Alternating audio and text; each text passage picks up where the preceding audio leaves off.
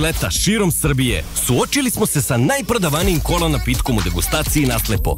Više od 20.000 učesnika pridružilo se Pepsi izazovu. Pitali smo koji kola ukus vam se više dopada. 57% učesnika izabralo je Pepsi ukus. Hvala na učešću. Prati svoj ukus. O, veliki pozdrav svim ljubiteljima američkog futbola, dobrodošli u krivi ugao. Tu i trenerski ugao, pored mene. pravi ugao i ovo pravi krivi ugao. da, sve imamo ovde u Infinity Lighthouse studiju. Nadam se da ste dobri, nadam se da ste spremni da pričamo o NFL-u. Nedlju dana je prošlo skoro od posljednjih utakmica, osim ove sinoć koja je odigrana u strane ovog pobedničkog tima, ali pirova pobeda, pirova pobeda, pričat ćemo zašto je tako, pre nego što otvorimo čitavu priču, priču nedelje i sve NFL zanimljive priče, da vas pozovem da lajkujete, da se subscribe-ujete, jer je troj pola molu sve bliže i bliže i sve realni i realni. Danas kažem Srki i Srki kaže ne, ipak je Rossi. Ja rekao, ne neka dođe Rossi s motorom, sve. Da. Ti pola malo da ga vidimo. Ali uh, dobre vesti, loše vesti, svega ima u, u NFL-u kako za koje timove. Nekom smrkne, nekom svane. Ah. To tako ide. Da vas pozovem da čekirate naš shop. Uh, budite naši patroni ako želite da podržite ekipu, budite članovi na YouTube-u takođe i naravno pišite sve što mislite ovde u live-u ili na komentarima, mi smo tu da odgovorimo, a brzo i efikasno krećemo ove nedelje. Srđan Ercega nema, Jimmy je tu, sa moje desne strane, trenerski ugao. Midnight Green. Trudim se da održim tu tradiciju da, da svake nedelje Vidi kako dođemo, ti potpis, da, kako ti potpis lego. Trepni da se vidi da nisi zelen. A zašto je ovaj momak ovde s leve strane crven? To je moje pitanje. Ne, Anja, ja zelen, ti crven, preko puta mene. Morat ćemo malo da ga fokusiramo. Da, pa da. Sad, Ajde, sad će, sad će crki lagano. Ajde, dobro, uh, možemo na priču nedelje. Priča nedelje. Evo sad ću ja ti kažem. Priča nedelje je mm, povrede. Povrede, Opet. važne povrede. Pa da, ali sad su povrede Just. koje oblikuju playoff. Uh, povrede, evo, pričali smo Kirk Cousins povreda, pa da li će ući u playoff ili neće, ali NFC je takav da čak i sa Dobsom ako naprave neki niz mogu. Ali Deshaun Watson, povreda ramena, čitava sezona, to je veliki problem i to odmah stavlja Brownse u situaciju da ne uđu u playoff. Jer vidjet ćemo, već sada igraju ovaj vikend protiv Steelersa. Steelersima se namestilo u sledeće tri mm. nedelje potencijalno igraju protiv tri rezervna quarterbacka. Znači sad ove nedelje umesto Dešona Watsona igra Thompson DTR. Robin, tako je mm -hmm. DTR. Sledeće nedelje, ako Joe Burrow se povredio sinoć i ako je ozbiljnija povreda, neće igrati protiv Steelersa sledeće nedelje i onda tamo dolazi Gardner Minshew i kolci. I gle Steelersi u play-offu lagano, a možda čak i prvi u diviziji, vidjet ćemo. Ali koji su to problemi pre svega za Bengals, ajde da pričamo o tome, Joe Burrow sinoć uh, imao je neku povredu, kada se iskrcavao iz aviona videla se neka ortoza, neki zavoj, šta god da je bilo na, na bacačkoj desnoj ruci, što znači da je povreda desnog ručnog zgloba. Krenuo je utakmicu dobro, imao neka lepa dodavanja. Ta povreda se uopšte nije videla do momenta kada je Jadevian Clowney pao preko njega. To su napustili samo jednom na utakmici, zapravo taj ponovljeni snimak, ali je uspeo da baci touchdown Bengalsi su poveli 10-7 i to je bilo sve što smo videli od Joe Burrow, jer je probao na sideline da baci loptu, nakon tog dodavanja za Mixona odmah se uhvatio za, za podlakticu, meni je delovalo kao podlaktica, razmatrali smo malo lakat podlaktica, šta je? na kraju ispade uh, desni ručni zlo. Videli smo tu šaku, malo je naduvena. NFL već istražuje zašto Bengalsi nisu prijavili tu povredu. Ali ovako, Bengalsi imaju 5-5, kao i Raidersi. Uh, imaju veliki problem u diviziji, jer nisu pobedili još uvek u diviziji, u konferenciji takođe ogromni problemi za njih. Ako je Joe Burrow povređen, on je glavni igrač ovde. Bengalsi će propustiti play-off. Uh, možda možemo da povežemo i priču s povredama za Buffalo Billsa koji su izgubili Milana, Trdevisa, Whitea, nisu u napadu izgubili toliko, ali opet izgubili su sad ofenzivnog koordinatora. Što nije loše. Da, loše. Pa da, i oni, imaju, i oni imaju loš skor. Tako da dve ekipe, to nam je i thumbnail, pa eto možemo da povežemo priču nelje povrede i, i to. Dve ekipe koje su prošle godine bile u play-offu, poslednje tri godine, dva puta u finalu konferencije, nećemo gledati verovatno Možda. play-off. Možda. Pa da, ali da kažemo, utisak sada nam je da mogu da preskoče play-off. Što bi bilo onako baš wow. Bengalsi da, Billsi mislim da će ući play-off. Jer mislim da će ova promena koja im se desila, promena ofenzivnog koordinatora, biti dobra stvar nekako uvek taj vibe bolje, a vidimo i sa trenerom Vegasa, Pearsom, da se stvari nekako menjaju. Naravno, mislim, ono, dometi postoje, to jest limiti postoje u svojim dometima, ali za Bengals je ovo stvarno veliki problem. Jer uh, bez Joe Burrowa oni su vrlo jedna upitna ekipa. Mislim, budimo realni. Ni odbrana im nije kliknula. Tovare ih ko stigne. Mislim, realno. Ne igraju dobro. Ovaj, a napad, ne znam na šta će da liči. Oni su se i ovako mučili. Mislim, ono, nemaju neki ritam koju... Mm. Pričamo o tome, pale se kasnije u sezoni, to je sve tačno. Ali sad sa ovom povredom Joe Burrowa, ne znam. Ozbiljni problem. Pa, AFC generalno playoff slika oblikuju povrede. Pričali ste sada, na, uvek ću navesti Daquana Jonesa, najboljeg defensivnog tekla Billsa, dosta znači odbrana, propušta dovoljno igrača i nije na tom nivou više, ni kad su bili zdravi nisu igrali na tom nivou što se tiče Billsa.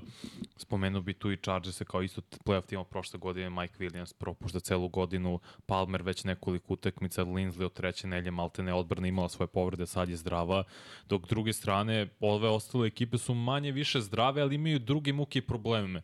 Ravens smo videli, zapravo sinoć nismo videli, da, Mark imali... Andrews je završio sezon. Tako je. To je isto to baš je pek za Ravens. Je to... ozbiljan pek, jer je to najbolji igrač u napadu pored Lamara Jacksona da. za, ba, za Baltimore Ravens. Inače, u poslednje tri godine najviše hvatanje yardi na poziciji tight enda ima Travis Kelsey, a broj 2 je Tako Mark je. Andrews.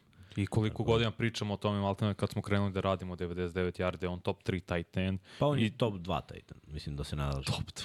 Pa. Hajde kažem na drugi tight end. pa ja tu uvek računam Kitla. jedne, jedne godine je bio onaj, kad je imao da, nevjerojatno da. statistiku, bio bolji od Kelsey, ali Jest. overall je Kelsey ima veći, mislim, veći impakt. I ova ima impakt u ekipi, ne, nego je Skockanija je Kelseyeva ekipa. Tako je. E, onda... Dobro, ali Joe Andrews je potrebe. Lamarovo ćebe. Što amerikanci kažu? Blenke. Pa jeste. Blenki. Blenki, pa jeste.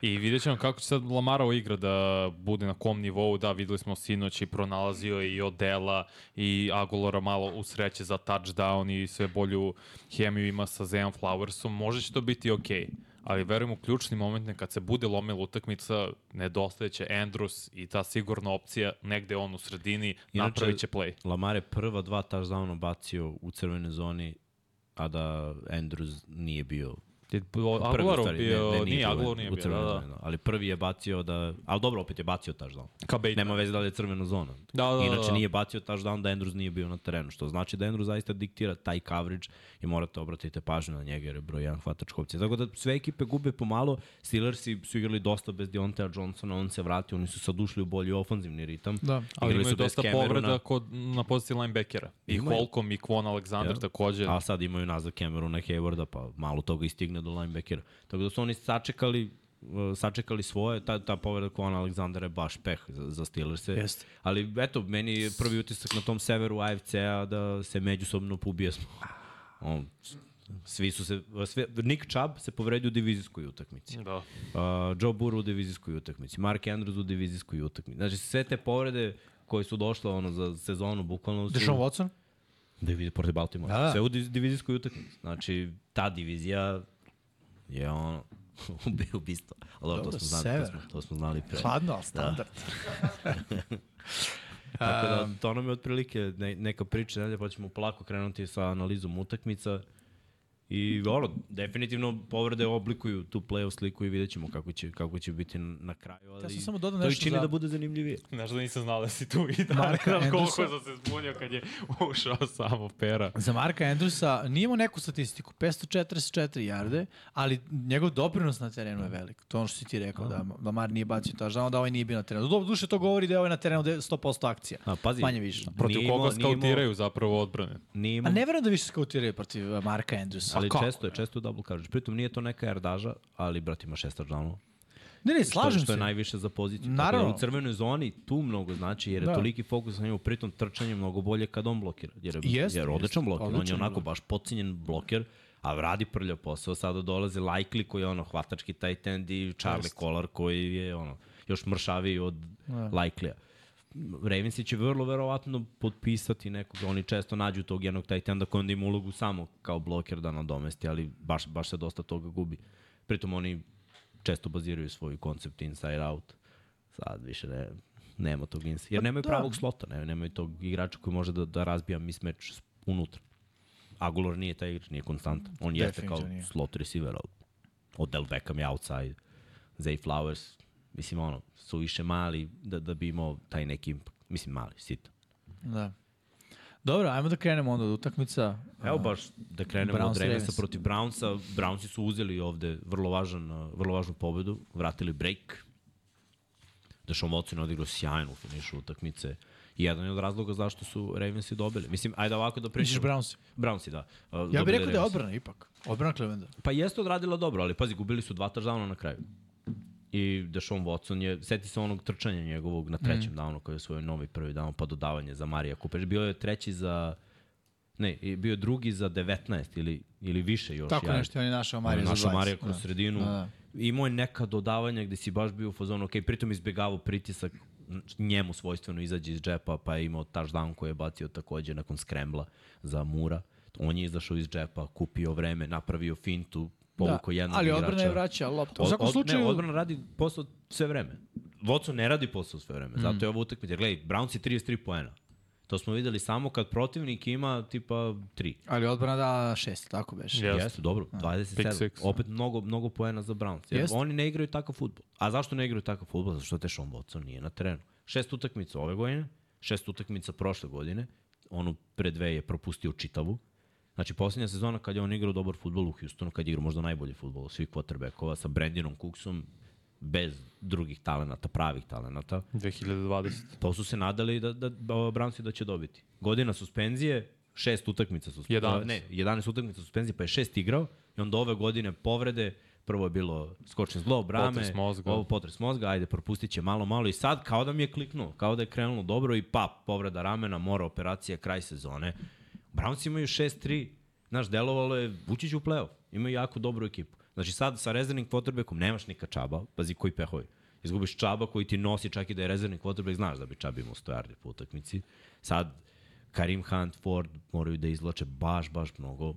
Kogoda je quarterback, da li Walker, da li DTR, moraće da pronalaze te hvatače koji će baš imati težak zadatak. Znači, ajde da pogledamo i te, ti hvatači nisu ništa posebno, osim Marija Coopera i Davida na Džoku. Na ovoj utakmici, da kažemo, Cooper je imao taj neki dobar meč, sada skoro 100 yardi, 98, na Džoku 58, trčanjem Ford 107 yardi, takođe jako dobro. Hopkins je konstantno ove godine. To im je možda da pređu protivničku polovinu, dođu u field goal zonu i Hopkins će vrlo verovatno rešiti svoje. I mislim, ovaj šut je bio njegov za pobedu. Na kraju Da. bilo je 31-30 za, za Ravense i, i oni su rešili. Ravens je izgubljena lopta. Lamar dva intersepšena ponovo. Uh, kada nije trebalo, taj posljednji je bio pick six. Džabe sve što su odradili dobro i ponovo su vodili dva posljeda u četvrtoj četvrtini, ali izgubljena lopta na kraju u, u, uvek uh, koštaju Ravens. Meni je krivo što nećemo vidjeti prave Browns do kraja. Pa mislim da bi ušli u play Poverujem da bi ti spomenuo da Sean Watson bio savršen u drugom polovremenu. To jedna elitna odbrana ne sme da dopušta protivničkim quarterbackom i da on ima 14 od 14 nakon što je imao 620 u prvom polovremenu i pokazuje zašto su ga zapravo i platili i tradovali za njega Cleveland Brownsi. Ovo utakmica je dokazala zašto je doveden Deshaun Watson. Povredio se, vidio sam nekim dodavanjem u drugom polovremenu kad je kompletirao sve njih da se muče, da lopta kad je god ispružio ruk, ruka odmah išla na dole. Da to nije bio njegov prirodan pok pokret rukom kada dodaje loptu, ali odbrana u mojim očima pre svega Miles Garrett, mislim da je jedan od favorita za MVP nagradu. Jer on kako igra, koliko je fokus na njemu i čitav ofenzivna linija mora da se orijentiše ka njemu i to je stvarno neverovatno. I bilo je povreda i Denzel Ward se povredio, čini mi se još neko iz sekundarija Cleveland Brownsa, vi ste to radili. Bila je povreda startnog desnog i startnog levog tekla za Ravens. Ne, ne, ne, kažem, ne kažem da je to sada glavni faktor zašto su primili 30, uopšte nije, ali ono što su ključno uradili odbrambeni igrači Cleveland Browns su zaustavili su igru na zemlji. I to se baš redko videlo ove godine mm -hmm. da Browns, to jest da zapravo, izvini, Ravens. Ravensi imaju ispod koliko su imali, 104 možda jarda trčanja, uglavnom imaju 106. 150, tako je. Da, da. Tako da je to ključna Sa se stvar. ono Lamarovim jardama koje nisu uvek nužno Da. dizajnjene na trčanje za njega. Odustajali su malo. Tije smo uradili u red zonu. Da. U utakmici i seti se momenta kad Bili su diskutabilne odluke, to si ti Bili su. pričao. Uh, Ravensi dobijaju minut pre kraja prvog polovremena loptu, Jackson baca fade, nepotrebno, da. rizikuje. Znaš, uopšte odustaju od trčanja, kapiram da žele brzo do, do poena, ali ne želiš ni protivniku da daš. Nego Brownsi nisu, na primjer, taj posled iskoristili, jer nisu stigli. Prekršaji su bili nisu stigli do field gola, a mogli su da, da stignu. Ponekad Ravensi, sad čak i sa Todom Monkenom, odustanu od igre trčanja. Uh, to je zaista pravo pitanje zašto, jer protiv mnogi. Brownsa, protiv Brownsa mislim da, da, da može, jer imaju sad bekove. Sad je došao Mitchell, imaju Edwardsa, tu je i Justice Hill, to su tri beka plus Lamar Jackson, to četiri igrača koji mogu da, da nose loptu. Ali Ravensi očigledno s vremena na vreme znaju da, da čoukuju na taj način. A Brownsi su ta neka ekipa koja, dobro, je malo i pravda. Kako su izgubili od Seattle Seahawksa? Isti, bukvalno isti pick six kao što je Lamar Jackson bacio protiv njih. Znači, prosto neverovatno. Quarterback baca, lopta rikošetira, cornerback uzima loptu i daje defanzivni touchdown. Pa di, odbrana Baltimora otvorila utakmicu sjajno. Ono, blok Hamiltona prilikom dodavanja koji hvata, vraća za touchdown. Meni je tu već bilo, ok, meč je otišao dođevalo. I onda gledajući prvo polovreme, bi Bilo je sam... 14-0. Da, da, i, a mislio sam na kraju prvo polovreme, ovaj Cleveland ne može se vratiti nikad.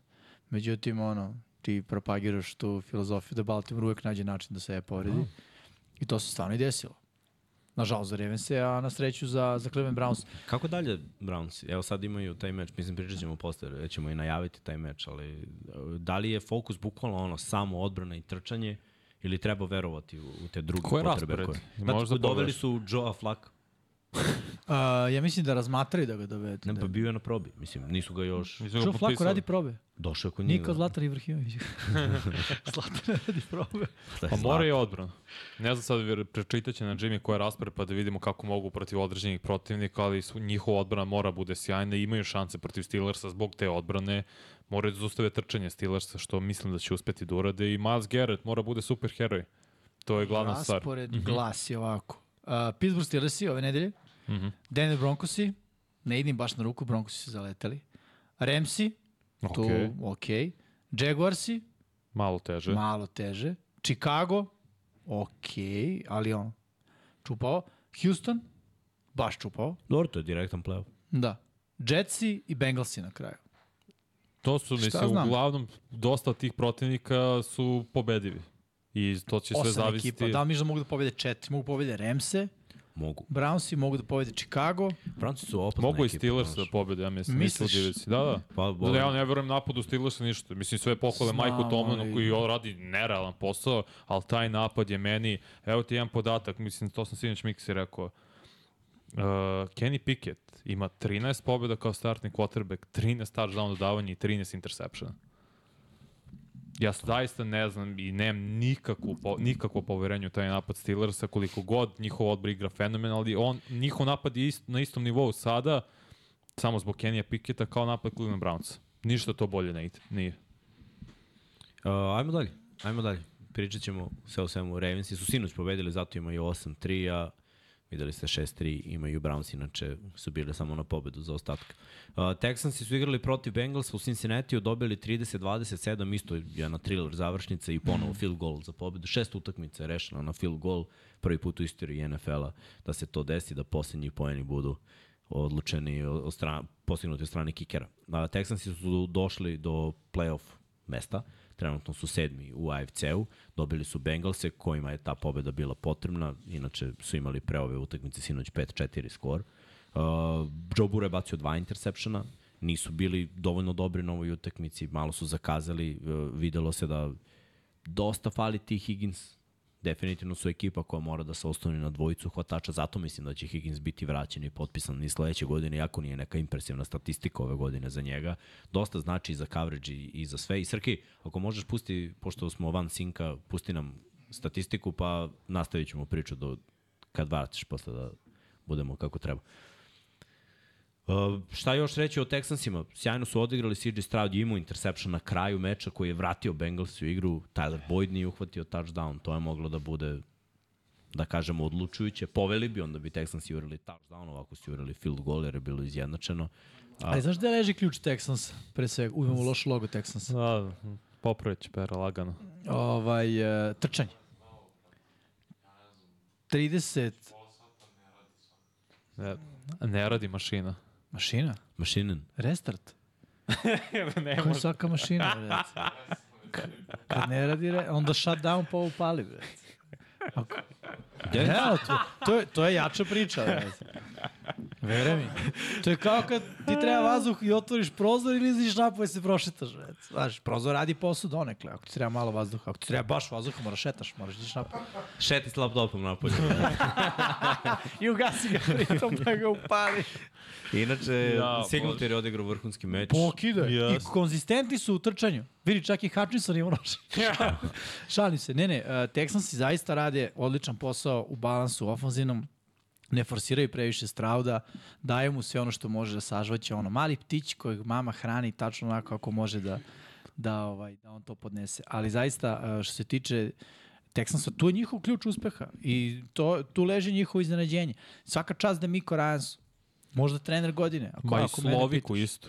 Ofenzivnom koordinatoru, koji je sa Straudom radi sjajan posao. Straud odlično procesuira igru. Ono što Da. da. Zach Wilson loše radi i mladi kotrbe koji generalno u Straudu nema problem. Ali u odbranu Zeka Wilsona nema ofanzivnu liniju kao što ima Stroud. Nema Stroud ne, ne, brutalnu ofanzivnu liniju, ali Stroud ima vremena. Ima Wilson vremena, nije ali ta ofenzivna linija imala dosta povreda ove godine i bilo je konstantno i mešanje u toj ofenzivnoj liniji drugačiji starteri, sve to stoji, ali Singletary, kao što se spomenuo, odlična partija, prvi igrač od Carlosa Hyde da ima 150 ili više yardi trčanja od 2019. godine i najveći problem za Cincinnati Bengals jeste odličan prvi drive, nakon toga pet za redom drive gde su pantovali i tako su dopustili Texasima da stvore tu prednost od 13 poena. I na svakoj utakmici manje više odbrana se ugasi u jednom trenutku. Mm. To je veliki problem. Da, Ka, naročito kada imaš ovakvu sezonu, jer šta se dešavalo? Loše su kretele, jer odbrana se konsoliduje i igraju kao i Chiefs, manje više. Oni su copy-paste Chiefs, zato, zato su i dobri protiv Chiefs. Jer ta odbrana postane dobra tamo negde polovinom oktobra i sve su bolji i bolji i bolji kako se približava play-off. Jel falio Hubbard na ovoj utakmici, tako? Na ovoj nije. A, Na ovoj nije. ne, he, ko je falio onda? Ili se povredio Hubbard na utakmici? A, He, Hendrickson je pao. Hendrickson je pao od kraja, ali to je već... Ali se vratio, igrao je Ali to posle. je bio posljednji play. ali, ali mislim da je, da je Hubbard nije Hendricksona. igrao zapravo. Možda Hubbard nije igrao. Čini mi se da Hubbard nije igrao, on dosta znači Ali, toj mislim, odbrane. nemoj da se lažemo, Hubbard onda igra jednu utakmicu, oni 30 primaju manje više kad hoćeš. Malo je ono i do balansa napada i trčanje to nije na visokom nivou, a trebalo bi da bude jer Joe Mixon radi dobre stvari kada dobije šansu. Mislim da je, a ne znaš, dobija šansu uvek. I hemija malo problem. Ne nužno, ali znaš, previše priče je bilo u predsezoni. Te Mixon sa onim zatvorom hoće ići, neće ići, kazna, suđenje. Dobro, ali Te Higgins sa ugovorom. Mixon je njihov. Higgins jeste legit priča, ali Mixon je ono... Znam, ali iz perspektive da tima, da veruj mi, tim je vagao šta će biti s Mixonom. I ja se ne bih iznenadio da sada, ako ova sezona propadne, da Mixon bude osuđen i da ode u zatvor, a da oni samo kažu oper ruke u njega, kažu šta da radimo. Pazi ovo, treća opcija. Oni stalno svake godine, to je to je isto mali problem. Svake godine Bengalsi menjaju tu treću opciju. Ajde da Hvatačku. krenemo u hvatačku. Da li je hvatačka ili tight end. Da, da. Ajde da kažemo Boyd je tu, ali Boyd uh, ima više, inter, uh, više ispuštenih lopti ove godine nego što je imao u posljednje dve zajedno. Znači imao je 1-1 u posljednje dve godine. S tim što je imao zapravo nula pre dve godine jer je prvu loptu ispustio u Super Super Bowl, tako mislim, što je vrhunska statistika za hvatača. I onda ove godine već ima 3 ili 4. Tri. Je bila ova posljednja juče četvrta ili je bila treća? Pa pisalo je 30, ne znam da li su to računali kao Da, da, da. četvrto, ali ok, možemo da je ovo. Znaš, nije toliko konstantan, Higgins ne igra i ko je onda? Irvin, Josivaš, Hudson. Sample. Znaš, oni sad nemaju taj tenda kao na onom nivou Da. kog, su, kog su imali pre. Jednostavno, znaš, nije to to. Niti su ti taj tendovi vrhunski blokeri. Malo su se osuli. Mora da se desi, naravno, dobio je ugovor Burrow. Zamisli sad kad Chase treba da dobije ugovor, Da, pa da. Higgins. Sada moraju malo i oni da se susretnu sa, sa ovim problemima. Šta znači biti dobra ekipa i platiti sve igrače i da ostave, ostaviš dobar kor. Bejca su takođe i sekundarija skloni. Imaš ti tu mlade Bella. perspektivne igrače. Uh, ali, su mladi i neiskusni, to je problem. Novajlija, Jordan ali- Battle, Dex Hill, mlad igrač, takođe ima još tu nekoliko njih koji su mladi igrači, a Vuzije nikad nije bio vrhunski cornerback. Nije. Taylor Britt se trudi, igra veoma dobro. dobro. i on se povredio sinoć takođe. Butina. Tako da, nije za secondary sezonu, dosta pati, da. no, To je jedina dobra stvar. Logan Wilson igra fenomenalno i jeste on kriv bio zbog povrede, uslovno rečeno kriv zbog povrede je Andrewsa. rešio tri igrača u tri, u tri obaranja. To sam video. Da. Lamara, Da. OBJ-a i... I Andrews. Andrews. Iako to Andrewsov stvarno nije delo ozbiljno na prvi pogled. Dobro, pa mu je težinom na zlob. mislim. Ne, ne, jeste, nismo... Sva tri, uh, oba prva obaranja su bila na taj način, da se keše i telom pada na, na Kukuje me, kukuje da Da. se pušta dole. hip tackle. A onda posle za Odela, mislim, Odel je isto kriv što ne može da ideš tik cak po terenu i da ne očekuješ da će neko doći. Da, da. Mislim, tu ne mogu krivim Wilson, on ga je udario, muški ga je udario, nije bilo prljavo ništa, to futbolski potes. Tako da samo treba razmišljati koliko god trčkaš po sredini da. terena, nisi sam. Bre. Ajde samo da kažemo za tekst, izvini Vanja, htio da kažeš. Ajde, ne, htio sam samo da pitam da li možda vidiš kad budeš pričao i o Texasima, rasporedu Bengalsa, kad smo već o njima zatvorimo tu raspored imaju priču. u NFL. Evo, ovako. NFL kaže da su oni najteži Da, da, da. A, Steelersi, Jaguarsi, Coltsi, Vikingsi, pa nema se zezamo, mislim, nije ovo toliko Ne, teško. po procentu pobjeda tih timova, tako se Dobro. u, razmatra da li težina zapravo. Ok, posle Vikingsa ponovo Steelersi, Chiefsi i Browns. Mislim, svaki, Da sve, su zdravi, samo bi Chiefsi bili problem. sve te realno. ekipe imaju pobednički skor, zato Imaju. je po tome najteže, čak i Colts Ok. imaju 5-5. Ali bez Joe Burrowa proti Steelersa veliki problem. Rovi Joe Burrow proti Jacksonvilla. Ne znam šta kad Jacksonville odbrana bije, imaju oduzete lopte, Mhm. sve što im ne ide na ruku. Onda protiv Coltsa pitanje je kako im mogu da izađu. Mogu, trebalo bi da pobede. Protiv Vikingsa, ono Vikingsi se kako su to ka- reinkarnirali. I onda opet Steelersi, nezgodno, Chiefsi, nezgodno i Brownsi na kraju koji sad nemaju Dešona Watsona, to bi trebalo da bude pobedivo za njih. Um, mislim, ne, ne znam šta bih rekao. Meni deluje da Bengalsi propuštaju play-off ove A. Texansi? Mogu da Texansi uđu. idu u play-off. Misliš? Pa da, A, mislim da idu u sada play-off. Kao druga Kako- ekipa kako bi na jugu. sezon- Baš su iznenađenje, svaka čast. Ajmo Yes. dalje. Yes. Idemo dalje, nema potrebe. O, o Bengalsima ćemo još kasnije. A o Texansima. Lionsi protiv Chargersa, Oh. veliki broj postignutih poena i očekivan ishod na kraju. 7-2 imaju Lionsi, prvi su u svojoj diviziji. Chargers idu na 4-5, kakav je raspad situaciju u AFC-u. Nisu otpisani, ali moraju da počnu da pobeđuju, naročito u U AFC. konferenciji. Što se tiče Lionsa, hrabro pozivanje utakmice, Dan Campbell je zaista... Od početka. Veruju svoji igrači, vodi bukvalno od početka. Četiri Boguše, ajmo. I mislim, to radi od početka kad je došao u Detroit, to radi. I prošle godine nisu ušli u playoff, ali su eliminisali Packers-e akcijom na četvrtom downu, hook and ladder na četvrtom downu. Ove godine tačno su znali koja je misija. Bilo je minut i po, otprilike, ili minut 50 je bilo do kraja, da li da šutnu za tri ili da idu na četvrti down. Idemo na četvrti da potrošimo još vremena, možda postignemo poene i da Chargersi nemaju šanse. Egzekucija savršena. Chargersi, mislim, ne, ne mogu ništa da kažem kad postigne ekipa 38 poena. Znači, oni jesu u stanju da stignu svaku ekipu. Ali ta odbrana je toliki krš da, mislim, koja je point ući u playoff i ako dozvoljavaš protivnicima preko 30 pojena po utakmici. Uh, veliki broj yardi, Montgomery ono trčanje 70 plus. Mm. Nije samo, pričali smo o tome, secondary dozvoljava, bilo je ono skoro 300 yardi dodavanja. Brate, ne možeš da dozvoliš i 75 330. yardi na nošenju. Uh, Montgomery se vratio, prvi meč imao 116, Gibbs imao 77, uh, St. Brown je imao 156, piše Saint samo, jel da? To će nedeljama, ne, tako, ne, ne, ne, ne možda... Moram završio sezonu pokidog ligamenta. Ko? Joe Burrow, U prstu. završio sezonu. Pa, šta sam ja rekao? Gotovo s Bengalsima. Gotovo, Da. jes. To je to. A, Osim, Ne znam gde si to, ko ti to javio čoveče. Javljaju ljudi. A javljaju ljudi. Da. A dobro. Čekaj da... Dobro, ajde. koji vam je izvor? Koji vam je izvor? Pa jeste. Citirajte izvor. Ne, na odbrana Chargersa Staley treba dobiti otkaz. Više mi je muka da gledam ovu odbranu. Vanja, izvoli. ne, više mi je stvarno muka da četiri puta se ove godine desilo da odbrana Chargersa dozvo, dozvoljava više od 475 yardi po utakmici.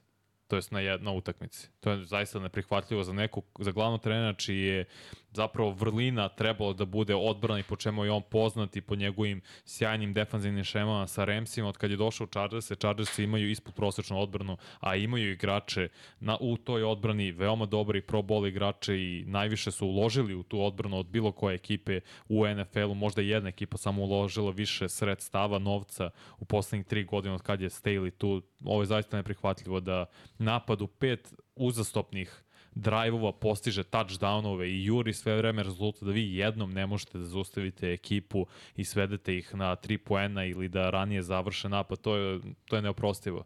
I da, možda će uz lakši raspored uh, koji imaju Chargersi ove godine, to je do kraja sezone, uspeti da uđu u playoff, ali čemu to? Da li će moći da pobede nekog na zapad? Ne znam koji je raspored, ako možeš, Jimmy, da pogledaš. Chargersa. Da, Official raspored. official. Jer i da uđe u playoff kao šesti, sedmi nosilac nekim čudom, na leteći ili na Jaguar se ponovo ili na Dolphinse, na, protiv Dolphinsa smo videli taj film, bit će raspucavanje, bit će u Miami, što znači da će vrlo vratno izgubiti i treba da promene glavnog trenera. Mislim da je Kellen Moore sve bolji kao ofenzivni koordinator, kad uzmemo obzir da je nema hvatača broj 2, hvatača broj 3, to su Williams i Palmer, nema startnog centra, Mislim da rade odličan posao. Pre svega Herbert igra sjajno iako nema igru trčanja. Neka dodavanja Ali koje on upravo izvodi. za- sad si rekao zašto Mur nije dobar ofazni koordinator. Nema igru trčanja. Uh, nije ofazni koordinator, ne pravi on hvatače. Mislim, to je moje mišljenje. Pogledaj, ti kažeš e, nek bez prave opcije broj 2. Ono, mnoge ekipe nemaju opcije. Texans je pre početka sezone. Ko je bio opcija broj 1 na receiveru? Da ne idemo dalje od toga. Mislim, nisu ima niko pa se rodio. Mislim, rodio. Stvorio no. Tank Dell. Mora postoji balans. A A, Chargersi su... ba, tako je, Chargersi nemaju balans. Tako Evo- da tu meni isto balans- leži problem u ofenzivnom koordinatoru. balans Chargersa, protivnička ekipa, Evo ga, stigla Herbert. informacija. Joe Burrow out for season. Koji ti je Bleacher report. bre? Bleacher report. Torn ligament. Hvala ljudima, neko ima, brate, ono kao Bleacher report premium aplikaciju. Stiže 5 minuta brže. stiže, stiže on. Da, da, da. Zapravo kuca on vest. Ne, dokle god, dokle god Chargersi budu bili ono, Herbert Show, nema, nema ništa od njih. Preveliki pritisak, isto kao Buffalo Billsi, preveliki pritisak na svog quarterbacka koji je pretalentovan, ali ono, šta radiš? Trošiš mu, trošiš mu godine, realno. Sva sreća Njemu pa ne ekipa- pravi greške Herbert kao Ale. Tako To je. je ali jedina Herbert razlika. Herbert je, da, Ali ne možeš da dođeš do pobede, bez obzira što igraš super futbol. Stvarno igraš tu, mislim, 38 poena i to i to kakva neka dodavanja, kakva rešenja, sve to sa polomljenim prstom. Mislim, Mislim, to jeste kažem kontra upravo. ruka, ali mora da držiš loptu. Ma sve jedno. Paziš kako padaš, ne možeš ono da kreneš u trčanje, da ti u glavi nije padi na desno rame, drži loptu u desnoj ruci, da, digni ruku ovako dok padaš. Mislim, hiljadu stvari on radi vidi, vrhunski, ali ne može. Imaju fullbacka i dva tight enda. Nemaju fullbacka, ne, ne, ne. Ofenzivni nijaš igra fullbacka To McFadden. je fullback, brat. Ma to je ti full- oni nemaju na imaju sastavu. formaciju Pa, sa to je fullback, power da, da, tako. Pa jeste. Ti imaš to, brat. Da. Što ne trčiš, brat? Vidi, nije zato što sam navijač Philadelphia Eaglesa, ali Eaglesi su ekipa koja je spremna kad se quarterback povredi, a desilo se prošle godine da kažu sedi na klupu. Baltimore, ekipa koja kad se quarterback povredi, sedi na klupu. Igramo sa onim što imamo. Ostatak ekipa, Buffalo Billsi, kako se povredi quarterback, ćao sezona. Cincinnati Bengalsi, ćao sezona. Chargersi, ćao sezona. Mislim, to nije dobar, to, to nije timski futbol. To je futbol, igramo na njega, pa šta nam Bog da. Mislim, hoću da kažem, setimo se i Chiefsa. Mahomes je bio povređen. Nije bila ćao sezona. Nije, nije. Izaberu dobro, izaberu ne tako da zgaze nekoga, nego da timskim naporom prebrode par nedelja kada on ne igra. Dok ne- Budimo dok realni, ne ne, ne pričam ja o, o situacijama kad se neko povredi na celu sezonu. Pričamo par nedelja, pričamo o tome da ne igra starter na poziciji kvotareka 3-4 nedelje. Više cenim ekipe koje kažu, ej, okej, idemo dalje, to je život. Super smo s njima, ali sad ga nema, idemo dalje. I respekt za Brownse isto. Par, par utakmica je sedeo Deshaun Watson. Ima takvih ekipa, a ima ekipa koja su drugi, ili kolci Evo sada. ti kolci. Pa je Minnesota. Minnesota, jeste. Dve idemo dalje, to je, igramo sezonu, znaš. Nije sve izgubljeno. Jeste. Ali ima i E, ekipa... eto ti 49ersa. To Prošle su- godine tri quarterbacka promenili i ušli Pa u vidi, play-off. Jetsi ove godine, znaš kao, Jeste. znaš ti, igramo je. Ali to tu su- su i dalje. Oni su Yes. play-off pri... Dobio Yes. Bills se sada, pav, čao Bills, mi smo u Tako je. play-offu. Ali to su timovi koji To imaju ozbiljne planovima. trenere. Pa, upravo to ti kažem, zato... nemaju svi ozbiljne trenere. Ali- Mislim, Imaju ozbiljne su glavne trenere. treneri. Grej, svi su bolji od Staley. Pa, da se razumemo. O'Connell Ali- je genijalac. Ne, ne, jeste, ali mislim, Jest. Saleh je tri godine glavni trener, ništa nije, nema pozitivnu Nema, sezonu. ko, ali nema quarterbacka. wow, Saleh. Ali nema Da, quarterbacka. A dobro, ali nema, nije vrhunski trener. Dobro, ima prošle- frljamo ali dobar je, dobar je trener. Dobro, čekaj, čekaj. Imali su devet pobjeda prošle godine, zar ne? Jetsi, Da. Devet pobjeda Ja Jetsi. mislim da jesu da su Čekaj, posle... to je to baš bilo iznenađenje. Nisu imali devet Aj, probaj, mislim da jesu. Ne znam, možda greš, stvarno greš. Ovih devet pobjeda sa ovim bednicima, imali su možda sedam pobjeda. Svakako, jako nemaju quarterbacka, imati 7 pobjeda u NFL-u bez kršnog quarterbacka su pokola. Koliko god pobjeda da su imali. Možda sam preterao, možda nije Priči glasno, ne čujem te čovječe. Mi, Da, mi, stvarno mi, možeš pričati. Ma dobro, lagano. Sve u svemu, Chargersi imaju i dalje nade, bez obzira E, na raspored? skor. 7-10. Ko je Da, raspored Chargers? Jetsi. To samo da završimo, jer Da. Baltimore sledeće nedelje. po, E, ste nije, Green. Bay. Sad je Green Bay. Aha, za Ne, ne, sledeći. sledeće. Green Bay, Baltimore, uh, New England, Denver, Las Vegas, Buffalo, Denver i Kansas City. Pa moraju da očiste, mislim da očiste, ne moraju da Kako očiste, će, ali da. moraju diviziju da dobiju sve osim Chiefs. Ako su Chiefs i prvi, mislim. Jer Denver i uh, Las Vegas će ti biti direktni konkurenti za wild card Tako je. mesto. I taj uh, tiebreaker se gleda na kraju. Denver se zaletao, igraju do Mislim, vidi, s obzirom da nisu ništa pokazali dve godine, ovo je brutalan zalet. Mislim, imaju tri pobede. Brate, i Ne, ne, odbrana se. ne dozvoljava 50 pojena i 70. tako je. Ono, to je veliki uspeh za njih. Da. Jer pazi, u duelu te dve odbrane Chargersa i Denver, ja da čekam taj meč. Ne, moraš da pobediš Bills. Mislim, to je jedan ključ utakmicu. I imaš ono, pazi, imaš, A možeš, nije, nije uopšte nemoguće. Billsi nisu više ta pa, ekipa. brate, mora da pobediš i Baltimore. Moraš, sad kad To su je- povređeni, moraš da iskoristiš to. To ti je već ono, ove nedelje moraš zgaziš uh, Green Bay. Packers. Tako je. Koji ima povređen secondary, pa jeste? To je Istina. ono što možeš. Ajmo dalje. Ajmo dalje, da. Kad smo već kod... Uh, Detroit Lions idu visoko u NFC-u. Mislim, da. to je ono. Mora čak Cilj je i prvo seed broj mesto. 2. drugi, drugi si. Da. Da. Možda i broj 1. A, Broncosi protiv... Bio, dobro sve, zavisi da od toga šta će Fila da uradi. Da. Zamisli, ono, Lions je dobio ove nedelje, Fila izgubio Jeste. 8-2-8-2. Eto ti. Pritom mnogo lakša divizija je divizija Detroit Lions. Broncos i Billsi. Kakav meč? Kakav Ludilo. meč, ja bih samo I rekao jednu opet stvar. kiker, ali Da. da. i nedisciplina i gluposti. Mislim. A, što se Billsa tiče, grozan ofazivni plan. Znači, Mm. ono, kulminacija svega što smo a, videli. nije, a nije krenulo loš, jer su u prvom polovremenu Ma, imali znam. 80 yardi trčanjem i samo ja baš znam zašto su pričam o imali tome. 80 jari trčan. Prvi drive kad su dali prvi touchdown je bio kombinacija kratkih dodavanja i trčanja. Tako Ja gledam Josh Allena i njegov ne da se potez ruke. Kao kada bi ti hteo da baciš malom detetu loptu na 2 metra. On, on ovako to doba. On tako zapinje da je to nenormalno. Znači, to nema smisla Pazi, ovo za uopšte. Gabe Davisa kroz sredinu, mislim, znam jer sam igrao, igrali smo s nekim ono, quarterbackovima našim koji su znali da Lance je bio lik koji je natezao stalno. Znači, Ono, nategne na postu od 30-40 yardi, ali nategne i na ono, slentu i digu, koji su ono, blizu su rute, znaš, ne, nema potrebe da, da šikne loptu 100 na sat. Mislim, ja lično volim jaku loptu, ali imaš hvatače koji ne vole. I Gabe Davis je jedan od onih koji je dao intervju da ima masnice po rukama i slomljene prste od Misliš da Josh Allena. On ne voli. Ti imaš, imaš igrača koji, koji znaš, A je imaju problem? velike šake, prste koji mogu da apsorbuju to igrače koji ne vole i ne mogu. On je drugi hvatač te ekipe. Znam. Znaš, jedan je Stefan Diggs. I bio je kriv, lopta mu je, pazi, prošlo, jeste Kroz bio ruke. projektil, ali je bilo kroz ruke. Tako da deli krivicu i jedan i drugi. Moraš da naučiš da apsorbuješ, mislim, moraš da naučiš s kim igraš, kako da hvataš te lopte. Nije Josh Allen jedini potrebe koji napinje. Ne, ne, slažem se, ali mislim da nema potrebe da napinje, to je prva stvar, ali napinje zato što voli da baca dugačke lopte. A baca dugačke lopte zato što mu ofenzivni koordinator dozvoljava da baca dugačke lopte i ona priča da njega ne može niko da obuzdaje, nije dobra priča. Znači, Ali prosto... istinito. A? Ali istinito. Nije istinita. Mislim, ja već vidim da će, već pretpostavljam da će Joe Brady da uradi bolji posao. Jer A ako šta ne... je loše radio Ken Dorsey? To mene zanima. Pa- Loše je to što mu je davao preveliku slobodu, razumeš? Šta je loše? Loše je što uh, James Cook nema bolju statistiku. To je greška ofenzivnog koordinatora. To Jer nema, jer nema do- dovoljan broj nošenja, a momak ide ove godine. To smo I bilo je nekoliko utakmica sezone. da je dečko stvarno odradi posao i onda uđe Latavius Mare. Latavius Mare, priznajem, goal line back bolji jer je krupniji i verovatno kad naprave onu power formaciju, bolji bek koji može da se snađe, ima više iskustva o tome kako spusti rame, ispruži ruke, inicira kontakt, uđe u end zonu, nađe pravi ugao, itd. itd. To priznajem. Takvi bekovi koji igraju 7, 8, 9 godina jesu bolji od mladog beka koji je ono, speedy bek. Ali on mora da ima 100 yardi po meču. Ovde je imao, a mogu da ima mnogo više, jer su Broncosi dozvolili to. Ali umesto toga, da se eksploatiše to što su Broncosi dozvolili, mi smo opet se pretvorili u Josh Allen show. Josh Allen show je bio loš do poslednjeg momenta kada su Billsi stigli do prednosti, što smo znali da će da se desi, jer to su Billsi. Igraće loše i na kraju će izjednačiti rezultat i da ih play povesti. ekipa. Tako je, i onda će se sve svesti na njihovu odbranu, što se i desilo. I Russell Wilson ih je iskreno raste. Ovo je meni najbolji meč Wilsona koji sam vidio u dresu Broncosa. Nije najbolji po broju yardi, broju touchdownova, Ali egzekucija. ali je tri puta trčao ili četiri za novi prvi down. Mm -hmm. Kada je odbrana baš bila Ne, fokusirana ne, delovo na hvatač. baš je dobro delovo. Izlaz na ono zadnja vrata, pas za Cortlanda, Satona. Koliko mm. quarterbackova baci loptu u aut, ali da je uhvatljiva za Svi hvatača? statistiku nove generacije. Ta, taj, ta verovatnoća zapravo da Russell Wilson kompletira to davanje je bila ispod 2%. A mogu ti kažem koliko puta je Lockett uhvatio isto to. Da, Da. Seti se samo Da, da, koliko jeste, puta. jeste. je. To je pas koji je metar i po u autu, ali tako da hvatač može da ostane vrhovima prstiju u terenu i da uhvati loptu.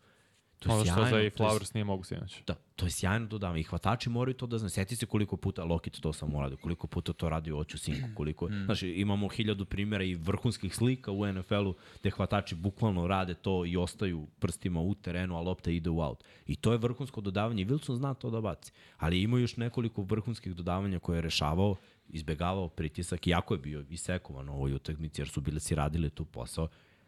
Ali opet se sve svede na 12 igrača na kraju, Vilac promašuje field goal, popa, idemo opet i pobed. Pazi, najgluplja kazna je 12 igrača. Čija je to greška? A, tre, prvo, to je greš specijalnog tima. Sve, a, mislim, mi smo imali ovako, ja mislim da to svuda treba tako da funkcioniše. Koordinator specijalnog tima zove specijalni tim da izađe na teren i njegov zadatak je i kapitena specijalnog tima da prebroje igrače. Ja sam, Mislim, znaš kako ja sam uvek brojao viškovi? koliko igrača ima i onda vidiš dalje neko tu, vičeš na sideline-u da neko uđe. To je tvoj zadatak. Ne, ne, mislim, ne može da očekuješ od glavnog trenera. Glavni trener je tu kao menadžer. Ne pita se on, on može to da primeti, ali on ima svog pomoćnika koji je zadužen za specijalni tim. Ja mogu da pretpostavim kako je došlo do ovog viška. Ovo je uh, field goal block team za specijalne situacije. Znači nije regularan field goal block team, što znači, recimo, hoćemo da prođemo kroz sredinu, izbacujemo jednog linebackera, ubacujemo defensivnog tekla. I bilo je kao, ti ulaziš, on je ušao, čovjek nije izašao umesto njega. Jer ovo nije bilo kao ovaj običan field goal, ovo je field goal za pobedu. To je za, za poraz Buffalo bilo su u tom. Znači moraš da staviš sve na taj jedan play, da izvršiš takav pritisak da ovaj ili promaši ili da blokiraš njegov pokušaj.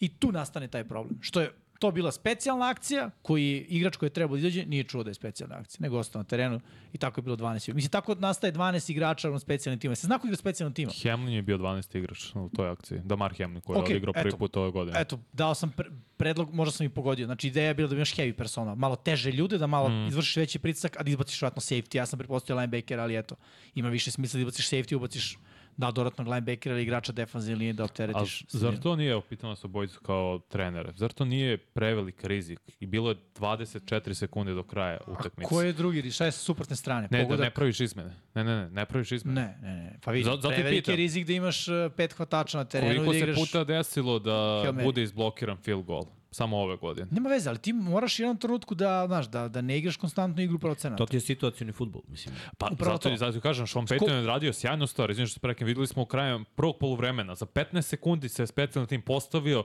šutno, bez greške sve odradio, što znači da su oni spremni tope da urade. I Sean. Payton je odradio nisu, sjajan nisu posao. to odradili, ni, nije uradio sjajan posao. Isto to je uradio na kraju.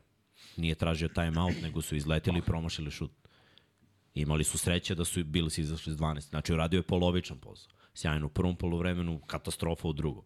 Jer nije ostavio time out da traži na kraju, da da vreme na kikeru da se spremi. Taj njihov šut je bio promašen. I onda su Nixon dobili nisu šutnuli poslednji sekundi, taj field goal. Ali Šut, nisu bilo je zaust- 9 sekundi Ali do nije kraja. zaustavljeno vreme bilo. I opet je bilo frka i panika. Ali nije, ali To nije bilo nikad nije frk, dobro. nije moralo da bude frke. 9 sekundi je mnogo Kike, vremena da se ej, postavi, poz- smire svi, Nisu se šutneš na smirili. 3 Onako. sekunde. Nisu Onako. se smirili, brate. Nisu bili smireni. Su bili u fazonu, ovo je za pobedu, ajmo, holder staje, daj lop. Holder zove kad se izvodi snap. Holder nije bio smiren čime je 9 sekundi, što nije čekao još. Bilo još vremena ljudi, na sat. 9 sekundi je malo. Mi se sedi, mi kad Znam, smo pravi bre, ej, specijalni tim, mi krećemo pod pritiskom tako što on odbrojava 20. Ili od 15. Svi da stanu, da se 10. nameste, da, da holder Mnogo klekne, da, da ono, razmišljaš pozove. Kikeru je uvek u, glava, u glavi kada kiker rešava, naročito Vilat nije siguran. Ni prošle godine Vidi, bio. evo još jedna stvar koju mi je jedan futbolski trener rekao, izvojiš penalti, treba da imaš ono, u futbolu obično, treba da imaš otkucaj srca na određenom nivou da bi ti uopšte imao šansu da pogodiš penal. Ti trčiš kao kiker na teren, hvataš zalet i šutiraš. Mnogo, mnogo zeznuta situacija. Sa 9 sekundi. 9 sekundi je malo. Mnogo je lakše, mnogo je lakše. I ovaj prvo polovreme je bilo, ono, jedva. Nije, meni to nije dobro odrađeno od strane trenera. Nije dobro ni da imaš 12 igrača Vidi, na terenu. sreća za Bronkose, za, za, sa 12 igrača. Realno, to je sreća. Koja je A greška Na pitanje da, da li je to rizik, za mene to nije rizik. Mislim, znaš, nije rizik, zato što to je, što kaže Miksa, situacijani futbol. Ti u toj situaciji, tvoj dužnost kao trenera je da uradiš sve da taj šut bude blokiran, Tako je. opcija B, toliki pritisak na kikeru da on promaši. Pritom sve to mora da se reši ranije. Mislim, nas dvojica smo bili, on je bio u ulozi glavnog trenera, ja sam bio u ulozi između ostalog, ono, trenera hvatača i specijalnog tima. I, I sećam se, znači, unapred se spremaš. Znači, ako očekuješ da će protivnička ekipa da šutira field goal, pa neću u akciju pre ja da okupim ekipu oko sebe. Oni su sve vreme pored mene za svaki slučaj. I idu prat kako ti ideš, oni te prate, ti im govori šta će da bude, kako ono, ko ostaje, ko ne, vičeš sve vreme. Znači sve vreme mora da bude mnogo priče i, i ono, fokus trenera mm -hmm. mora da bude kada vidi, kada broji igrače. Dok oni istrčavaju na teren, da on već izbroji dalje 11 ili 12. Upravo Tako to. da i ovo, ovo krivica specijalnog tima O. Zašto je uh, onda trenera Ken Dorsey dobio otkaz? Zato što je napad katastrofa, čekaj, ne na ovoj utakmici, nego je napad katastrofa. 16 poena prvi meč protiv Jetsa, 4 izgubljene lopte. To je jedan od primjera. Uh, 16 A čekaj, poena nisu protiv... izgubljene lopte na Kenu Dorsi, to što Josh Allen To- baci to je Allena, timu. ali ima- Kao što je bacio protiv Denver Broncos. I imao jedan fumble. Ali je 16 poena. 16 poena je takođe bilo dobro. protiv New York uh, Giants. 14. Na o... Je Protiv 14, Giants, protiv, 14. Još gore. Znači, to je greška ofenzivnog koordinatora. Ne možeš da budeš ekipa koja želi veliki uspeh i da postižeš ispod 20 poena. To je nemoguće. Mislim, loše ekipe sa gorim skorom postižu više poena. Ali postižu više, postižu skoro 25 Čekaj, Vanja, poena. si ti bio zadovoljan Zato što napad su na imali, Buffalo zato što su imali 38, ispravim ako grešim, ili 38 protiv Majamija, 48. 48. To je popravilo taj prosek, složit ćeš se za duplo. Mislim, ako imaš 14 i 16 u dve utakmici, onda imaš 48, pa ajde izvučemo srednju vrednost. Znači, očepili su jednu ekipu. Uh, To dođe Sad ću i vidjeti preko ko, 20. ko, koliko su poena postizali po... Petrio, Petrioci su im dali više poena. Ne možeš pustiš Petrioci ti daju više poena od tebe, jer mislim kao napad mora budeš sposoban da tu ekipu nadigraš po broju postignutih poena. Pa su Dobro pre ovde, pa su ovde do- dali Postigli su 25 protiv Patriotsa. malo poena, brate. Evo ti ovde, 22. Mislim, ajde, Vanja, legit pitanje. Ti Aha. misliš da Ken Dorsey radi dobro? Sviđa ti se napad Buffalo Billsa do sada? Ne kažem da se sviđa, ali ne može, nije on kriv zašto što Josh kriv? Allen ima 14 izgubljenih je Josh kriv? Allen je kriv što ima Pa kako nije? 14 Josh izgubljenih Allen, ono, lopti. presečne dodanje protiv Denvera, on su pročitane prvog greška Davisa, kroz ruke on prolazi lopta, drugi interception je pročitan od strane Ok, odbrane. ali nemoj da gleda, vidi, nije on dobio otkaz zbog poraza od Broncosa. Oni da su dobili, ne bi dobio otkaz. Ne bi dobio otkaz. 100%. Pa, naravno, vidi, ti kad imaš uh, đubre i guraš po tepih i to dokle ti mu god može preskočiš brdo, sve je okej. A kad se jednom zapne noga, onda ćeš da da rešiš taj problem. Tako i ovde bilo. Znaš, o, on je bio udaljen poraz ili dva da dobije otkaz. Možda ne ove nedelje, a možda sledeće. Ali Ili one tamo. 22, znam su spojili 22-21. Pritom, to ovih efikasan 22, touchdown je bio koliko, min, par minuta pre kraja.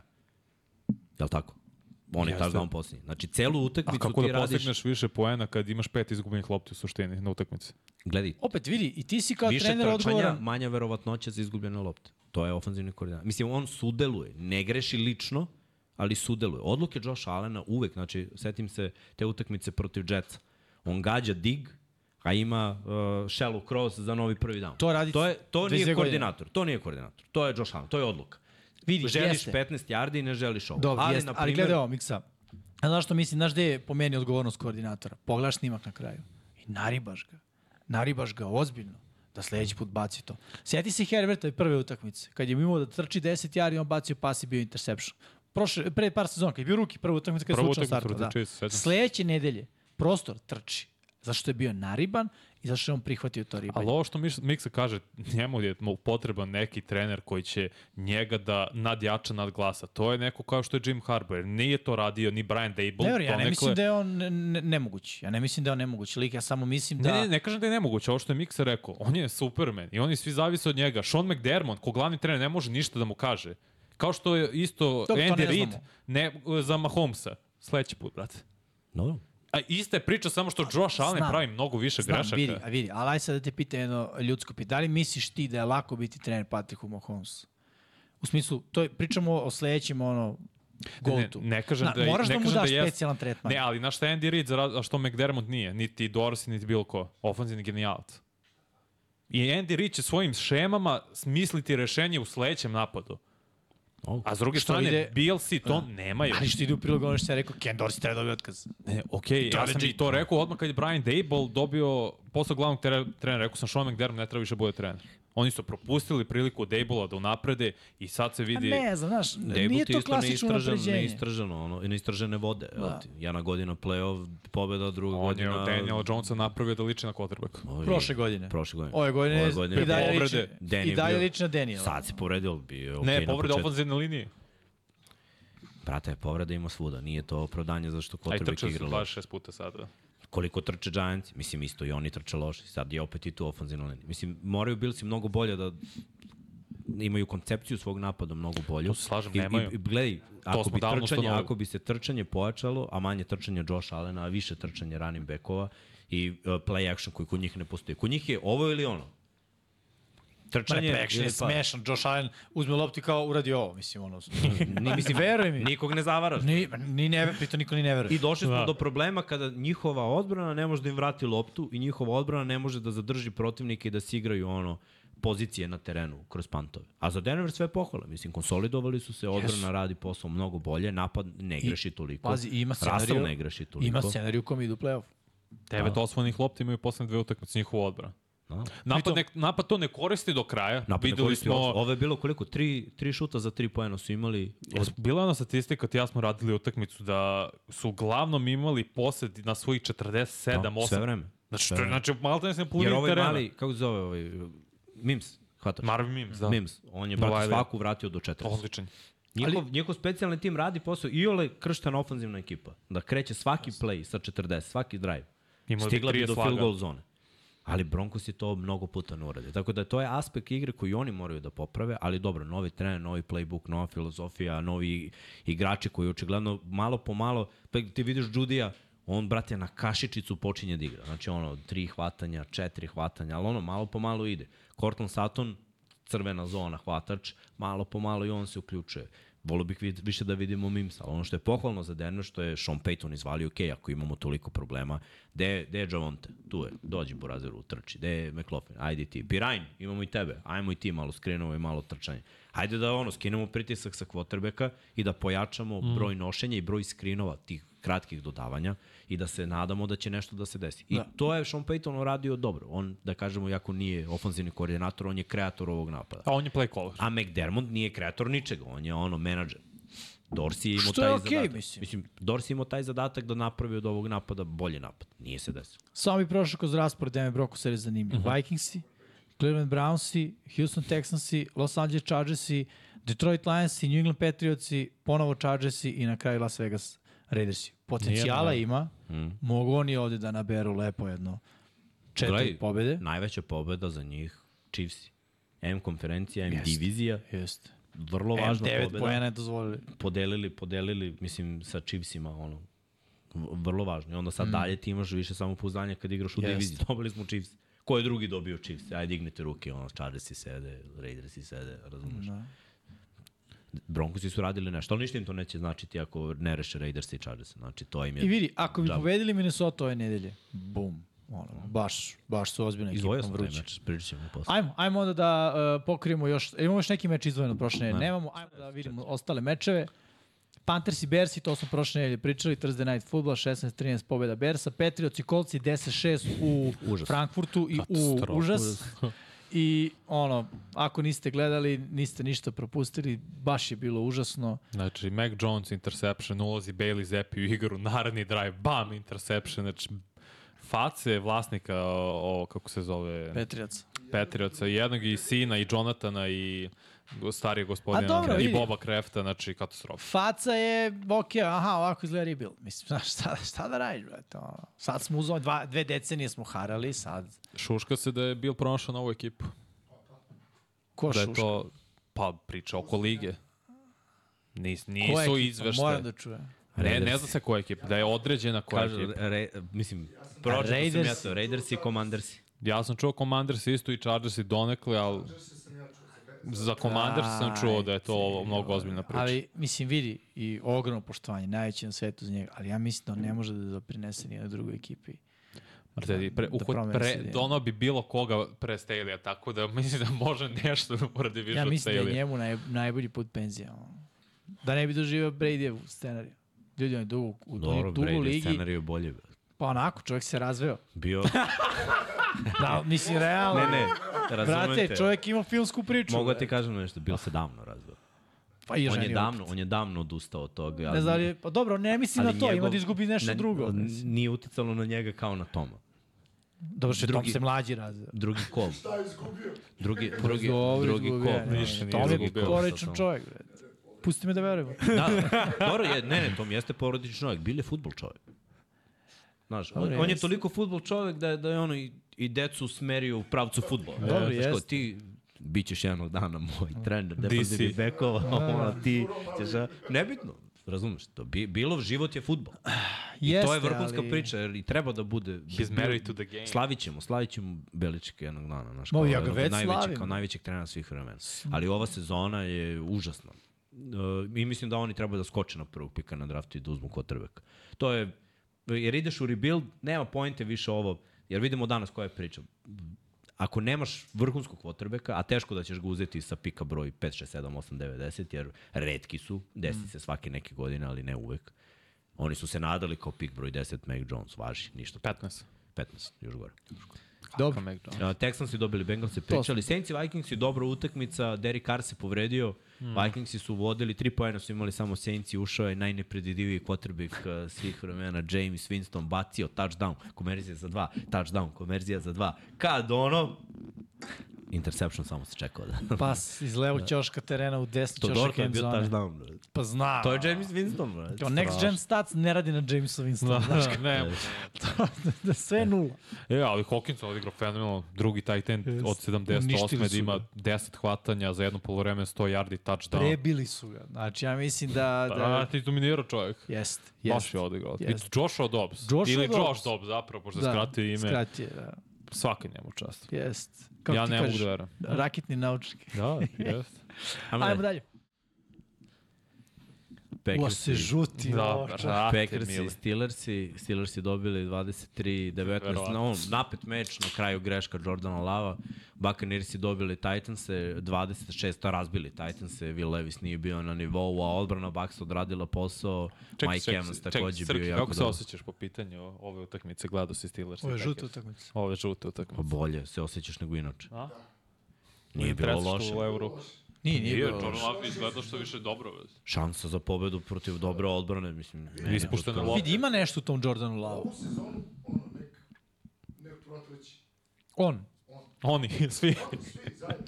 Sledeći, A sve su klinci, bude mnogo. Šta ti, pa njihovi hvatači svi su sophomore ili ruki. Da. To ti kažem. Da. Taj tendim je ruki, Jest. Ob, obojca. taj Imaju, da kažemo, najstariji, ono, mislim, od svih skill pozicija, backfield im je najstariji sa Johnsonom koji nije mator i sa Da. da. Dillonom koji je mlad, mislim. Da, ali igra... Još ovaj, igra igrice, mislim, travu da. noć. Uh, ali ajmo ovo, Jaguars i 49ers i nisam teo da izdvojim jer ne, nije bilo Nema potrebe da dužimo, ali možemo ovako kad Dibu igra, Pardi igra, kad je Dibu tu, Trent Fort, Williams. Dibu i Trent Williams, 49ers i mislim druga ekipa totalno, Jaguars Ali i Jaguars, fail, vidi, ali fail, o, fail. ovo je za Jaguars je realnost. Mislim, i oni su malo Dallas Cowboys i AFC, znaš. Pa dobro, pazi, Houston ih je očepio, isto slično. Da, da, Isto- ajde kao divizija, znaš. Ono. Ali, brate, klinac, ruke, quarterback, ruke hvatači, isto su ovako izgubili. Znam da, ali hoću kažem, meni su oni Dallas Cowboys i AFC, a samo zato što ono, uh, de, deluju besno i opasno protiv nekih polu, polu mislim onako, srednjih ekipa, ali kad dođe ovako neka moćna ekipa, oni su u fazonu, mm. ono, be, beli peškir, vrate, u Da. prvoj četvrtini. Previše sam da će iskupljenih malo lopti. se Pre, pa, Previše, Previše su četiri uništeni. iskupljene lopte. Yes. Ne, San Francisco 49ers kada su zdravi su najbolja ekipa u NFL-u. Ali to je veliko... Ćemo Kada? da imamo? Vidjet ćemo, vrate, polako. Igrat To ti protiv pričaš njih. ti, on čađe se pisao i kao ovi su najbolja ekipa. Neravan lik, kao. Jesi ih stavio na prvo mesto na pamet, sad ću ti pocepam te papire. Nis, stavio sam filo. Tako je, pa vidi, ni ti ne veruješ u to što pričaš. Uh, Ravens i Browns i... Ne, oni stavim kad su izgubili tri za redom i sad se malo, je, moraju da pobede je. još nekako. Po, ako Istina. pobede Filu, polako, ima vremena. Tek, je, tek smo posle 10 kola Tek je završili. 12 sati. Ajmo dalje. Falcons i Cardinals i fail. Uh, Falcons a Cardinals i Kyler Murray. Murray. Da, da. Vratio se istračao touchdown, lepo je igrao. stvarno? Mislim, svojim nogama i dodavanjima dove Mm. ekipu u field goal Spominješ zonu. noge kad ih oni mimo i samo toči kao mali, Da. kao malo dete ko ukrao nešto, neku igračku. Ali je efikasno. Pa svakom čast. Mislim da ako bude ovako igra da Cardinals neće birati quarterback Ma, u prvoj runci. Pa vidi, Ne. oni ga sad testiraju do kraja sezone. Da, to je da. njemu jasno isto. Znači on zna da ili ostaje sledeće godine ili se seli. pogledajte energiju ekipe kad je on na terenu. Prošle, Svi Marvin su- Harris- svi su Bolje, odjednom, bolje. svi- Marvin Harrison će biti u Cardinalsima sledeće Pa godine. ja to mislim. Ja mislim da im se isplati više da izaberu takvog hvatača i onda ima bolje opcije i bolje će onda Nisam znao da Marina Harrison Jones zove Maserati. To je Da, da, da. Maserati. Lions i Chargers i rekli, Giants i 49ers i Widen E, Boys. Cowboys. U idempo. 49 Widen Cowboys. piše. 49 Cowboys. A, Ne, nego rekao 49ers, pošto su što te zajedno. Pa. Da, da, uništili su i Cowboys i počelo onako, ja sam bio u fazonu, bio sam upravo divizijski, ovi su i ono, Znaš kako zovu. Cowboys? Wild Boys. Wild Boys. Dobro, pa jest. E, Dok je odigrao sjajno, Jest. stvarno. CD, CD Lamb, Lamb. 150 yardi ponovo, treću utakmicu za redom, novi NFL rekord, stvarno igraju. Giantsi, užas, ne moramo ni da trošimo reči na to. Commandersi protiv uh, Seahawksa. Uh, 29-26 ponovo field goal za pobedu na kraju. Commandersi opet bili u igri i sve pohvale prvo za quarterbackovu i hvataču u posljednjoj četvrtini. Jer je ono bilo elita elite. Brate, mm. svokoro svako dodavanje je bilo uhvaćeno. Quarterbackovi na visini zadatka, bez izgubljenih lopti, govorim samo o posljednjoj deonici. Mislim, Gino Smith kad igra ovako, oni će pobediti, to je to. Gino je ključ za, za Seahawks. Jeste, jeste. To, to je, ako je on pod pritiskom u panici, loše igra, oni ne mogu da A znaš šta je za Commanders tu najveće pitanje? Ono, opet iz godine u godinu će biti, znaš, jer ne, mora promena neka. Meni je, meni je Jimmy odbran. Ono što si ti rekao da, da imaju ono, i ove nedelje pričali smo, baš smo radili ti ja Red Zone, vidio si prekršaj. Dve, tri da, da. dobre da. odbrane, tamo pomisliš što je to i onda ono, najman prekršaj, pass interference, holding, nelegalno korišćenje ruku i daješ im prvi down, prvi down, prvi down, pustiš taš down posle, pukne neko trčanje ili neko dodavanje. Oni su na kraju imali Seahawksi manje od jednog minuta. Prva dva dodavanja na prvom i drugom downu je bilo ono flat za Charbonnea, koji je prvi put ostao u terenu, drugi put izašao out. Sledeća dva dodavanja za Metcalfa su bila duža od 15 yardi i nakon ta dva dodavanja oni su došli u crvenu zonu za šut Majersa koji bi pogodio i sa 55, da. a ne sa 40. Tako da ono, to, to su greške odbrane Commandersa i oni su, ja mislim, bili svesni toga i odustali od uh, sveta, od Chase-a i bili u fazonu pikovi sledeća godina. Jer, iskreno, Bijeni mi što je uradio sa Howellom. Howell greši im izgubljene lopti sekovanje dosta. Pogledaj njihov playbook.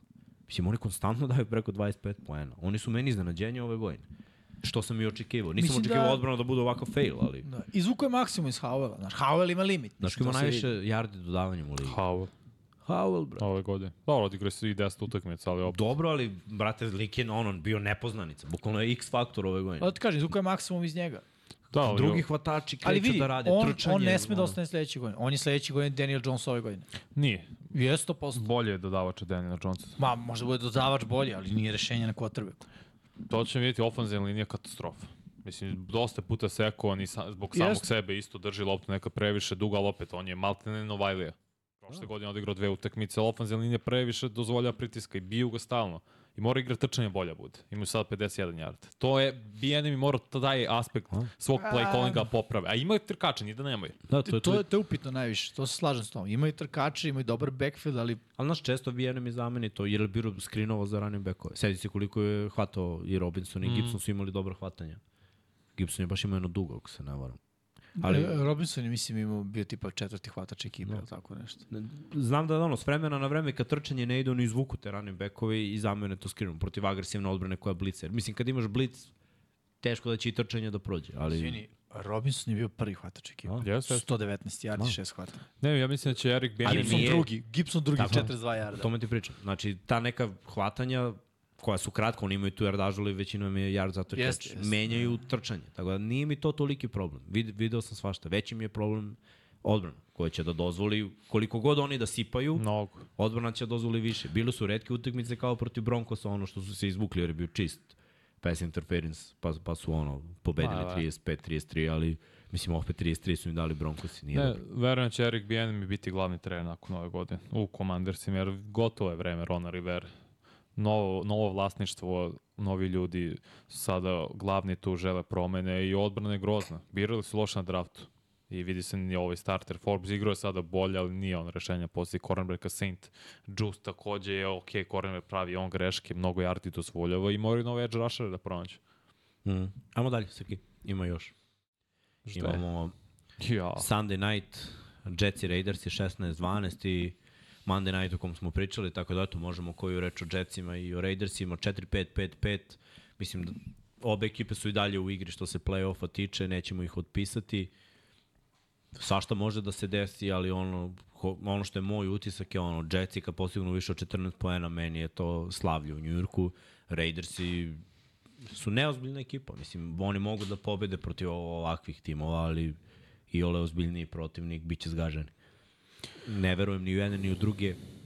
Šta više ta odbrana Jetsa koja radi sjajne stvari, ako napad ne može da se uključi, ako ne pa mogu da postane, znaš, ne može, ti možeš da guraš određeni vremenski period, ali u jednom trenutku ćeš biti u fazonu, ok, to je to. To je to. Ne znači. Da, jeste što je najcrnija stvar Zeko Wilson stvarno nije igrao loše na ovoj takmici. Neka dodavanja koje ima i kao i poslednje, onih Hail Mary, to se vidi da ima talent, dečko. On ne može svako da izvede ono dodavanje što je on izveo i još nekoliko je bilo pre toga, ali naivni interception, gledaš sve vreme uhvatača, a Spillane te prati očima i to ne možeš da radiš. Vidi, on je klasičan, biva i u quarterbacku. Quarterback. Ne, jeste, rekao sa male škole, Tako koji je. igrao protiv osrednjeg talenta i izdigao se. Ali Znaš. greška i Heketa, prekršaj, na touchdownu koji je bio istračan, holding, ofenzivna linija, ne smeš to da radiš. Zach Wilson takođe istočao za jedan touchdown, nagazi out liniju, dešava se, nije to njegova krivica, dva touchdowna si maltene imao na sobstvenim greškama. Pre svega ofenzivna linija koja pravi previše prekršaje. A znaš koji su stvari? Veruj mi, e, to ima Mhm. u tim ekipama koje e, restko postižu touchdowne. Za njih je touchdown no, neobična stvar. I onda, ne, ozbiljno. I onda Calderon se greš, dešavaju greške, dešavaju se greške kada su, imaju očite touchdown, jer to je nepoznata teritorija. Mislim, kao sa tebe neko da baci da igraš. kao, imaš play koji je savršeno poznan za ono što Sve, oni a, rade znaš, i ali- samo da ne pogrešim i, I postići ćemo touchdown. Jest. I ovo što ti kažeš, Zach Wilson zgazi out liniju. Znaš, zašto? Zato što nije prečesto bio u situaciji da ne zgazi out liniju. Zašto prave holding? Mislim, Isto da- to, Što ne veruju u sebe da mogu da naprave vrhunski blok. I, I to su te stvari, prosto ono što kažu, pobeđivanje je navika, ali je i gubljenje. I kada se uvuče u tebe ta sumnja i kada se u tebe uvuče taj moment da navikneš da neće proći, onda i kada prođe, ne, ne, ne znaš kako da se ponašaš u toj situaciji. Mislim, to su neki drugi problemi. Mislim, mi generalno kao ljudi smo robovi navika. Apsolutno. Naročito u sportu. I te navike, znaš, postaju dobre ili loše. Mhm. I, ali su bukvalno, ali uvijek, da, da. uvijek pratiš to. Ja se sjećam i mi smo imali ono, jedan ozbiljan niz gde ono, kubimo, a, pf, vraćamo ovo. Sad će ono, sad ovo, sad Jel i veruješ, veruješ? Da, bio I si u toj situaciji, znaš kako se finišu ušli u loš niz. Te je bilo ono kao u čoveče jedna godina ništa, ono u finalu, druga godina da. Da. ništa u finalu, dva finala, tri finala i on kad ti uđe u glavu, e, hoćemo li mi dobiti ovo final, mm. to ne treba nikada da se pitaš. Ali uđe crv sumnje i onda, znaš, pratiš svoje navike i nastaviš da praviš gluposti. Znači mora da, vera u sebe, to je ono što očigledno mnogi linijaši ofanzivni u ovoj ligi nemaju za mnoge timove. A sve kreće od toga da ako ja pogrešim, ekipa je u rasulu. Ako ja napravim holding, ako ja pustim čoveka, manje, mislim, ja sam pustio sek na Aaronu Rodgersu, znaš, i samo ne, neke nove, nove sumnje i nove sumnje. Zato igraju loše, mislim. Ali nije za Zach Wilson je talentovan da bude backup u ligi, nije on dobar quarterback. I to je pitanje. Loš, On ima loš limit. timing, limitirana ruka. Loše procesuira igru, mnogo sporo procesuira igru, to je ključna ali, stvar. nije to prva godina, znaš. To, to Nije, u prvoj godini je okej. Druga tako je. godina ne prihvatam, treća godina bast. Idemo dalje. Nisi za NFL, mislim, dobar si možda za koleđ. Koleđ su studenti, a koleđ ne, ne smatram ozbiljno. Srki, ne to. Ne to, ovo smo već prošli. Rekli smo to. Chiefs, Chiefs Dolphins. Eagles i Ramsi. Da. Ajmo Može? dalje. Izvini. Ajmo, ajmo na... Ajmo na heroja, heroje. Ne, ne, ne. Sam opet požurio. Šta sad, igramo slagalicu? Ne. A, tabela. Tabela. E, znaš šta treba da tražimo, Peri? Šta? Playoff sliku od sledeće nedelje. Dobro, sledeće. Može, može. Da. Sledeće nedelje krećemo sa pravom Da. sliku. Pravo si vanja. Uh, dobro, ja ću, reći ćemo playoff sliku. Dolphinsi imaju 6-3 na istoku AFC-a, Billsi 5-5, Jetsi 4-5, Patriotsi 2-8. To je na istoku. Playoff slika, Dolphinsi su trenutno tu, Bills imaju šanse, čak i Jetsi u ovom trenutku. Nemamo jasno, ali eto, ukratko. Sever Ravensi prvi sa 8-3 nakon sinoćne pobede, Steelersi imaju 6-3 ali 2-0 u diviziji, Brownsi imaju 6-3, 2-2 u diviziji igraju protiv Steelersa sada, Bengalsi imaju 5-5, 0-3 u play-offu su trenutno Ravensi, Steelersi, Brownsi, Bengalsi Imaju šansu. imaju šansu, ali sve manje i manje, jer 1-5 imaju u konferenciji. Nemaju šancu jer nema Joe Burrow. Uh, Jaguarsi imaju 6-3 na jugu, prvi su, 5-4 imaju Texansi i pobedu nad Jaguarsima, igraće do kraja sezone još jednom. Uh, Colts imaju 5-5 u diviziji 2-2, Titans imaju 3-6 i oni takođe nemaju šanse za playoff, ali Colts i Texansi uh, trenutno jure. Texansi su na sedmom mestu, oni su u wild cardu, a Jaguarsi su prvi u svojoj diviziji pa su sajni tim u playoff lici za sada i Chiefsi su trenutno drugi tim u AFC-u s obzirom da Ravens imaju 8 pobjeda, ali ih čeka utakmica protiv File na Arrowheadu. Raiders imaju 5-5 na drugom su mestu, imaju 1-1 u diviziji. Chargersi su 4-5 i Raidersi i Chargersi jure playoff, oni su, playoff, oni su in the hunt. Jedna druga ekipa imaju 1-1 u diviziji, Raiders je 3-3 u konferenciji, Chargersi 2-3 i Broncosi su takođe u huntu, ali imaju 1-2 u Znate šta diviziji. je ove godine novo i neobično? Deset nedelja nemamo nerešeno, čoveče. Ne prizivaj. znači, dešava se. Wow. Znaš kad se desi nerešeno obično za Thanksgiving? Detroit. Da, Ali to je ranije bilo. Neće sad Detroit odigrati nerešeno. idemo, idemo u NFC, Eaglesi imaju 8-1, 6-0 u konferenciji, 3-0, zato će biti prvi uh, u NFC-u još neko vreme. Cowboys imaju 6-3 i trenutno su prvi uh, što se tiče wild carda slike kao Jesu oni ili Seahawks prvi? Pa vidjet, ću, mislim, možda su i Seahawks. 3-3 imaju u konferenciji Cowboys. Uh, Commanders imaju 4-6, jure playoff, ali 0-3 imaju u diviziji, 2-5 u konferenciji, tako da je teško, Giants je 2-8. Giants jure prvo pika. Giants i Patriots. I ono Panthersi koji daju u Bersima, to je to. Sever NFC. 7-2, da, imaju Lionsi na čelu severa, 4-1 u konferenciji, 1-0 u diviziji, Vikings imaju 6-4, 6-2 u konferenciji, što je jako Su dobar play-off skor. Vikings sad, jesu? Jesu, oni su sedma ekipa Sedma ekipa. 3-6 imaju Packersi, slabe šanse, gotovo nemoguće za playoff, Bears imaju 3-7. Pa i oni imaju šanse za play-off, Bersi. Ma, ne. Mislim, baš mršave, ali... Pa kako? Nema šanse, nema šanse. Top 5-2, pik Uh, na top 5. odavde možemo kažemo da veće šanse imaju Buccaneers i Falcons i da uđu kao drugo plasirana ekipa još uvek, ali vrlo verovatno 90% po mojim uh, naprednoj, miksinoj naprednoj statistici. Samo prva ekipa sa juga ulazi u play-off. 5-5. Da. 5-5 imaju Saintsi 2-3 u konferenciji, Buccaneersi 4-5, 3-3, jedni i drugi imaju 1-1 u diviziji. Falconsi su dobri u diviziji, imaju 2-0, ali 4-6 skor nakon ovih silnih poraza u konferenciji gde imaju 3-4 i Panthers imaju 1-8 i daju prvog Muški. pika na draftu Bersima 0-6 u konferenciji. Evo ti kako je NFC slika. Aha, imaš jedan diviziju. Da, a 49ers imaju 6-3, 4-1 u konferenciji, oni su prva ekipa iz ove divizije i treća plasirana ekipa u NFC-u. Seahawks imaju 5-1, oni su zapravo zbog bolje skora 5 i sida, Cowboys i 6, mada promenit će se to do kraja, jer Wild Boys, Weedem Boys idu jako. Rams imaju 3-6, uh, 2-4 i Cardinalsi 2-8, 2-5 uh, u konferenciji, 0-3 u diviziji. Za Cardinals se ovde ono, samo da se ostavi dobar utisak jer je uh, FK sledeća sezona. Da. A ono što Kao i za Rams u stvari. Pa jes, za Rams mislim da ove nedelje igra protiv Seahawks i to je posljednja prilika da uhvate neki boss za, tu, za to sedmo mesto u wild cardu. A dobili su ih već jedno. Pa da, To je jedini poraz. Seahawksa u konferenciji. Tako je, I možda postoji šansa, ali mislim da neće biti ništa od toga. Ali, Ali, Seahawks imaju baš teži raspored. Znaš. I dva puta ih čekaju 49ers. Yes. Ali Commanders, Commandersi, Buccaneers i Falcons i zapravo jure Vikings. To su te tri ekipe Da. koje su u Huntu i... Naj, naj, naj, u lovu, ali najbliže uh, plenu. Pa da, najbliže su Buccaneers. Da kažem. Misliš? Pa zbog trenutnog skora jesu. Da, da.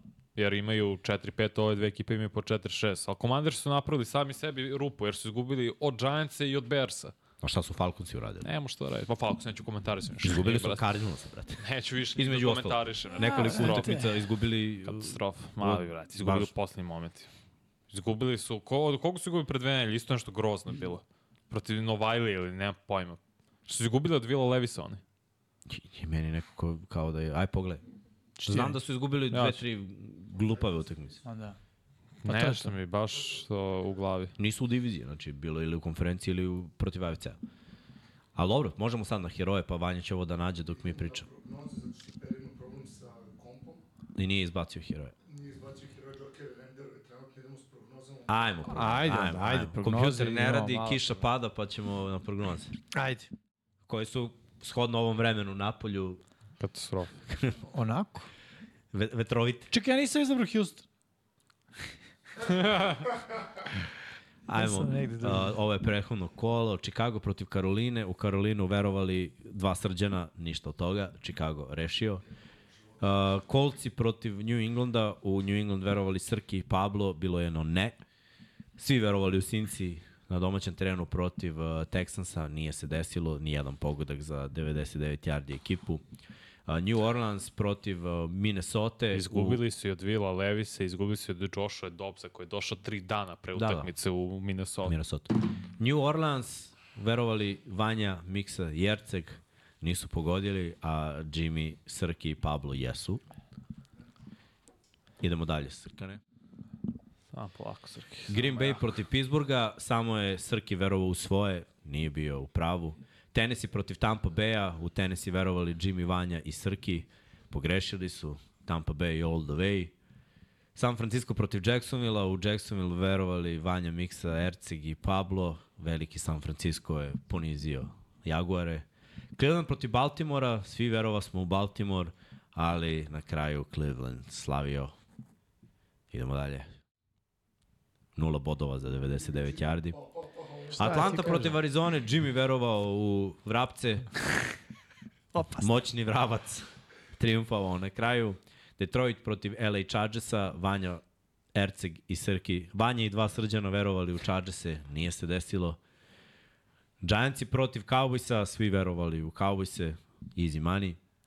Uh, Washington protiv uh, Seattle-a, u Seattle, to jest u Washington su verovali Jimmy i Srki veliki, nisu bili u pravu, bilo je za malo, ali Ali nije bilo. ali nije bilo. Las Vegas, verovao Jimmy, verovao Pablo, bili u pravu, Jetsi triumfovali. Šalim se. Raiders. Znam. Pokušavam. Pokušavam da opravdamo ovu posljednju stranicu i Buffalo svi verovali protiv Denvera, svi failovali. Tako da smo jako tužni u ovim prognozama ovo nedeljnim, što govori naša slika. Vidi ko je na prvom mestu. Ali ponovo imamo, da, ovaj, sa- sada se baš, Srki nam se malo udaljio sa ovim njegovim prognozama, tako da ostaje, tri musketara ostaju na vrhu, Jimmy 95 pobjeda, Vanja ja po 94, Srki 90, 86 Pablo i Erceg pada, Pablo ga je prestigao Erceg na 80 sada, ali dobro, ono što, čime, se, čime se mi tešimo, svi smo preko 50% ili preko 60, zavisi kako ko. Pet utakmica sam pao na pol šutevima u poslednjim sekundama. Na pet utakmica. To ti je život kladioničara. Ajmo da. Samo jedna mi je falila. Uh, vi igrate mnogo bolje i... E, četiri bolje od mene, nije to toliko bolje. Pa dobro, pazi, bili bismo u top 10. Vi, da, bre. imam sve ove, bili tako bismo je. u top 10. Tako je, bili bismo, tako i vi, i vi ste bili u top 10, brate. Imate 94, ja 95. Ali mi, mi, smo. mi ovo nismo računali od sinoć. A ovo je uračunato od sinoć. Taj fazon. Da, ja sam promašao. Ali, brate, solidno, solidno smo daleko od ovih 99. 98. Nismo, brate. Po pet. Jedna nedelja to se lagano Nije po reši. 5, 95 imamo. 95, pa svi imamo, nas trojica smo sa Ali 95. ovo se Svi- raču- 96. Ne, 95, promašao sam si. On sinoć Ali promašao. imamo 94. Ali da, Ali- ovo, je, ovo Aha, se da, da, računa... Da, da, mabe, mabe, mabe. Ajde, opet mi je bez. Dobro. Mislim da nas ne treba ne ovde više ne prikazujemo. Ne realno. treba. Jer nažalost nismo revnosni. Pa ne radimo istu stvar. Ne, I ne radimo istu stvar. Ne, gla- ne, ne biramo isto kao... Da, ajmo ovako, Tako. Bogdan ima 99, Bravo, Bravo, Kansas Bogdane, ima S1. 98, na drugom mestu Natural 05 isto 98, uh, Poislager 96, Terzin 96, Steelers 95, koliko ima i Traktorka, 94 za Gašu, Chris Kringle čujem. 94, Raiders BP 94, Ravens for Life 94 i Slavko ima 94. Bravo ljudi. Ravens for Life navijam za tebe, brate. A koji, Pobedi. kako smo mi, izvini? Nemoj, pa ne, šta gledam? A ne, ali nažalost A nisam? Jimmy ozbiljan. nije odigrao, verovatno. Nisam, nisam nisam iz drugu nedelju. Nažalost. Pa dobro, ali E, e, priznajem, Miroti je loše. zapravo oni koji nisu bili favoriti. Pa mislim da je to Pa bilo ne, bolje. ali zna- znaš šta je pojenta? Što nema smisla, jer ovo biramo zaista, a ovo Da, i to je tačno. vi- vi- Pogledaj razliku. Sam de, A deset, ne, ali pogledaj razliku, stvarno je Deset, čoveče. razlika. Po Deset. tebi je, da, da, Meni je. 10 komada, tebi je 7. Ni to Da, nije malo. jezivo, baš je velika razlika. Onda da kaže Srki veliki. Pa Erceg ima 80, ovde mu je 58, to je 22 razlike. A Srki? Pa isto. Njega ne znam. Njega ne znam. Koliko, koliko ti imaš pogodaka? Pa ti si, na- da, 90, da, 60. Da, da, pa 30 razlike čoveče.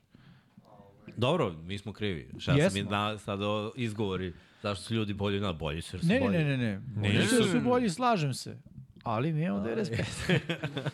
za ovaj, pošto Koms neće da renderuje grafike za heroje Ajde to na kraju onda. To, da, da ostavimo na kraju, sad idemo na Ajde. četvrtak. Može, Aj, ajde. Neko aj. imamo problema malo sa re renderom. Izvinjavamo se zbog tehničkih smetnji. Da, ovaj, Tehnoloških smetnji. da. Tako da čekamo Hero i Joker, Tragičar i Novajlija će ići malo kasnije. Pa dobro, uglavnom smo i Pričali pričali, smo o ovoj da, utakmici. nismo dosta. analizirali skroz utakmicu, ali eto, šta možemo da kažemo. Bengalsi su vodili 10-7 pre povrede Burova nakon toga. Sa Browningom nisu mogli mnogo, nije igrao ni Higgins. Uh, znaš šta, kad ne možeš na, ofanzivno da napreduješ dovoljno, onda je realno da daješ loptu Ravensima na poziciji koja njima odgovara. A Ravensi onda koriste i te nedostatke u odbrani. Mislim, ja bih pohvalio Lamara sa očiglednom povredom skočnog jer nije mogao napraviti ni jedan cutback na tu levu nogu do kraja. Uglavnom je trčao i padao kao da ga je pogodio neko snajperom. Ono, Da. No, nije izgledalo lepo. Baš je bilo riskantno i neka trčanja. Dečko se povredi Monken zove trčanje quarterbacka. Mislim, Zato sam ti rekao sinoć u prenosu, 8 minuta do kraja, Lamar ne trebaš da igra. Dva, dva posljeda razlike, nemoj, molim da previše puta su se opet, znaš, sa dva posljeda prednosti. Dobro, da li bih stvarno stigao Jake Browning? Te bra, sti- stizali su, stigo je Piket, brate. Dobro, Pickett je startnik. Stigo je Minšu. Ali dobro, ali niste, na ovoj utakmici niste grešili. Niste imali izgubljene lopte. A na tim utakmicama svim Sve, jeste. ušao je, u bi ušao Huntley, ko zna, nema. 8-3 i prvo mesto u AFC-u i 8-3 prvo mesto u AFC-u. Ali I ovaj prvo dve godine ste imali Andrewsa i to je veliki problem. Ali ovaj, ono što može da bude veliki problem za, za Ravens je dalje uh, jeste taj raspored i ta neka nesigurnost, uh, naročito jer ih čekaju, mislim ono, ja kažem, sve će se izlomiti na kraju protiv Steelersa, Steelers imaju takav raspored, vidjet ćemo sad, najavit ćemo da mogu da dođu na poraz, uh, to jest jednu pobedu manje od Ravensa i da ta posljednja utakmica odluči ko je prvi seed, uh, to jest u AFC, u, U na severu. AFC, ko, ko će biti prvak divizije. Bi, biće zanimljivo videti sve to. A svakako ve, više ovde treba pričati o, o Bengalsima nego Ravensima koji su opet odradili posao manje više odbrana igrala jako dobro i evo te statistike. Jackson je imao preko 250 yardi uz dva touchdowna bez izgubljene lopte, 16 od 26 trčanje je bilo solidno, Edwards je postigao dva touchdowna, treba malo i o Gasu Edwardsu koji ima Pet utakmica sa touchdownom i drugi je u ligi po broju istrčanih touchdownova samo iza Rahima Mosterta. Odell Beckham imao preko 100 yardi. Uh, prvi put od uh, 2019. 19. godine u regularnoj sezoni imao je u play-offu za Rams. Rams prošle godine. Pretprošle godine. Preprošle, da. Tako da ono, to su neke stvari koje mogu da raduju. S druge strane, mene zabrinjava za Bengals ono, ne postoji Jamar Chase i uhvatio je touchdown na kraju, ali vi- vidiš njegov govor tela da je u fazonu ono, ovo nije moja sezona, trebalo bi da bude moja sezona, Mixon je iskorišćen i sada, pošto znamo da Buru ne igra do kraja godine, mene zanima koga će oni da dovedu. Ni, mislim da, da nije realno da Browning igra do kraja. Mislim da će tražiti nekog kvotrbeka kog mogu da dovedu. Nešto da naprave da bi, da bi izvukli da bude, da bude kompetitivna sezona do kraja. Pa ne, znam. ali ko, koga mogu da potpiše? Nema, nema trade-ova, više koga možeš ti da potpišeš? Nekog Ko je slobodnog slobodni agenta. agent? Pa ne znam ko je. Z- zato pitam, ne da sumnjam u to. Jeste u Ramsima. Jeste u Ramsima. Da, Ramsey. Ne znam, stvarno ne znam, ti si spomenuo Flako da je bio na Ramsima. Na probi nije potpisan. Ne, ne, pa to, od, on bio je na probi Joe Da, Flako. da Joe, bivši Joe Cool zameni Da. novog Joe Coola. Da, to je bilo too, too, too cool. Tu cool, a? Too cool to be truth. Pre bih dao šansu Browningu, makar im da li može bude backup u ligi, jer ako ništa drugo da imam solidnog backupa je vrlo važna stvar, videli smo za... Mislim, nije za... on igrao loše. Nije. Igrao je dobro, dobro se povezao. Mislim, ne, ne, meni nema pojenta da potpisuješ sada nekog jer neće naučiti playbook kao što se na trenutnom Browning. I neće imati toliko sad razvijeno. Ko je Pitanje šta zna? Browning, znaš.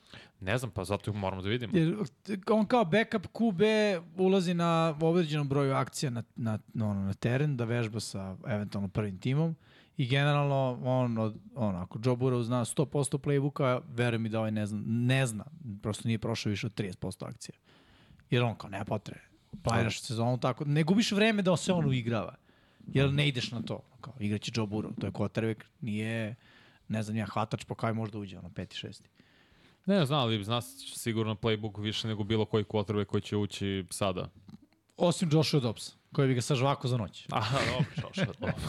Josh Dobbs je posebno pričanje, on je već u Minnesota. Ne znam ko je, stvarno ne znam koje opcije, ne znam šta je situacija sa Cincinnati Bengalsima. Možda da sada jure što boljeg pika, da unaprede malo tu odbranu, jer ne znam š, zašto sada igraju sem za posebno, mislim, igraju dalje za brate, igraju playoff, za playoff i dalje što.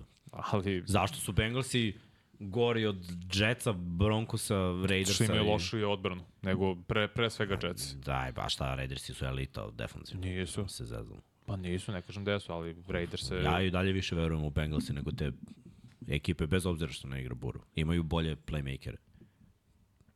Znate ko je Od? Raiders? Nick Foles, Super Bowl Od Raiders imaju bolje playmakere. Pa dobro, Devante Adams i Viret.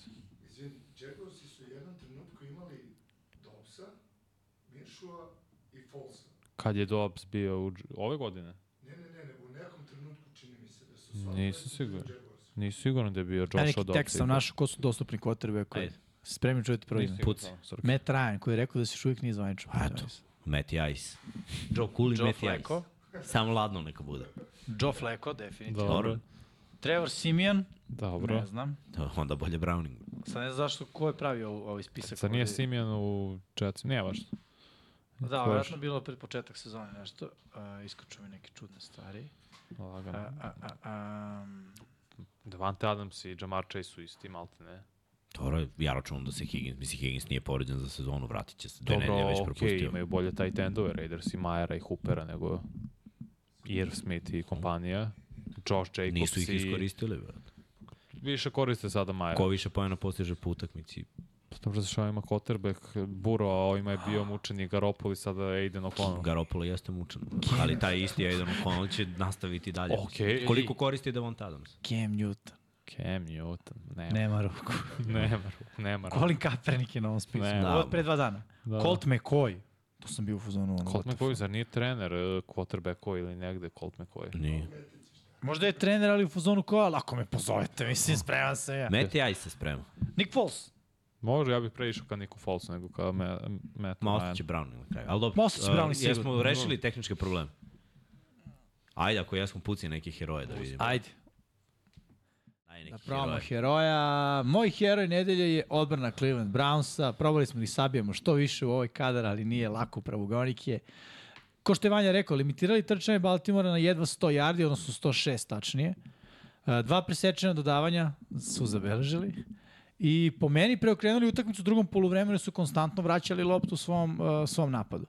Uh, vrlo efikasno igrali protiv napada Baltimora koji je vrlo nezgodan i činjenica da su ih limitirali ono, igru po zemlji, da su im limitirali i da su još napravili dva intersepšena protiv Lamara, stvarno govori da su ono, Ravens se stavili u, u tešku poziciju. Tako da sve pohvale za tu odbranu Cleveland Brownsa. Ajmo dalje se. Ja. Kikeri su heroji moji ove nedelje. Riley Patterson, Dustin Hopkins, Will Lutz, Matt Prater, Jason Myers i Matt Amendola. Mislim da je treba da se spomenu po imenu njihovom i zaslužen heroj. Kad rešiš utakmicu u poslednjim sekundama, pogodiš vil, field goal, jako si u slučaju Vila Laca prvi put omašao, pa si dobiješ jednu priliku, nevažno je, doneo si svoj ekipi pobedu. I to je ono što je najvažnije. Cool. Ajmo dalje. Pravda za kikere. Pravda, pravda. Kikeri su igrači. A Srgi što nas prvo pusti, pa onda pusti naše. E, ali samo... A ovo je Evo, ja sam srđan. Amon Ra, Saint Brown, brojke sve govore, 156 osvojenih yardi hvatanjem uz 8 uspešnih hvatanja na 9 dodavanja, četvrta uzastopna utakmica sa preko 100 yardi hvatanjem i jedan od ključnih faktora u uspesima Detroita. Pa oni i AJ Brown i su hvatači jedini koji imaju šest utakmica ove godine sa sto ili više uhoćenih yardi. Amon, Amon Ra. Amon Ra. Dva imena i dva prezimena. Imamo problem sa miksenim herojem. Evo, mi ne Eto. pravda. Čovek stavi nekog heroja iz Baltimora i odmah probleme. Šalim se, nije mi heroj iz Baltimora. Ni pa da ne, ne je bilo smisla. Ne Što bilo ne bi bilo smisla. smisla, izvini. Hoćeš da idemo Heroji možda na Jokera, pa da se vratimo na miksenog heroja? Ajde, ajde, ajde. Ma de znam. Gde znam, to je tek jutro spis. Nisam. Šalim Nije, nije, on je prvi napisao. Ja sam prvi. Ha! Zato je zaboravio. CJ? Nije CJ. Nije, nije ti nim Kyler. Čekaj, sad ću ja... Nije mu je Lamar. Dan Campbell možda. Dan Campbell, jeste, Dan Campbell Campbell. mi je heroj. Tako nemam je. sliku, nemam šta da vam kažem. Dan Evo, ja ću ti Campbell, kažem šta znam zašto. Zato što je verovo u igrača, išao na četvrti down, mm. bio uspešan. Uh, zato što je prvi kandidat za trenera godine, po mom mišljenju, jer Detroit Lionsi nikad ovako nisu počeli. Zapravo, od, od samog starta ove sezone on rizikuje, veruje u svoje igrače, promenio je totalnu kulturu. Ti, ti vidiš da ne samo što on veruje u njih i oni veruju u njega i isporučuju na visokom nivou. I, o, kakvim se ljudima okružio i to dosta znači. I ova utakmica je bila rešena meni od strane head coacha. Jeste, on ima dobrog ofenzivnog koordinatora koji, koji zna ono, da zakuva. Mm. Ali ovaj, realno, kako su Chargersi rešili u tim posljednjim minutima? Da im ne dozvole posljed. Jer su videli da i njihova odbrana ne radi posao. Jer dešavalo se ove godine za Detroit da odbrana ne radi posao. Mislim, bilo je ekipa koji su ih očepili, mislim, Ravensi su ih očepili ofenzivno. Seahawks. Seahawksi isto. Chargersi bi isto to uradili da napad nije sve vreme pratio. E sad, taj napad je bio u jednom trenutku ono, veliki znak pitanja da li ćemo mi zadržati ovde izjednačan rezultat ili ćemo rizikovati na četvrtom i uzeti prvi down, potrošiti vreme i šutnuti. To, to je hrabra odluka Dana Campbella. I imao ih je mnogo u, u svojoj karijeri, ali baš za ovu nedelju mislim da on je odlučio da se to desi. Oni ne bi pobedili na utakmici. Jer bi dali field goal odatle ili bi failovali, a Chargersima bi dali mnogo vremena sa napadom koji je zahuktao. Tako da je zaslužio da bude hero i ta pobeda ih je lansirala iznad zapadne divizije NFC-a i tek na, jedan, na jednu pobedu od Filadelfije. Jer zamisli Filadelfija sad na Arrowheadu izgubi, Lions i pobede, sve se otvara. Kad smo videli Lionse kao prvi seed u NFC-u? Nikad. Nezamislivo. Nećemo ih vidjeti njoj godine. Da, vrlo verovatno, ali i da budu drugi, Je, opet je ono, wow. Kad smo bili Lions šampioni divizije. Mislim, okej, okay, Bilo, videli smo. bilo je, ali 91. du, dugo Bili nije bilo. posle, jel? Ne, Ili bili su u play-offu, ali Bili su u play-offu, nisu bili šampioni A, Green divizije. Bay, da, da, da. Ne, napad ovaj Detroit Lions je egzotično fizikalni napad. Pa i odbrana je egzotična.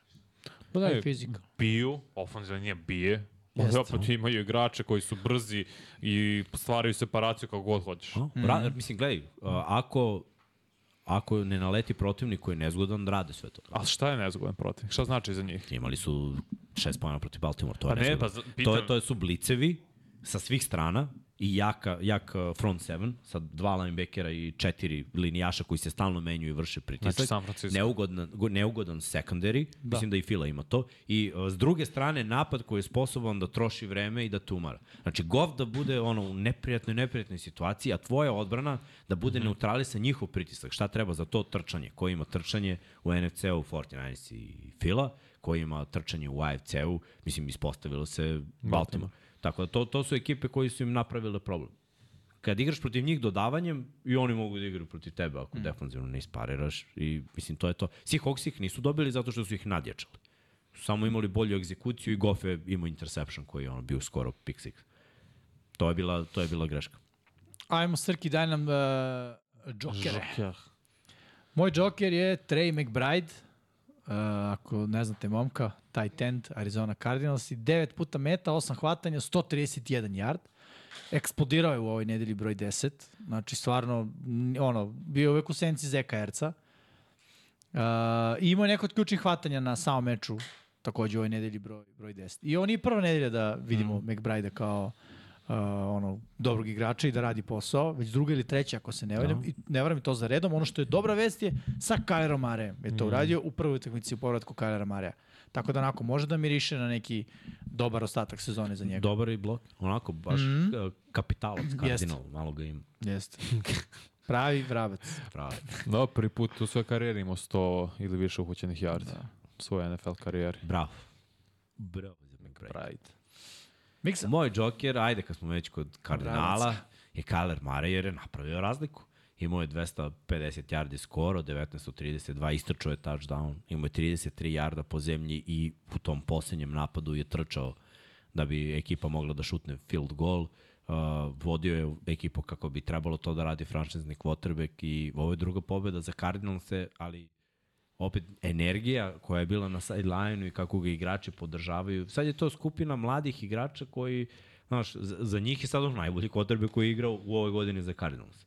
Izmenili su nekoliko igrača, ali definitivno su svesni, ok, sa Kylerom imamo šansu da pobedimo. I super je što je isporučio to u prvoj utakmici mm. koju je igrao, jer to znači ne mora sezona da bude pretvorano uspešna i Cardinals i ovde nužno ne moraju da jure da imaju loš skor da bi birali na draftu, jer mislim da će oni isporučiti na kraju. Su oni bili konkurentni gotovo u svakoj utakmici sa Joshom Dobson. Jesu gubili, ali sa Marijom ta razlika može da bude između poraza i pobede ono, manja za, za Cardinals. Ja bih sam dodao, vidio se da je njemu značila ta pobeda. Baš je onako imao izraz lica nekoga kome znači ta pobeda i ono, deo ekipe. Iskreno, odličan izbor Genona da ga ne stavi da igra protiv Clevelanda, da ga razbiju, nego da prvi meč igrao protiv Falconsa i opet za njega posle 11 meseci se vraća na teren. Mm. Tako da, nije to velika pauza. To je za prednjukrštene onako, da kažemo i manje. Otprilike godinu dana je za, za igrača koji koristi te naglašene promene pravca, da kažemo da, da se vrati na teren i bude uh, dobar, ali on je opet radio to na ovoj utakmici. Videlo se ta njegova trčanja. Da, on ne naglašava ono one cut, ali, Nije nikad. Ali mnogo se kreće, znaš, to je levo, desno, kreni se, ti, te, te, te, te, te, kao bubica neka. Ali, Ima sitan korak. ali kida.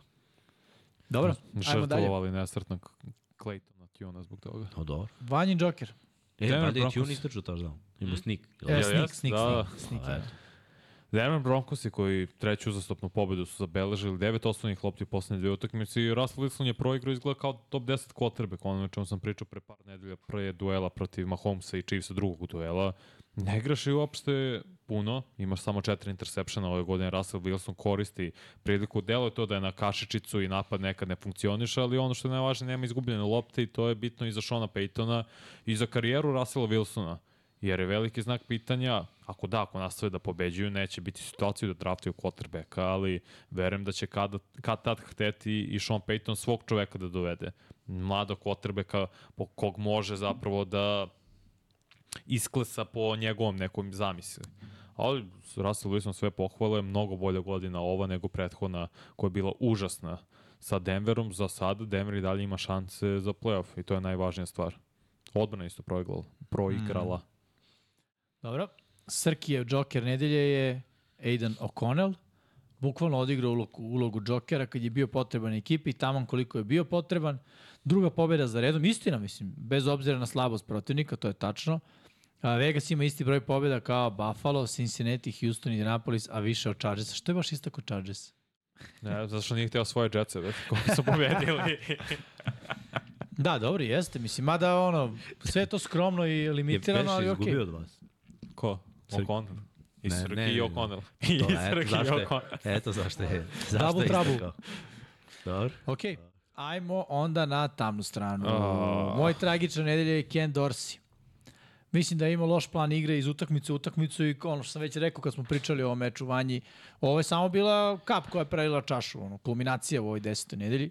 Nemogućnost da izbalansira napad kroz vazduh i po zemlji, ono, možda i tako počnu s tom nekom idejom, međutim pretvori se u monstruma koji samo hoće kroz vazduh da, da, da igra i to prosto ne ide, jer pre svega stavlja preveliki pritisak na quarterbacka. Mislim, koliko god mi uh, Josh Allena gledamo kao ono jednog od najboljih quarterbacka trenutno u ligi, ljudi, on ima 27 godina.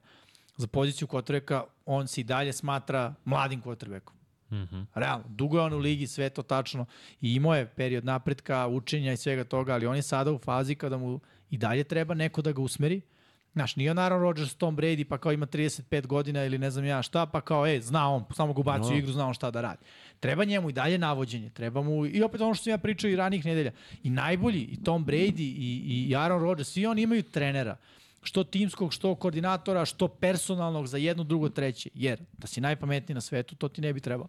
Tako da, ima on tu dosta prostora da, da napreduje, a Ken Dorsey to prosto nije mogao da mu da. Inače, zvučalo mi jako poznato, on je bio quarterback u NFL-u. Ko Dors? Da, da.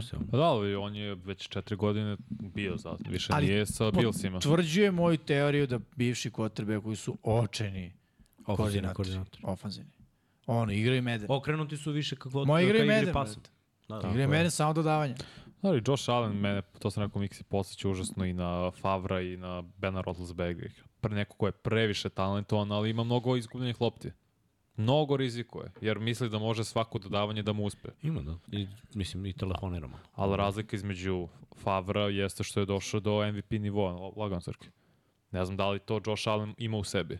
I to je sledeći zapravo korak u njegove evoluciji kao igrača. Dobro, ajde ovako. Mislim, sve pohvale, ja obožavam Farva i jedan je od najboljih quarterbackova ono, svih vremena. U eri u kojoj je on igrao je bio jedinstven. U eri u kojoj Josh Allen igra nije jedinstven. Ima još Josh, još sličnih ono, igrača. Mislim, u eri Josh Allen imaš Mahomesa koji skrembluje i dodaje ono, kao iz bazuke, što radi Josh Allen.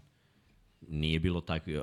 Favre je igrač koji je dobio batine, igrao na svakoj tekmi, mm. trčao i bacao ko iz bazuke, ali nije bilo mnogo takvi. Drugi su igrali na drugi fore, bio drugi futbol. Nisu svi igrali tako. Znači imao si quarterbackove koji skremblo, ali nije svako imao taj jedinstven sklop. Ti danas pogledaš Josh Allena i vidiš evoluciju quarterbacka, ima više quarterbackova koji podsećaju, koji igraju taj neki sličan stil.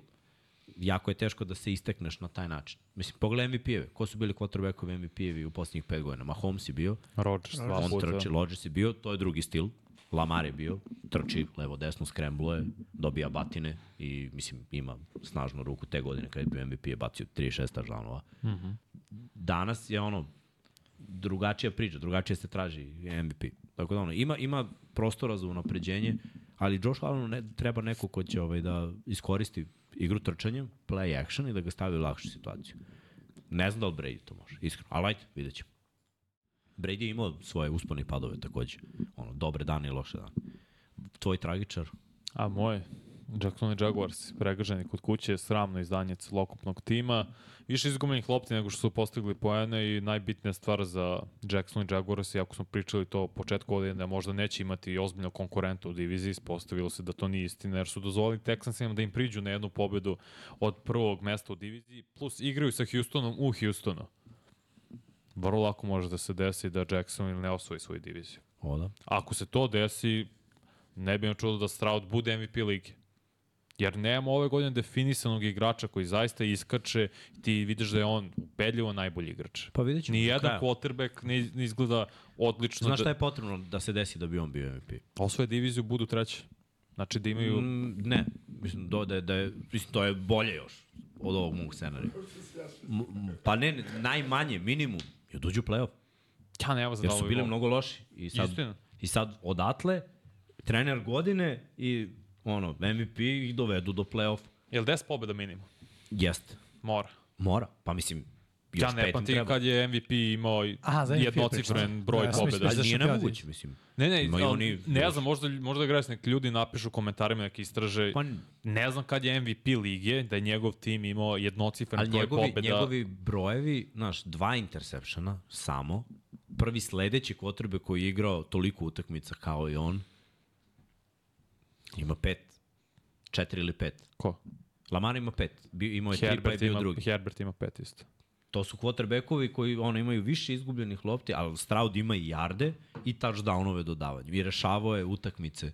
Uh, mislim, to, to je jako dobra statistika za sad, ali naravno ima još mnogo mečeva. On mora da ostane na ovom uh, nivou egzekucije. Znači, mora da bude ovako efikasan i sa jardažom i sa touchdownovima mm -hmm. i ekipa da pobeđuje. Uvede ekipu u playoff sa takvom statistikom. Zašto da ne?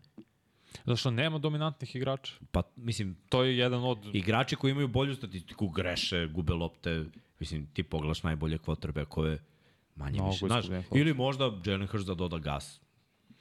Ja Što zato da sam ne, ubacio... Jalen Hurts ima najviše istrčanih touchdownova i uh, mogu On bi, i Josh Allen imaju. da, i mogu, ali Josh Allen ima mnogo više izgubljenih lopti. od Russell ima četiri, Deshaun Watson ima četiri. Ali nisu igrao, Deshaun Watson nije igrao uh, Ok, sve Russell. Wilson jeste. Nije ni on igrao sve. Russell Wilson jeste pravo se. Russell Wilson Wilson je, jeste. Uh, Ali Russell Wilson ima fumblove. Da. Uh, Russell Wilson je izgubio sigurno 2-3 fumbla. Pazi, evo, Dobbs ima Ima pet. da, sedam izgubljenih lopti ima Russell Wilson. Izvini što pre. Računamo sve, znači i fumble i Ok, interception. e dobro, tu nemam statistiku, pričam samo interception. No. Znači imamo Dobbsa sa pet, Lamara sa pet, Kirk Cousins pet, Baker Mayfield pet, sve starteri. Justin Herbert pet, Jared Goff pet, Brock Pardy pet, i to je ono nagomila bez veze. I onda već idu sa Tako je, šesticama. ali Joe opet, gledaj, tih pet je više od duplo od ovoga što on ima, Ne, a jeste, pritom jeste. neki imaju fumble, tipa Lamar ima pet, ali ima Da. šest fumblova, Fumble. znači to je užas. Herbert nema nijedan fumble, to je pohvala. Eto, da kažemo da je Herbert taj sledeći, ti si više od duplo bolji od, Herbert, mm. od Herberta. Mislim, onda Da. je to, A, znaš, ali najviše- mora da završiš s ovim nivom. Znaš, mora ovo da se ispušte do kraja sezone. Mm -hmm. Jer to je MVP. Pobedi utakmice, ono. Koliko- Pokaži da znači Znate ko ima najviše interceptiona? Najviše bi trebalo Josh Allen da ima izgubljenih Josh lopti, Ne, Reader ima- 11. ali ima izgubljenih ima Intercep, dva. pričamo o interception. Aha, aha. Josh Allen, drugo mesto Jordan Love, 10. Da, da. Koliko ima Mac Jones, Ha, uh, Howell ima Lam- devet. Howell ima Tako 9, je. Jimmy Garoppolo 9, Osam onda ide ima Hurts. Mahomes i Mahomes. Hurts. osam. Reader ima i Jones imaju po 12 izgubljenih lopti, a Josh Allen ima 14. Da, da. A sad gledam MVP-eva na brzinu, završit ćemo brzo. U poslednjih nekoliko godina Mahomes, znam, dvocifren broj pobjeda, Rodgers, Rodgers, Lamar, Mahomes, Tom Brady, Matt Ryan, Cam Newton, 15 pobjeda, Rodgers, opet Peyton Manning. Adrian Peterson ne znam koliko Minnesota imala te godine, 2012. Ima pobjeda. 2000 yardi, brate, posle ACL, zato ne, je bio. ne, jasno mi zašto je bio. Zato ti kažem, nije, Minnesota ušlo u playoff, u- one and done su bili. Da, da, ne znam ko, ali za, moje pitanje je bilo da li su oni imali jednocifren broj pobjeda. Nisu, nisu. Pa ne verujem, nije. Nisu, Ako su ušli u playoff, bili su drugi za Green Bay. Ne, ne, ne, bili su, osvojili su diviziju. Osvojili su diviziju. No. Da, e, poslednje utakmicu su pobedili Green Bay, pričao, pričao o tome Aaron Rodgers prethodne nedelje. Da, da, da. I na, igrali na domaćem terenu. u play-offu. Mislim, evo, ostali su opet Izgubili su od Sijetla, Da. seti se na promašen uh, field goal uh, Blaira Walsha, kad mu je okrenuo Pertle kick, kad je promašen. I Seattle otišao dalje. Ali u, uglavnom, mislim, tu su i Tomlinson, i Sean Alexander, Manning, McNair i tako dalje, Rich Gannon, Kurt Warren, to su sve timovi koji su imali dvocifren broj pobjeda i, i igrali playoff. I neki u, i uglavnom usvajali divizije zapravo. Gledaj, za Houston nije nemoguće da imaju dvocifreni broj pobjeda i nije nemoguće da budu prvaci divizije. Tako Odaljili da, smo se malo. da, da, ajmo, ajmo. Izvini, most ja, ja sam kriv, ja sam kriv. Ajmo dalje, Mi sledeći kulpa, tragič. mi kulpa. Miksa. Buffalo Bills. Izgubili od Broncosa na svom terenu. Pored svih gluposti, izgubi, izgubljenih lopti i posljeda, bili su na korak od pobede i pobedili bi da nisu imali 12 igrača na terenu. To smo već ispričali i otpustili su ofenzivnog koordinatora. Tako da ono, sve govori o tome da je definitivno tragedija, a vidjet ćemo da li će posle smrkavanja da im svane. Ajmo daj dalje, Strki. Vanjin tragičar ili, ili Ne, Ercego. bili smo. Imamo To je bio? Da, Jaguars. Pa Zato da. smo se zadržali. Srkev tragičar su Jets i ekipa koja bez obzira na rad odbrane ne može da pobedi, ponovo manje od dva touchdowna poena u celoj utakmici i čekam četvrtinu sa preko šest poena. Ko čeka, taj dočeka.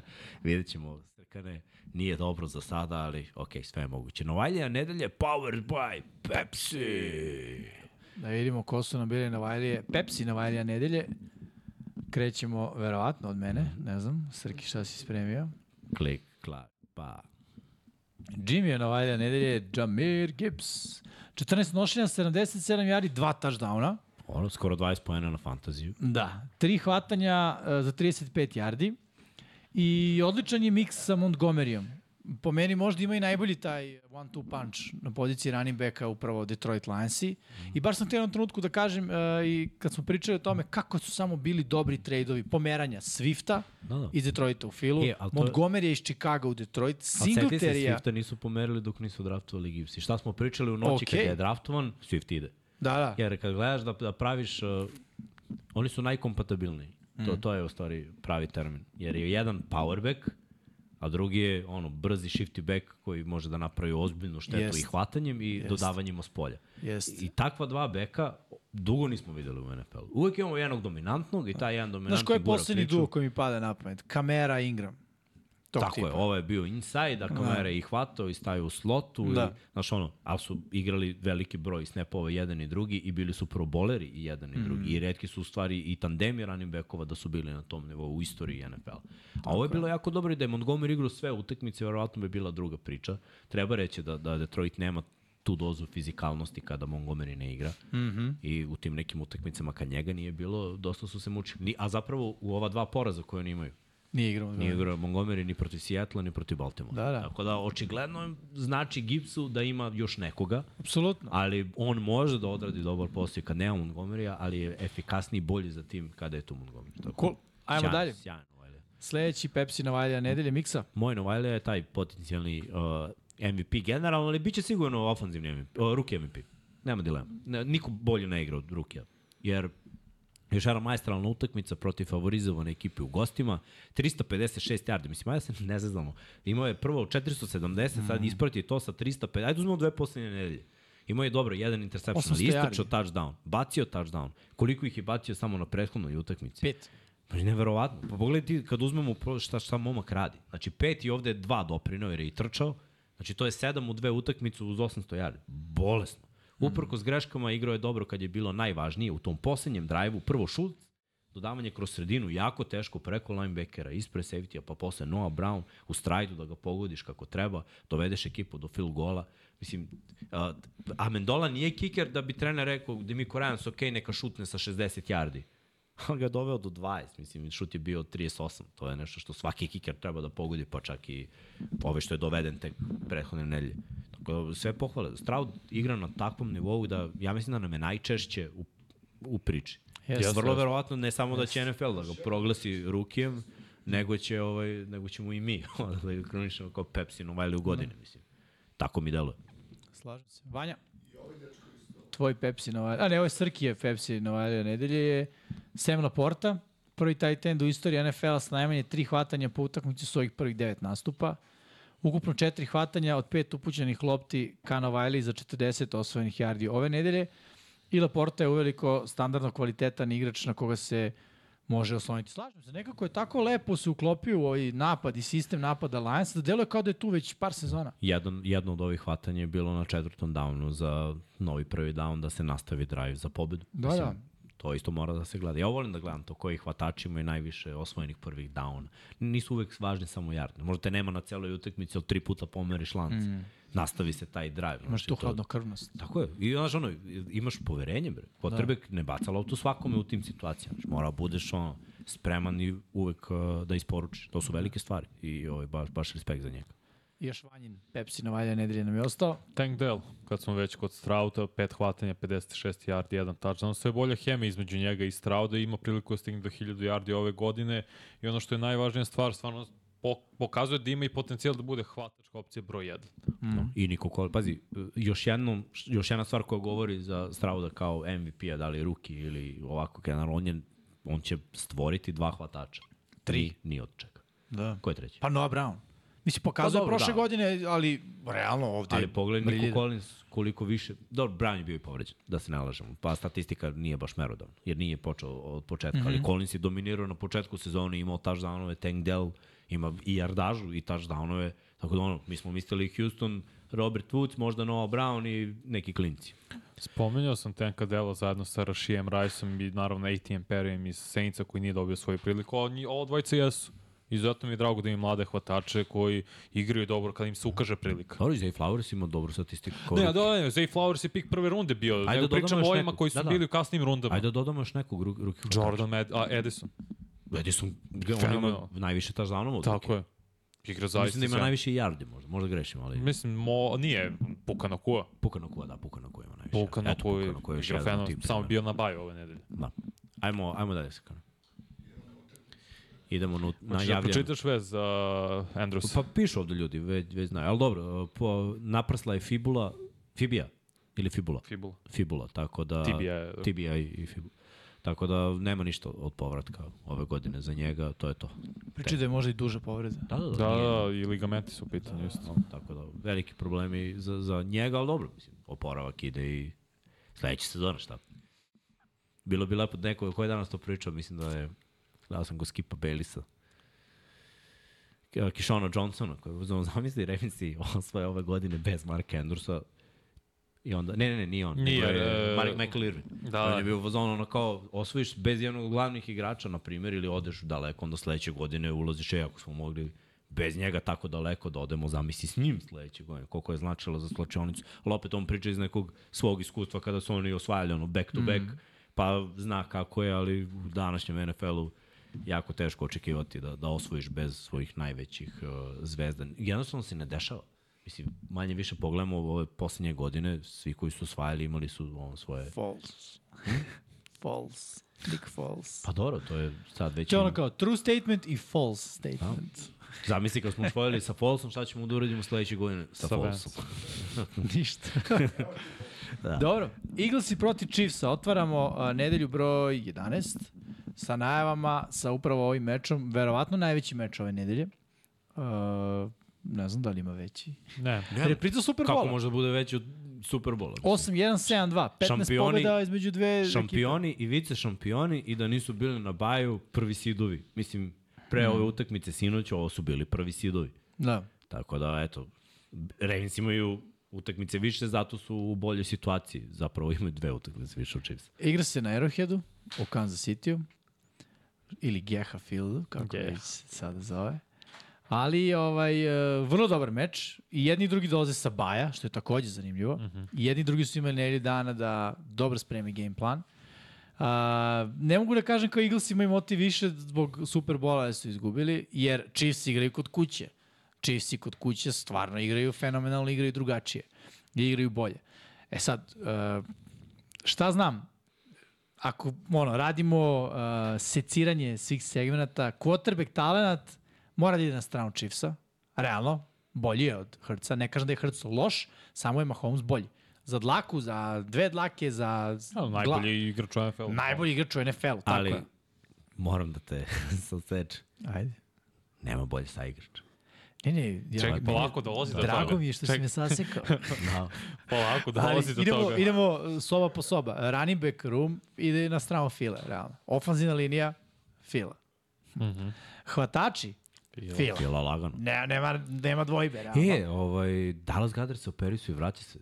Ali ne ove nedelje. mislim. Ne, ne, ne ove nedelje, ali Vraća se što se vraća je vrhunska, ja sam očekivao da je za sezonu povreda. Da, je tako je delovalo. Bio long Ja sam mislio da par meseci. Ali mislim da ako se vraća to playoff. Da, da, da, Da, da propušta igra. regularni deo sezona. Kažu finiš. Kažu Mhm. da će biti ono fazon š- š- šest nedelja, bro. To je on, To je 4 do malo, 6 nedelja, da. malo za... Dobro, ali ako je, da kažem, običan prelom, ok, mislim, za raste koska i to je to. Ali ako da, su ga operisali, da. Mislim, U svakom slučaju, ajde sad idemo da obranemo strane. Što tiče odbrane, defanzivna linija, Phil. Ja sam razmišljam, Phil ima i Phil, dubinu, ima i vrhunskih igrača. dobro, ima imena. Linebackeri mora ide Chiefs, stranu Chiefs. Chiefs. To ne mogu easy man. Igra. Sekundari Chiefs. Chiefs. Realno Chiefs. To mi je glavni matchup zapravo. McDuffie protiv Browna i Snead Nema protiv. Devonte Smitha. McDuffie igra kao najbolji cornerback Nema tu matchup, samo, ću, samo ću ovako ti kažem.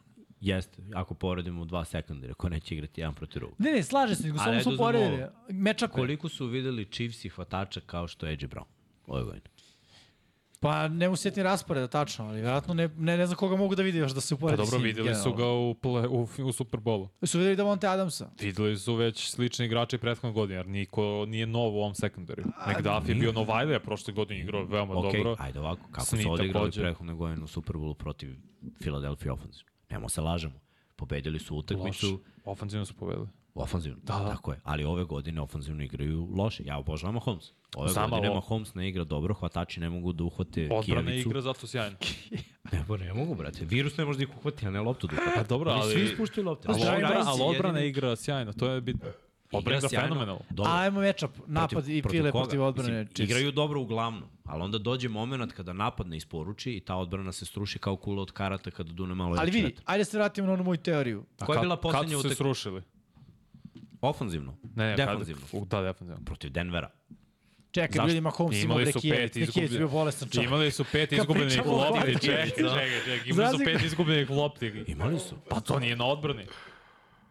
Kako Koliko je je to? poena dozvolila odbrana? 26 na 5 izgubljenih lopti. Dobro.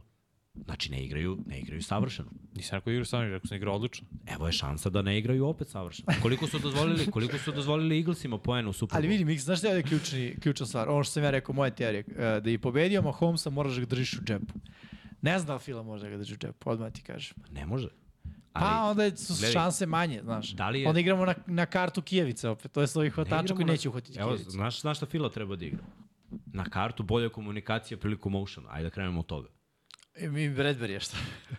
24 Ja mislim- poena, izvini, nije 26. Ja mislim da je ove godine game plan, ono, nema prati čovjeka do kraja. Pusti ga. Bojan je kuvati s druge strane nego da uvati na tvoje Tako strane. Realno. Realno. I to je nešto što Fila treba da uradi, već je druga priča. Jer u tome, uh, pusti ga nek uhvati. To je već za čiste dovoljni problem.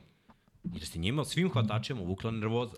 Miksa može Chiefsa nije dozvolila više od 20 poena računajući tu Na utakmicu. voždac. Ne, pa ozbiljno. Protiv Lions do, dozvolili 21 bio pick 6. Bio je pick six.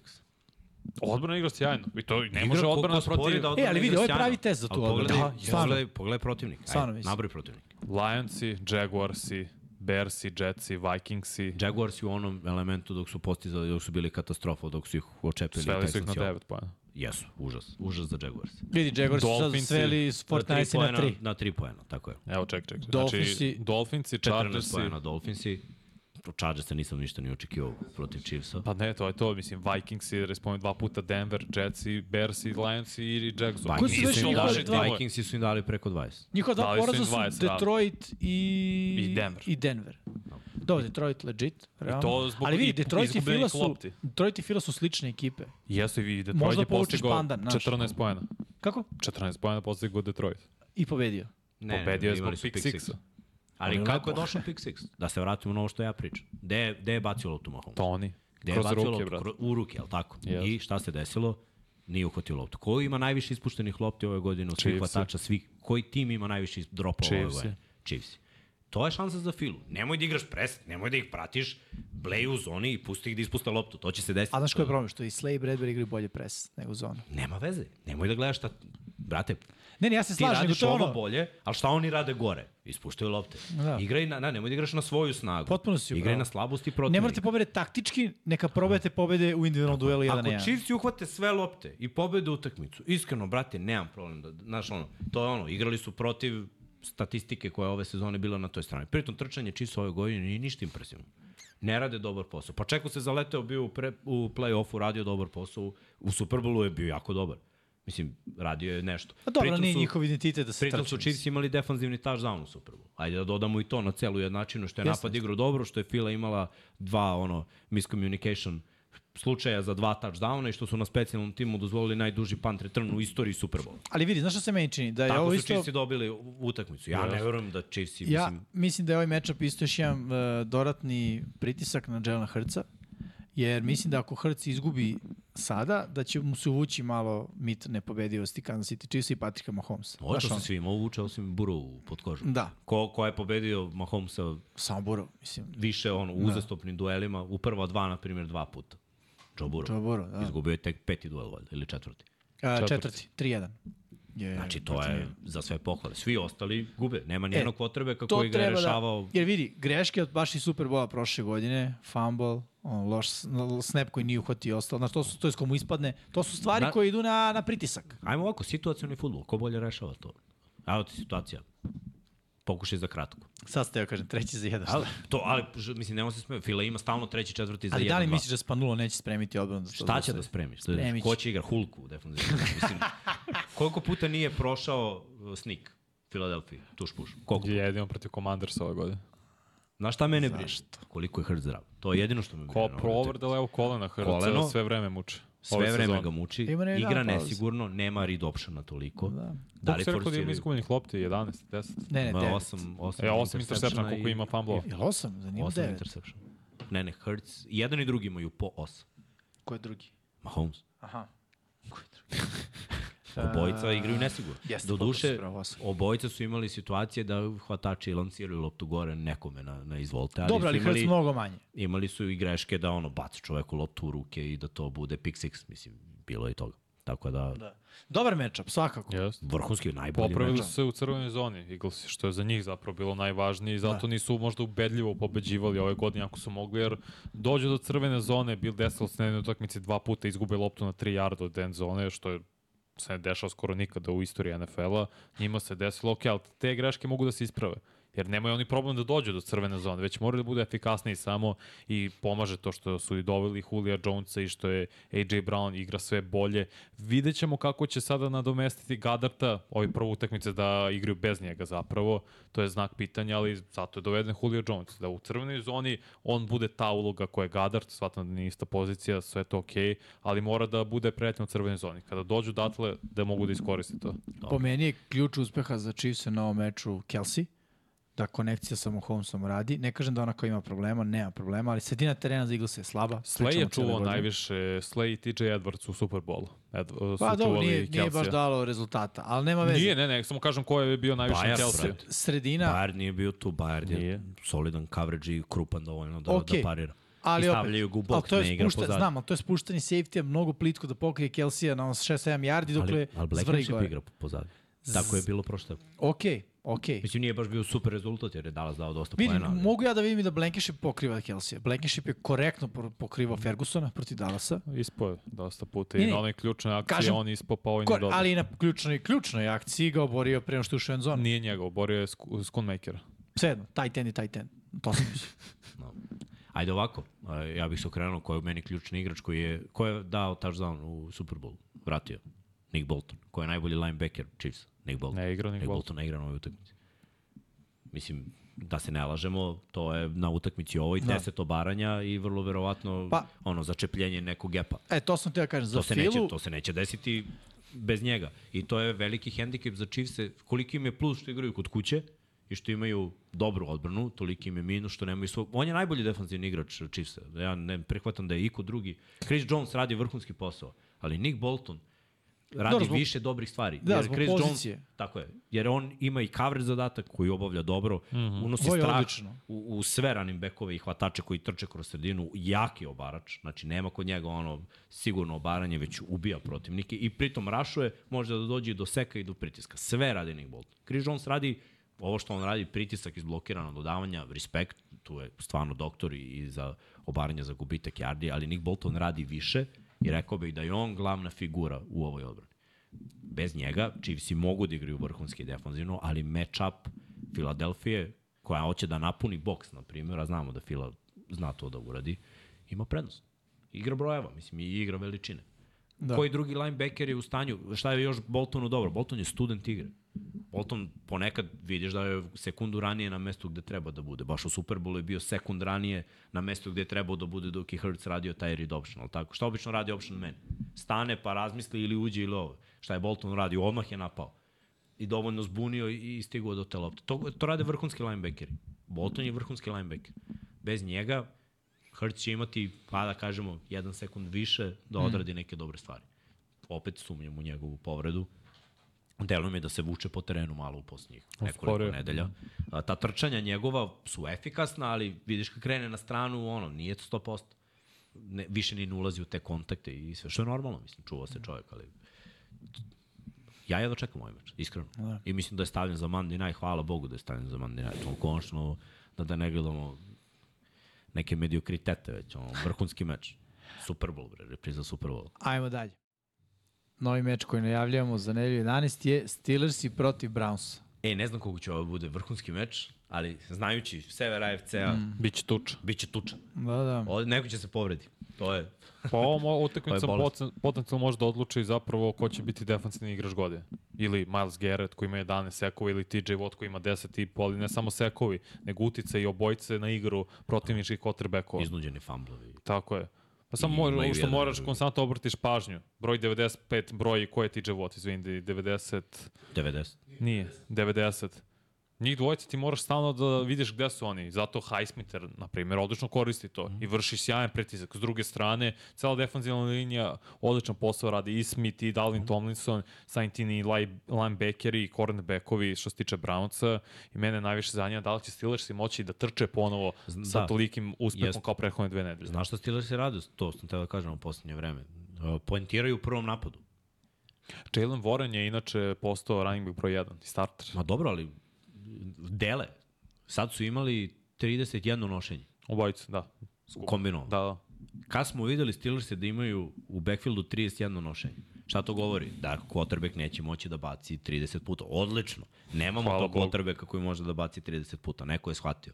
Trebalo mu je da siđe iz kabine dole na sideline i shvati, ok, A, ovo je Kenny Pickett, a, on je nam quarterback, ok, da. Nisam vidio od ovdje. Čino mi se da je Big Ben. Meni taktiku trči. Ali prvi drive opet postižu poene, trčanje je krenulo, postižu touchdownove trčanjem i uh, ovde pobeđuje onaj ko bude defanzivno bio bolji ko bude bolje trčao. I to je to. Neće se igra ni jedne ni druge ekipe zasnivati na hvatačima i quarterbackovima. Jer je jedan sophomore, drugi znači, je rookie. ružan futbol s malo pojena. Da. Jedino što znam je da je ovde minus. Znači ovde da. plus može bude samo ako odbrane postignu 30 pojena. Bude iznad Znači, pa gaž, gaž, još, pazi, u Clevelandu Možda kraj novembra, vreme. vrlo verovatno i neko tmurno vreme. Da Kijamet. Pa ne, ovo što si ti rekao, prvi put od kad je quarterback Kenny Pickett da su prvo svoje dva drive-a postigli po touchdown Steelers. Nije se desilo, bro. Ne mogu da verujem. Pa ti ja smo radili, smo radili kad, kad su postigli prvi touchdown na otvaranje. Da. Drive. U nedelju 8 stepeni sunce. 8 stepeni sunce. Uh, hladno. Znači ledara i sunce. A sada pada hladan kiš. Da, pa da tamo da Zubato pripremi. sunce. Da pripremi teren. Za oranje. ne, bit će, ovde će biti batina. I mislim, ko pobedi, ima mnogo bolju šansu da se nađe u play E, pazi, zanima me matchup Amarija Coopera protiv kogo god, def, defensivnih backova. Amarija Cooper uglavnom radi po sredini, to je njegovo... Dobit će pet targeta na utakmici. Isto koliko i najbolji hvatač Steelers. A, može više. Vidjet ćemo. Ja mislim da, da će biti utakmica ono ground and pound. Moguće. A mora, mislim, sever NFC-a, Sudar 2, ono, čelična grada, realno. Mislim, videli smo, da je mislim, već smo videli uh, ovog malog uh, Thompsona Robinsona protiv jake, jaku pritiska. Nije isporučio. Nije. Zašto bi rizikovao kao ofenzivni koordinator da ga staviš u istu situaciju protiv još jačeg pritiska? Mislim, Jel on, ušao, da, ali on je ušao u igru nakon povrede, zar nije sad? Ne igrao protiv Baltimora celu. A kad je saznao da će biti starter, što u poslednjem momentu je bilo? Nije, brat, odmah je bilo da je on. Odmah je bilo da je. I kad da? je failovao, posle su se odlučili, sedi. Da, ja sam okay. bio nešto ubeđen da je bilo dva, nije. dan, dva pred utakmicu da je odlučeno. Nije, nije, nije. Da, baš okay. su mu ono, pošto je igra dobro u predsezoni. Ali, mislim, dobro, sad je skupio neko iskustvo, ali opet, naš, ne bih volao TJ Watt i Highsmith i Cameron Hayward da, da me napadaju svaki play i da me stavi ofanzivni koordinator u situaciju da ja čekićama Marija Coopera tamo, da se otvori protiv cornerbacka koji dozvoljava najmanji rating quarterbacku. Mislim, jeste Mari Cooper dobar hvatač i broj jedan hvatač, ali nije to baš dobra situacija. Jer ne, Brownsi ne treba da igraju tako, ako žele da pobede. Treba da forsiraju njihove bolje strane. strane. Skrinovi, trčanje, tight endovi. Daj mm. na Joku, daj mu neki screen, neko, ne, nešto kratko blizu. To je igra koja bi trebalo. Read option može da se pobedi, nisu Steelersi toliko dobri protiv zustavljanja trčanja, ali su mnogo bolji u tom pritisku na mlade quarterbackove. Mislim, sjeti se šta su radili i nekim iskusnim quarterbackovima ove sezone. Ko? Ob, Sti, odbrana Steelers. Evo uzmi na primjer Vila Levisa kao taj neki poslednji uzorak, jel tako, radili smo skoro Ali utakmicu. Pa do, ne, ne, neiskusan quarterback. Aha. Zato što je DTR. Mislim, to na kraju imao, na kraju imao grešku. Isto igrao je dobro Levis, nije pravio greške, na kraju rizikuje za pobedu. Gađao je zonu, Kon Aleksandar imao presečeno dodavanje. Pazi, prošle nedelje Jordan Love, isto neiskusan quarterback. Dosta ispuštenih lopti su imali A dobijali su i iskusne quarterbackove isto, mislim. Gledaj šta su radili Buru, gledaj šta su radili Lamaru, mislim. To, to je divizija isto. Hmm. Odbrana Steelers se isporuči uvek. Igraju ružan futbol, meni se ne sviđa. Ali ne, ono, volim da pogledam da vidim kako biju. I ovo će biti ono, ko voli makljažu, To će biti u direktnom prenosu Eto, svako. Ko voli makljažu, pusti, ovo ti je kao UFC, ali ne traje pet rundi, nego tri sata. Dobro. I na kraju, ono, kao, dalje. da mi se dođe trener i kažu, ono, kao u troji, kao moj najbolji čovjek protiv tvog. Tu je hoće da se i malske To bi zapravo bilo najbolje rešenje za ovu utakmicu. Za najzanimljivije rešenje. Ja mislim da, da bi i Stefanski i Tomlin prihvatili. uh, ajmo sledeći meč. Jetsi protiv Billsa. Divizijski duel. Billsi pobeđuju. Zbog promene ofenzivnog koordinatora, pre svega. Ali ovaj meč koji Billsi moraju da pobede iz više razloga. Prvo jer oni su, ono, da kažem, stari brat u ovoj diviziji u odnosu na Jetse. A, drugo jer su prošle izgubili stvarno sramno protiv Broncosa. I treće, ono, ofanzivni koordinator je dobio otkaz. Uh, Joe Brady je sad ofanzivni koordinator i on, ako ne promeni stvari, a mislim da će morati promeniti stvari, znaš, to je jasna poruka. On je dobio otkaz jer stvari nisu bile dobre, game plan mora se menjati. A šta treba se menjati da bi imao uspeha protiv odbrane Jetsa koja je u svakom nivou elitna? Kako napasti ovakvu odbranu?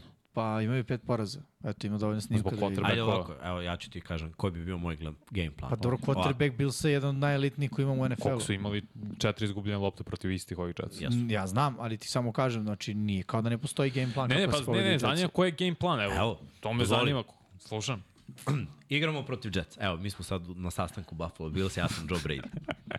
Ko Igramo protiv Jets. Ko sam ja?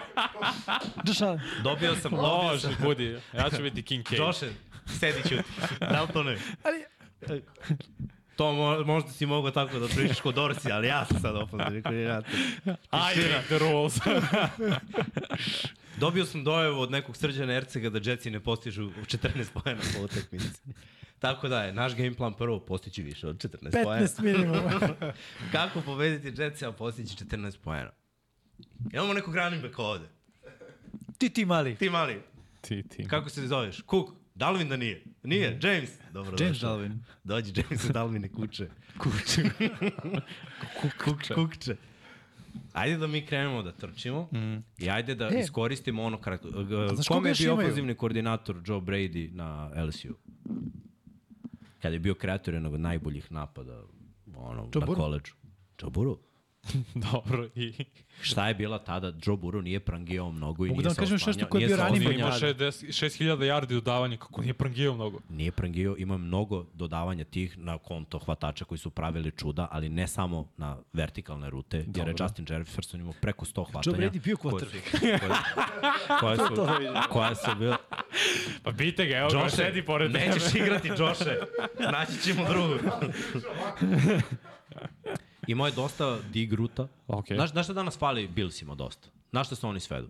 Stefana Diggsa i prangijanje vertikalno. Slažem se. To je ono što pričamo od ajmo, početka. Ajmo malo srednje rute. A ko je, taj, što... a ko je to i hvataš sa srednje rute? To Izvini, imam dobre vesti, igrao, nije bio hvatač. Da. uh, pre svega, Izvini mu se. Bukvalno. Stefan Diggs je imao mnogo više uspeha u takvim rutama. Slažem se. Nego u rutama. je bio pre, pretežno sad to. ima ono, ili kratko nešto, ili curl fade, slant pa uradi nešto, nema više ono tih. Prvo, Dagger post i dig je nestao iz napada Billsa. Ne znam što. Imaju spitstera s polja, mogu da stave Shakira mogu da imaju mm. hvatače, može Gabe Davis, pa dao je četiri ili pet, Yes. koliko je dao u finalu? U, u divizijskoj Četiri. protiv, četiri touchdown je dao. Stavi ga na post, stavi Dig- Diggs ovamo. Gde je Kincaid?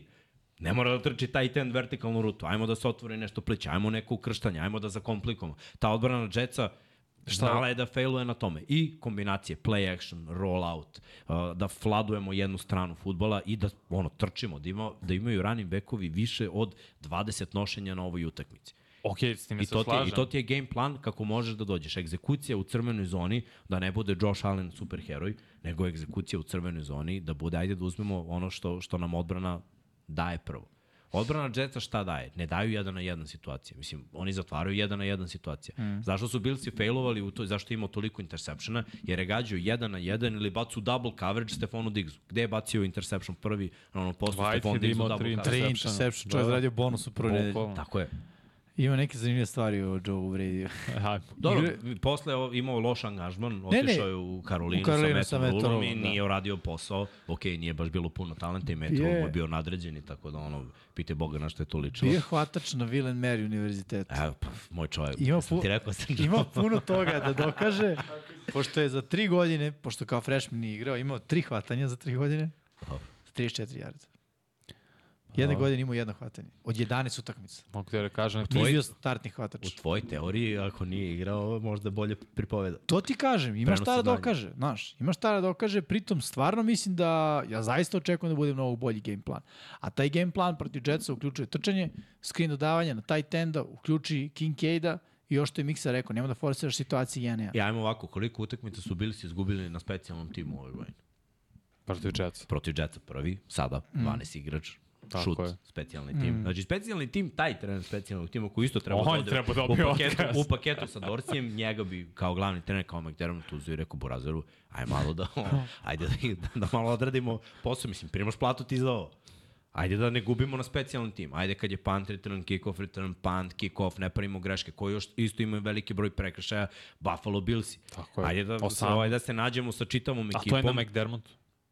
Ja i kažem da McDermott treba da bude odgovoran za uh, svoje koordinatore. Jer ono, glavni trener mora da bude tu i da kaže, ok ljudi, ono, ili radimo dobar posao, ili, mislim, bit ćete otpušteni. Pa ću ja da na kraju budem otpušten, ali prvo ćete vi, jer ja imam možda da otpustim vas. A onda će neko da otpusti mene na kraju. Mislim, i to mora da se desi. Mora, svako mora da bude odgovoran za, da ne lajem, ali za svoje gluposti. Ajde, tako ću da kažem. Pa dobro, jeste, ali opet i da se nije desilo ovo sa Xavierom Gibsonom što nije vratio, dobili bi verovatno Bilsi. Ne kažem da će izgubiti Bilsi na utakmicu, ono će biti ružna utakmica. Bilsi imaju 18 izgubljenih lopta Neće ove godine. ružna. Neće Ja ja mislim da više od 20 poena. Ko? Bilsi. Ja mislim da će... Mogu, I da mogu se i da- kladim u to. ja mislim da će I da razvaliti postignu Jets. 18 i, Razvaliti? Da, i razvaliti. da postignu 18 i 19, dobit će, brate. To, to, to se slažem. I to je ono, Samo neće biti ofanzivno rešenje nikako ove nedelje. Jets imaju brutalnu odbranu, nisu ljudi svesni koliko je to dobro odbrana i napad toliko grozan da je odbrana stalno na terenu. Dobro, stoji. I to će biti i ovde. Ništa se neće promeniti. Ja slažem. Zach Wilson, prvo, Zach Wilson sada ide u Buffalo. Znači ne igra kod kuće, u Njujorku. Nego ide u Buffalo. Ma, biće, bre. Prvo će biti problem da organizuju akciju, jer će ono, navijači konačno prepoznaju da treba vikati iz sve glasa. Loš quarterback sa lošim game planom, jer Jets imaju loš game plan. Oni imaju game plan za Aarona Rodgersa koji pokušavaju da primene na Zeka Wilsona. Zato imaju ispod 14 pojena. Što ne može Zach Wilson da odradi neke stvari. Ja slažem. Koliko puta smo videli Briskol krene da dominira i nestane. Gde je Briskol? Nema ga. Mogu li trčanje da na, naude Billsima Jetsi? Mogu jer bi- b- bil si sada bez Milana. Mislim, video si da ima tu prostora da, da, Da, da. se provuče. Uh, Mislim, najgora da stvar je staviti Jetsa. loptu u, u ruke Zeka Wilsona sa ovim rushom Billsa, jer rush im funkcioniš, oni vrše pritisak. I sad je Russell Wilson bio sekovan i bio u problemu. Mislim, ono što je izbegao kad je bacio touchdown, to mm. neće Zach Wilson da uradi, da se ne lažem. Ono je ono bila magija Russella Wilsona. Ali definitivno, ako hoćeš da pobediš ovde, daj više poena, nema praviš greške, nema praviš prekršaje i nemoj da praviš gluposti specijalnom timu. Biće I ima jedan, ono, totalno konzervativan game plan za meč da postigneš 20 poena jer pobeđuješ tako. I vraćaš se u igru. Sa 6-5 vraćaš se u igru, dobijaš znači jer za sad u diviziji si gubio od Patriotsa i od Jetsa. Moraš da dobiješ druge okrše s tim ekipama i da se nadaš da će očistiš Miami. To je ono čemu bil si mogu da se nadaju, jer onda ideš bolje u konferenciji i možeš da se nadaš da možeš da se nekako ušuškaš u play-off. 17-10 će biti rezultat. Jer Jetsi su nesposobni postignu poene, nažalost, za njih, a Bills i on. Samo da ne, ne gube lopte. što je veliko samo, meni je to jasno, ali to je, treba bude game plan, što je Miksa rekao, samo konzervativ. Nemo ništa da preteraš, nemo da rizikuješ. Ali vidi, mora da bude konzervativno. Sad ću ti objasniti zašto. Njemu je dat da bude interim offensive koordinator. Što znači ono, Nije ti ni po, dobio si posao na možda nedelju dana. i šta on hoće da pokaže svima, uključujući i Buffalo Billsima, da on može da bude ofenzivni koordinator. Ne tako što će reći ja sam Ken Dorsey 2.0, ajmo da šibamo sve što je on radio, nego tako što će reći ajmo da promenimo stvari, kao što je on Pierce uradio u Vegasu. Promenio stvari. Šta je Pierce prvo uradio? Josh- Smenio Jimmy Garoppolo. ne to što je strelio Jimmy Garoppolo, počeo trči. Oni trče mnogo više, imaju mnogo više yardi po zemlji. Ja očekujem to od Buffalo Bills ove nedelje. Ne kažem da je lako, ne kažem da su Jetsi idealan kandidat da se Moraš trči da, protiv njih. mora da nastavi, to što kažeš. Uh, neće ići protiv Jetsa s ovom odbranom. Ni najbolje ekipe ne mogu da trče protiv Jetsa. Ali ako budeš dovoljno uporan da im pokazuješ da trčiš, oni će se skupljati i onda radi play action. Nešto Jeste, što ali evo ne ti- rade. Ali ti ako odustaneš, digneš odmah ruke i uzeš u fazonu, e, nije prošlo prva četiri trčanja, nećemo više da trčimo. Ajmo, Josh Allen baci još 60 puta. Šta bi ti uradio da si njegovo mesto? Šta bi ja radio? Izanalizirao sve naše akcije trčanja i vidio koje najbolje radimo. I peglao bih to, ono, Imali su uspeha protiv Broncosa. Ne, je pričam šematski, ono, šta radi. Gledao Jetse, šta radi protiv njih, ko im je trčao, kako im je trčao i rekao, igramo ovo. Ono, tri akcije trčanjem, levo i desno, šest u totalu. Menjamo malo formacije, menjamo ono, pre izvođenja lopte, pomeramo ljude da ih malo zbunimo i cepamo to. Tako je. I malo ćemo dodajemo kraće, da Njima je, obuzdamo Josh Allen. Najbolje kada planiraš gledaš koji igrači imaju. Znači, trčanje kroz sredinu sa uh, Quinnenom Williamsom i imaš Quincy'a Williamsa i CJ Mosley. Spusti ih u bok, spusti ih dole. Neka budu ono 5 yardi ili pliće. Natera ih da to urade, da se obavežu na trčanje nekoliko puta. Jer ako se obavežu nekoliko puta i Allen izvuče loptu, prvo jedan mora da motri, onda bude špijun za Josh Allena za eventualni RPO. I nakon toga kad ih spustiš malo dole, lobu ih jednom, natera ih da se povuku, pa opet trči. Znaš što, to oni zaborave. Oni ih nateraju ponekad da se spuste linebackeri i bace preko, uspeju i onda zaborave, ok, ali oni će sada da se povuku. Mislim, nemoj više da, Da. da, nemoj više da bacaš, ono, prom, vrati se na ono što opet trči, pa ih spusti, pa opet ih prebaci. Znaš, to zvuči mnogo lakše da, To je- da je, to nije izvodljivo. Jer opet u coverage-u su četvorica zapravo igrača Jetsa, možda pet, zato što rade coverage jedan na jedan. I ne treba im pomoć. Ni Ridu, ni Gardneru, ni safety-ima. Pa dobro, To je lepota coverage- odbrane car- Jetsa. Coverage 1 na 1 je jako opasan za, igra, za quarterbacka koji trči. Kod njega čuva. Pa znam, ali zato kažem, setmorica u, u suštini su, makar su trojice u boksu sve vreme. Iako ne računam defanzivnu liniju. Zato kažem da je Nije to baš izvodljivo. tako. Nije to baš tako, brate. Okay. Ok, mislim, igraš man coverage, ukrštaćemo sve vreme sa tim. Gledao sam. Hrca koji trči i ništa nije uradio protiv Jetsa. Hrc nije. Hrc je grešio. Ima Uradio je, znaš ko, Patrick Mahomes. Kad je istočio za dva ključna prva downa na kraju utakmice. Jeste, ali pazi, Hrc je imao izgubljene lopte. To je ono što, mislim, Svi su ovi imali. moramo, moramo da stavimo to u jednačinu. Mislim, game plan se svodi da Niko ne pravi game plan, "E, izgubit ćemo jednu ili dve lopte, pa naš game plan je ne gubimo lopte. To je ono što Josh Allen ne sme da uradi. Jer Jetsi to čekaju, Jetsi tako dobijaju. Tjedin Herbert nije da imao izgubiš izgubljenu loptu. loptu. Mahomes svi je isto najbolji. grešio, ali Jetsi nisu mogli da iskoriste to. Ali Mahomes je na kraju iskoristio mm. to trčanje. Moraš, moraš da ih napadaš po zemlji. Nema, to, to je... I jeste da, ja ne znam koja ekipa izdominirala Jets trčanje, to se ne dešava. A Cowboysi su dali 30, to što je odbrana Cowboysa je igrala bolesno dobro. Kad su mm. ovi imali jednu akciju ofenzivno na tekmi, to je oni taš znali. Da. Gereta Wilson, da. ostalo je bilo ne postojite u napadu. A Bilsi to neće uraditi. Bilsi nisu sposobni da ih zatvore toliko, ali su sposobni, ljudi ovde pišu isto 17, 9, 21, 9, niko, evo, za 9 poena otprilike vide za, za Jetsi. ti, vidiš, to. ti vidiš 10, ja najviše vidim da bude ono 13. Mislim, ne, ne znam kako drugačije. Postići će možda jedan touchdown, dva, tri field gola, max, to je max koji oni mogu da izvuku. Razvali će ne, vid, ne vidim drugačije. A? Razvali će i Bilsi. Ajde, vidjet ću. Odlučuje mnogo toga u AFC u ovaj meč. Da. Ima još. Ima, Vikings i Broncosi. Morao sam da izdvojim jer su obe, prvo Vikingsi, ako izgube, to je ono što smo pričali, mm. menja se slika u NFC-u, igraju kod uh, Broncosa u Denveru na Mile High-u, a Broncosi imaju 4-5 i u zaletu su neko. Odbrana radi posao, Josh Dobbs, ja ne znam koliko verujem u njega da može sad čovjek da dođe i da nastavi ono što je radio Kirk Cousins. Ali imaju čime da rade to, znači imaju jako dobar napad, imaju dosta dobrih igrača. Odbrana je toliko agresivna da ni Russell nije video ovo, ofanzivna linija Broncosa, oni prave mnogo grešaka isto, imaju mno- mnogo prega, nedisciplinovani Da. da. su do zla boga. I videli smo da je i kicker ono, nepouzdan ove godine. Za, zato sam morao da izdvojim, jer implikacije su ogromne za obe ekipe. Da, da, pritom Vikingsi dve pobede za, za redom, uh, Broncosi dve pobede za redom, uh, tri pobede za Pet. redom. Vikings imaju Pet. pet pobeda. Mislim od kako je došao Dobbs. Da, izvinjavam se, da, kako je da, došao Dobbs kao promena pozicije quarterbacka, dve pobede za redom. Uh, Broncosi tri pobede za redom. Znaš, zanimljivo je. Da, Baš je da. dobar matchup, realno. Jeste. I očekujem da će biti baš zanimljivo. I pritom mm. ovo je Sunday night. Tako da ono, ima prime time, a ono, uticajnoj utakmici ima smisla da izdvojimo, da pričamo o njoj više, jer toliko stvari može da krene dobro i toliko stvari može da krene loše. Zanima kako će Russell Wilson da prepozna i koliko dobro će prepoznati bliceve koje šalje Brian Flores. koji se dešavaju svaku drugu akciju. Malte ne. Ali čovek je konačno pronašao kako to da radi sa ovom ekipom, da se to pokupi pozadi i, i da bude odrađeno kako treba. Ta odbrana Vikingsa ispod radara je jedna od najopasnijih odbrana u, u NFL-u. I oni treba više da trče, nažalost, K-Maker se pokidao Ahilovu tetivu, ali Denver Broncos i loše brane igru na zemlji, to moraju neko da iskoriste koliko god to izvodljivo i sa Joshom Dobbsom upravo. Tako je.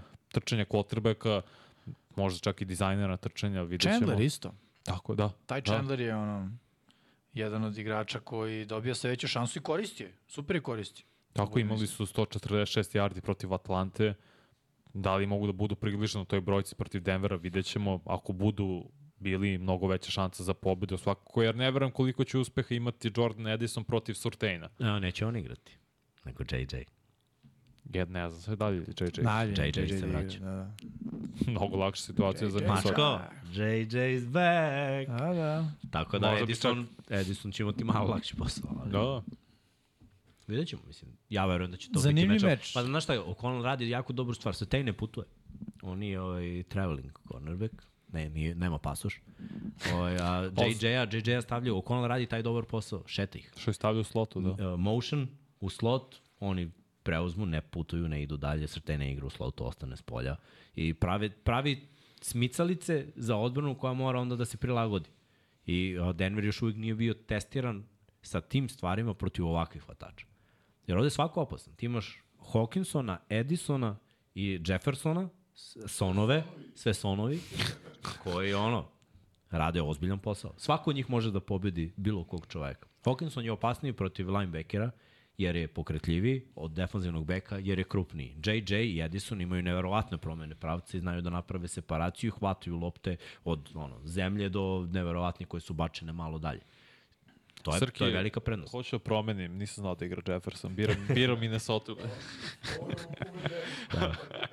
Ne, ne, stva- stvarno, stvarno zanimljivo, ali Ne, Do- sjajne utakmice. Stvarno. ja verujem da, da će biti jako dobro. Mm. Konačno, ono, da, da se malo prekine ovaj niz loših Sunday night utakmica, da, da jedna bude. I mnogo odlučuje. Pazi, Broncos se izgube, moje mišljenje je da jedino da očiste do kraja godine ili da imaju ono, lupam, pet pobjeda do kraja godine. Mogu da budu blizu wild carda, ali jako teško da će ući sa devet i mm. tako.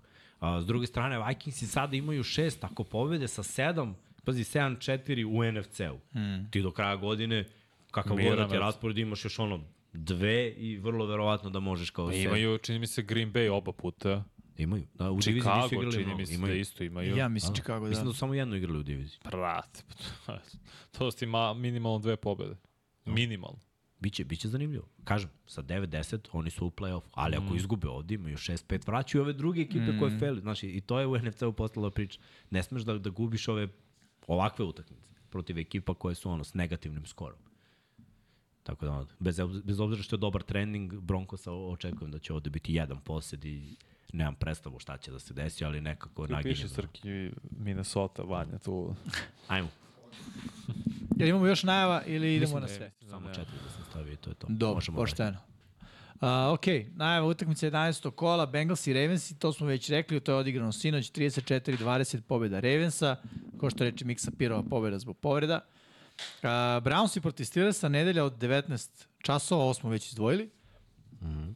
Još jedan divizijski duel, uh, takođe nedelja 19 časova, Lions i protiv Bersa, Lions je apsolutni favoriti, vraća se Justin Fields za Berse, ako se ne varam. Mhm, Da. Tako da to će unaprediti Berse, mada koliko, ne znamo, jer ko zna kako će se vratiti Justin Fields. Ja mislim rasterećeniji i bolji. Fields Nego igra što za svoj posao. Mora bude svestan toga. Da. Mislim da jeste i mislim da osjeća taj, taj pritisak, ali dobro se snašao u poslednjih par utakmica pre povrede. Jeste. Ali mislim da su Lionsi favoriti onako bez, bez nekih velikih da, razmi, Još problema. kod kuće. Packersi proti Chargersa isti termin, nedelja 19 časova. Vanja? Ma Dosta upitnih igrača što se tiče Packersa povrede. Evo sada čitam upravo i Alexander je upitan, Aaron Jones, Christian Watson, Quay Walker, Rashawn Gary. To dosta zavisi, dosta utiče na odbranu Packersa koja je loša protiv igre na zemlji. To je pre svega, ali već njima problem u sekundariju. Keenan Allen ima povredu ramena, ozbiljniju, igraće na ovoj utakmici, ali on je rovit. Tako da verujem da će forsirati, nadam se makar da će forsirati Ekelera i tu igru na zemlji zajedno sa Kellyem. Ali bi ovo trebao da bude lakša utakmica za Chargers i moraju da pobede ovo. Ako misle da održe Da. korak za play-off, Porazi, čao. da. Za Chargers se nema laki utakmica ako mene pitaš. Mislim da je ovo lako. Zbog povrede Packersa u odbrani. Da, Pre svega u sekundaru, jer ne igraju ni. Stokes ni Darnell Savage, oni su out već neko vreme. Mm. A Jair Alexander i još ako on ne igra mnogo lakši posao. Dobro, ajmo dalje, Srki. Raidersi proti Dolphinsa, isti termin, nedelja 19 časova. Pravi test za Raiderse, ali mislim da će ga failovati. Gledaj, Dolphinsi protiv loših ekipa. Mislim, oni koji smatraju Raiderse dobrom ekipom, ok. Vidi, Dolphinsi nisu pobedili ekipu preko 50% ove sezone. Evo im je prilika. Da, Nisu pobedili. Pa A nije, nisu, ovo nije preko, je. A ovo je ravno. 50. Klot. Pa dobro. Dolphins kod kuće belže 44 Za okruživanje poena. kao kusur. Da, da. Računa se na gore, bre. I to je. Ne, ne, upravo si. Ali znaš šta je problem za Raiderse? Mislim, dolaze na Floridu, Teško, teško. A nemate. Ja. Skoro opet nemoguće. veliki je put, dolaziš na Floridu, igraš protiv ekipe koja je bila na baju i koja kod kuće igra jako dobro, naročito protiv ovih ekipa koja nije vrhunska. I oni imaju tri poraza protiv, mislim, složit ćemo se, jako dobrih ekipa. Izgubili Yes. su od File, izgubili su od Kansas City-a I od Buffalo. i od Buffalo. Mislim, ajde, Buffalo u tom trenutku nam je delovalo Jest. kao, ok, bit će ono, opasna Ej, ekipa. Chain, jel se vraća? Ne znam. Možda. Ni, nisam pročitao da je potvrđeno da se vraća. Da, ali ove, kao, ove nedelje bi trebalo potencijalno treba. Kažu da je Miami 44 pojena postiže kod kuće, mislim da stvarno. Dobro, onih 70 im je pomoglo da, Jeste, da bude taj Teško, prvo. baš ne vidim uh, ofenzivni game plan Raidersa koji rezultuje pariranju, postizanju poena Dolphinsa. Ma naravno. I ne vidim kako će odbrana Raidersa da zaustavi ovaj napad Dolphinsa. Da, Istina. nisu Mislim, videli iskreno. ovo, brate. Da. Dobro, isti termin, Giantsi proti Commandersa u Washingtonu, još jedan divizijski duel. The Commandersi? Mislim, ne mogu biram Giants. Pa kako Giants biraš? Je li igrao Taylor? Ili opet Tommy DeVito? Tommy DeVito, Tommy DeVito. gde, mislim, očajan. Stvarno Yes, očajan. pa ne, naravno. Nema dodavanja s njim. A nema ništa s njim. Šta je Mogu da trče. Barkleyem, Mogu da trče protiv Commandersa. Ako ništa. Ma kako? Ma ne mogu da tećete. Ko trči? Barkley. Seiko. Pa nema. Pa samo to imaju. Pa samo i to, pa Pa da. to je Pa preprovidno. Stavi Pa šta igrača u box pa nek trči. Nema šanse. Mislim da će ih Pa Commandersi slažem se. poniziti i da će ih približiti piku broja. More. A Commandersi se tom pobedom eventualno vraćaju. Vraćaju se, da. Moraju da osvete porez. Gubili su 14-7 ove godine Užasno od odradili. zamisli. Da. A, takođe, isti termin Cowboysi protiv uh, Panthersa igra se u Karolini. Mislim da... boys. Ka, Cowboys je ono, iživljavaće se i Lagan ovde. plus. Ovo je najlakši plus ove nedelje. Jer će samo Cowboysi upasti u plus. Samo. Pa da ovi Miami će verovatno. Ali ne, ne, ne, mislim samo Mislim, mislim, Cowboysi onda će Cowboys ispoštovati sami granu. ispoštovati. Da, Da, pa. Dobro, Grana moguće. ima 40, 100%, samo na Cowboys. Uh, Titansi protiv Jaguars, divizijski duel, ponovo. Dobro, ovo je nezgodno, ali naginjamo na stranu Jaguarsa, verovatno svi. Pa ne sme da izgube kod kuće, nema teorije, to stvarno. Baš o, nakon što su obrukali protiv 49ersa, sada da izgubiš, samim tim daješ priliku i onda Houston Texans im kontrolišu sudbinu u svojim rukama. Više Da, ne da. zavise od Jackson i Jaguars. Ali ne verujem da će Jacks izgubiti ovo. Znaš šta, odbrana Jaguarsa mislim da će odigrati, imati bolji meča protiv napada Tennessee. To je ono što, što je meni neki ključ. Znaš ko uvijek dobro igra protiv Jaguarsa? Derrick Zaboravljen. Henry, da, da, ali. Forgotten. ovo su novi Jaguarsi. Yes. Bolji Jaguarsi. I oni su imali šest probolera, pa ih je izbacao svu šestoricu. Sećaš tog Posljednji? Da, Bolest. Posljednji meč u tom terminu, odnosno nedelja 19, Cardinalsi protiv Texansa. Isto zanimljiv mečap. Jeste. Realno, Cardinalsi sa Kylerom Marem, već Ovo smo je, rekli. ovo je potencijalno, potencijalno plušćina i atraktivan meč. Da, slažem se. Ali, Misliš da ja Cardinals si mogao postignu više od 20 pojena? 25 Mogu. protiv ove Mislim da mogu. Pa Mislim da ne, Texans s vremena na vreme dozvole. nisu oni savršeno odbrani. Nisu savršeno daleko od Agresivni su i sve to, ali znaš, što da. ne. Malo trčanja, nekoliko dobrih dodavanja, pa i sad su dali 25 pojena. U jednoj utakmici koja je bila, ono, da kažeš, Ja, ne pretarano efikasno. A s druge strane verujem da Texansi mogu da daju 30. Mislim, to je već preko grane, a po, kad pogledaš skor Cardinalsa i ono, Texansi 5-4, ne očekuješ baš da bude efikasno, ali dva dobra quarterbacka, Uh, pritom nismo videli prošle nedelje uopšte Markisa Brauna koji može da, da igra Hollywood. malo više. Nismo videli trčanja Cardinalsa protiv Texansa, može da trčiš. Da, Conner se vratio, to je ovo. Mm -hmm. Vrlo važno, mislim, Conner. Dobar meč, ver, bit će da... ona posed, ono, i potencijalno još jedna prilika za CJ Stroud da reši meč na kraju i da mm. budemo u fazonu on MVP kandidat opet. Baš to. Dobro, uh, nedelja 22.05, Buccaneers i 49ers, meni je on zanimljiv meč. Ja pa, mislim da Buccaneers mogu da uštopuju 49ers. Ja, ja mislim da, da su ne. Ali da ofenzivno ne mogu da im pariraju. Pog, pogrešan moment Znaš šta je ovo? Taman sad. uradiš nešto dobro, kao na početku sezone. Krenu 2-0 i dođe fila. Evo ti ovo. Taman smo dobili 49ers, koji su kompletni, igraju Koji su zaleteli sad. Da, ali mislim da mogu sa... Buccaneers da im limitiraju trčanje. Ne, ne da ga zaustave, ali mogu da ga limitiraju. Dobro, da zaustave, mislim da ne mogu zaustave ove ostale. Oni ili, na zašto ne vrlo, zašto nisu konstantni. Ili zaustave ili ne zaustave. Nemaju oni ono kao, konstantno smo dobri. Ima, ne pojave se na nekim utakmicama. Da- Pritom, taj play action je onda mnogo zeznut kada se ob, obavežeš da zaustavljaš trčanje, a znamo kakav je Bog Pardi kad ima i Diba i Ajuka i Kitla, kad ih da. ima sve i ove nedelje prethodne je baš pokazao to. Šta znam, meni se sviđa su Baksi naučili da koriste ovog White-a, trkača. Yes. I ono, mislim da će biti Ali ga uvek koriste nisu, nije uvek tr, ono, trčanje ne ide, ne ide, ne ide, pa ga razigraju na skrinove. Mislim, mislim da Fortinanci baš znaju da će to da se desi ovde. Ne, ne mogu baš da otpišem Baksi, to samo hoću da kažem. No? Ja, ja se nadam da će, ja stvarno sam verovao te Buccaneers, izgubili su neke mečeve koje nisu trebali, ali dobro oni dalje žive i s ovih 4-5 postoje nada. Ali 49ers i nakon prethodne nedelje, mislim da su ponovo u onoj uzlaznom, uzlaznoj mm. formi. Je ono, sad razbili smo Jackson, nećemo da. izgubimo Bucks. Neće razbići. Nedelja 22-25, Jets i Bills to smo već najavili. Ovo je u direktnom prenosu, inače, Jets i Bills. Cool. Uh, I 22-25 takođe Seattle Seahawks i protiv Los Angeles Ramsa. Ko startu za Ramse? Matthew Stafford.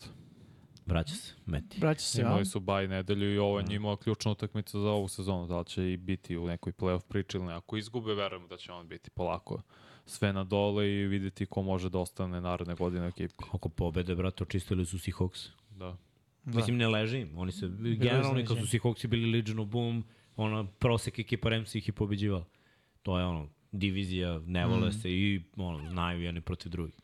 Seahawksi baš moraju, opet ja kažem, Gino je tu ključ. Gino ne greši i Seahawksi igraju pametno, čak ni ono kreativni McVay sa svim ovim oružjima koje su sada ono tu i Stafford se vrati. Mislim, Stafford je ono, interception će se desiti. Samo ne znam kad. Stafford je jedan od onih quarterbackova koji kad igra dobro, igra dobro, malo popusti protekcija i on proba nešto kroz sredinu i to je interception. I sad svi znaju to. Manje više. Svi ga ono čekićaju i uvek pravi greške. Ne pamtim utakmicu gde je Stafford odigrao bez greške O, ta prva protiv Seahawks je bila takva. Ali već kako je sezona odmicala, greška, da. greška, greška, greška, povreda. Dobro, imamo još utakmicu Srki. Imamo Vikingsi protiv Broncosa, to smo najavili, to je Sunday Night Football, to je ponedljak 2.20 i Eaglesi protiv Chiefsa Monday Night, to smo takođe najavili, to je utorak u 2 časa i 15 minuta na baju Colts i Falconsi, Patriotsi i Saintsi. Tako da imamo isti broj utakmica kao i prošle nedelje samo drugačije raspoređeno je, nemamo Frankfurt, nemamo tu evropsku utakmicu, više mečeva u terminu 19, a od 22.05.1, 22.25.2, tako da tri meča će biti u red zonu u ovom kasnijem terminu i onda imamo Sunday night i Monday night. Baš tako. Ajmo na naše prognoze za 11. kolo. Jedini sam ja verao u Bengalse i promašio. Mamuze iz Baltimora. Uhoćene. Pittsburgh protiv Clevelanda, ovde smo podeljenog mišljenja i ne baš. Vanja i Erceg veruju u Cleveland. Tako je. Dokle mi ostali verujemo u Pittsburgh. Dobro. Verujemo u Milesa Garrett. Mislim da ako zaista neko dođe do play-offa i budu imali 10 pobjeda Brownsa, da će Miles Garrett biti u ozbiljnom razmatranju za MVP ligi. I dugo se nije desilo da defensivni igrač bude MVP ligi, mislim da je prošlo koliko 30 godina. Ili možda jače. Bio JJ Watt? Nije. Nije bio. One godine kad nije imao pet touchdownova, ako te godine nije mogo da bude, onda stvarno. Da. Dobro, Chicago protiv Detroita, svi biramo Detroit. Ok, delo logično. Uh, Chargersi protiv Packersa, samo Srki veliki bira Packerse. Srki dobro. protiv mene, idemo Srki. Prije. Las Vegas protiv Majamija, niko ne veruje u Las Vegas, svi biramo Miami, ovo je dosadna strana. Giantsi protiv Washingtona, o nije, Pablo birava Giantse, zanimljivo. Demi, do, uh, Danny DeVito. Tommy DeVito zna nešto Pablo o njemu, što mi ne znamo. Mi ostali biramo Washington, vidjet ćemo. Dallas protiv Karoline, svi biramo Dallas. Tennessee protiv Jacksonville, svi biramo Jacksonville. Tako je. A, Arizona protiv Houstona, svi biramo Houston. Nije ima i ovdje jedan. Tampa Bay protiv San Francisco, svi biramo San Francisco. Jetsi protiv Buffalo, samo Erceg bira Jetse, mi ostali Buffalo. I Seattle protiv Los Angeles Ramsa, svi biramo Seattle. Pa dobro, nekako se već situacija kristalizovala, onako, znamo No, mečapovi su lakši. da, u kom smeru da razmišljamo. Mada ne znači da smo u pravu. Pa. Za meni je ovo Minnesota, molim te. Sledeći put piše. Minnesota, Denver, znači u Denver veruje samo veliki Srki. Mi si ostali u Izvini što Minnesota. te napušta. Iako Vanja je ovde piše Denver, promenio je sad uživo. Fila protiv Chiefsa, Erceg veruje u Chiefse, mi svi ostali kažemo Fila. Fizikalni igra Fila. Da. Mislim da će to presuditi. Ide, obožavam njihovu defanzivnu liniju, pogotovo Jelena Cartera, koji uz Witherspoon je glavni favorit za defanzivnu Wiley ove godine. Tako da zato i naginjem ka Filadelfiji. Da, da, disecirali smo tu utakmicu lepo, mm. onako, mečape, tako da deluje nam da ima smisla. Dobro, je smo došli do pitanja i odgovora. Jesmo. Efikasno, brate. A? Vrlo efikasno. Ste Malo jače od 2,5 sata. Ti ideš za šest minuta. Osam. Os. Osam. Neće, ostaći, mogu da produžim malo. nije, nije, nije. Nećemo da ispričamo anegdot. Ajde, ne znam ko. Kaže, kaže, ra, rada tvoja kaže, kao, izlazim ja kao, petak uveče. A mi ovako svi kao, ne, ne znam, ovo je peta, petak veče nešto drugo. A nije samo nama, nego i vama, tako da pucajte s pitanjem. Udarite like, udarite like, udarite subscribe ako niste, znate da to nama znači, vama je to jedan klik, prešli smo 41.000 subscribera Sabova. ili ti peret palatnika koji ne plaćaju ništa na YouTube-u. I to je okej. Šest, šest startnih quarterbacka koji su doživjeli ono, povrede ove godine za celu sezonu. Mm. Barrow, Jones, Kazan. Anthony Richards, Cousins, Maho, ovaj, Rodgers, Watson. Pa to je to šest. Pa dobro, da, puno. Jeste. I neki su propuštali. Stafford je propuštao, pa se vratio. Garopolo. Garo, dovoljno je bio starter, da. sada nije više ni starter. Da. Uh, Tenehill je propuštao. I više, nije više starter, nije ni Da. On je izgubio svoje Ritter mesto. propuštao. On je Da. Znaš koliko zapravo timova nema startnog quarterbacka u NFL-u i zato će biti ozbiljna potražnja na sledećem. Evo, Field se povredio, propuštao, sad će se vratiti. Jest. Kyler Murray je propustio, pa se vratio, počeo jest. da igra. Biće ozbiljna jurnja na predstojećem NFL draftu za quarterbackovima. Mhm. Ajmo pitanje Miksa, to, Nema, to, to je tvoj čekam, segment. To je moj segment, čekam, čekam, čekam. Kaže, Miksa, rekao si u prenosu da ti Amon Ra najbolji hvatač iz njegove klase, da li se slažu ostali, draft klase njegove. Da, Ja moram spomenuti ko je bio u toj draft klasi. Ti ćeš da pustimo njegov klip kad nabraja. Znaš, zna I napamet da, sve zna koje sve, su izabrani ispred njega. Sajko. A? Sad ću da vam pokažem. Pa dobro, nije to loše. 2021. Tačno da imamo. Ima dobrih hvatača, mislim. Jamar Chase je jedan. od- Jeste. A, da li je bolje od Jamara Chase-a? Pa Tu radi više stvari od Jamara Chase. To je moj respekt za njega, jer je Amon Ra returner i broj jedan hvatač. Ja, ko zna, ko prati ovaj podcast, zna da ja uvijek više cenim returnere koji su hvatači E, broj mogu- jedan, jer smatram da su oni jedinstveni potpuno, kao što je bio AB, jer ima impact i kao, kao taj Hill kad je počeo. Znači, ima impact kao returner, ima impact kao igrač u timu i često se ti igrači koriste i Evo, kao svih. Hoćeš ti? Ajde. Evo, kaži mi se izvrši. završi. Da, da, pa zato su mi oni uvijek, uvijek iznad ovih drugih hvatača. Ovako, Jamar Chase, Tu su. to su. Jalen Waddle, to su.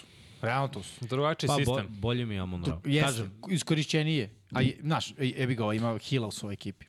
Da, Dobro, i Amon kad Ra nije ima. imao prvu godinu, kad nije imao Hila, Vadal je oborio ruki rekord To ti po broju kažem. uhvaćenih Amon lopti. Ra da ima Hila u ekipi, bila bi ista priča kao. Ne, Vadal je oborio taj rekord. Kao Novajlija bez Ne, ne, Hila. znam, znam, nego kažem da Amon Ra u ekipi ima Tajrika Hila, brojke bi mu pale. Jer Hill mora da dobije svoj deo. Znaš, tako da ono što Waddle radi sad sa Hillom je isto za pohvalu. Jeste.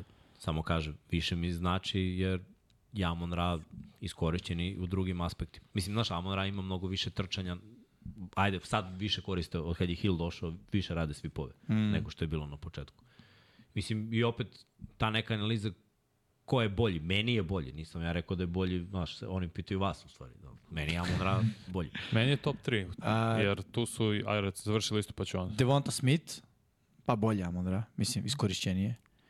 Uh, Kaderius Tony, Amon Ra, Rashad Bateman, Amon Ra, Elijah Moore, Amon Ra, Rondell Moore, Amon Ra, Dwayne Eskridge, ne znam da je ovo igra, da budem iskren. Zar Amon-Ra. igrao Seattle. u Seattle? Da, to ti kaže igrao prošlo vreme, pričamo o draft klasi protiv Uradio mene. se. Tutu Atwell, bolje Amon Ra, Terence Marshall Jr., past, Josh Palmer, Josh Palmer, Nije taj nivo. Iz Chargers. Chargers. da, ništa posebno. Diami Brown, eh, ni blizu. Amari Rodgers, Amari Rodgers, Da, da. Mm. gdje igra Amari Rodgers? Ko, ko igraju u Packersima. Ali ne znam da li igra i dalje. Igrao. U Texansima. Nico mislim da Collins? sad. Ne, u Coltsima je. Bolji posao radi Amora, ali Niko Collins je dobar potencijal. Anthony Schwartz, ništa. ništa. Dez Fitzpatrick, ko je to? Ništa, ništa. Nema i dalje. Da Nema dalje? Nema dalje. To je to. Sljedeći Amora, ko je Dez Fitzpatrick? Ali iz Titans ne biti.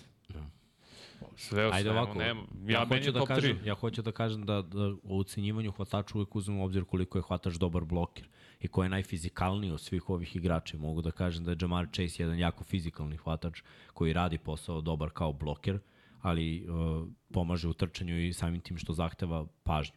Uh, Devonta Smith nije uopšte na nivou blokiranja Amon Ra St. Browna i fizikalnosti koju ima Amon Ra St. Brown. Nije ni Jalen Waddle. Jalen Waddle je dobra hvatačka opcija jer je brz i zuji po terenu, ali nije bloker na nivou Amon Ra. Tako da ono, izjednačio bi njega i Chase-a, s tim što, kažem, Amon Ra znam šta je radio kao returner i, i verujem u neke njegove sposobnosti koje Jamar Chase neće nikada raditi. Niko neće rizikuje da se Jamar Chase...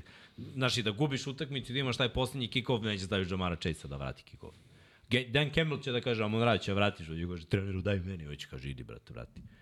To je razlika. Mislim da, da tako može da doprinese. Mm. To mi se svidilo, uvek- sam pričao ono, Julio Jones ili Antonio Brown. Svi su bili ono Julio Jones. Julio Jones je 6'3, ima 100 kila i može uhvati sve što mu baciš. Antonio Brown mora da radi ko ludak da bi došao od returnera do pro ball hvatača. A i kao pro ball hvatač su bili Tomlin i bio u fazonu, će vratiš ovo?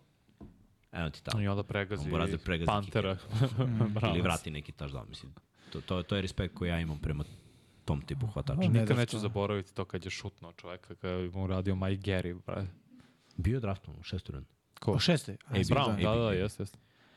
Uh, je li bilo smisla ići Jetsima na dva field gola, a ne na touchdown protiv Raidersa za pobedu? Dobro pitanje.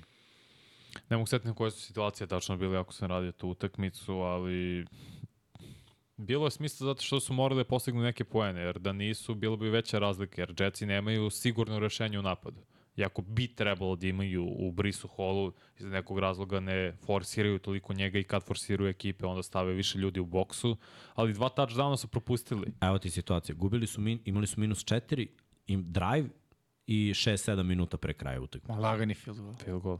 To je odluka trenera. Mislim, zato ja kažem, Salih je meni eksperimentalni trener.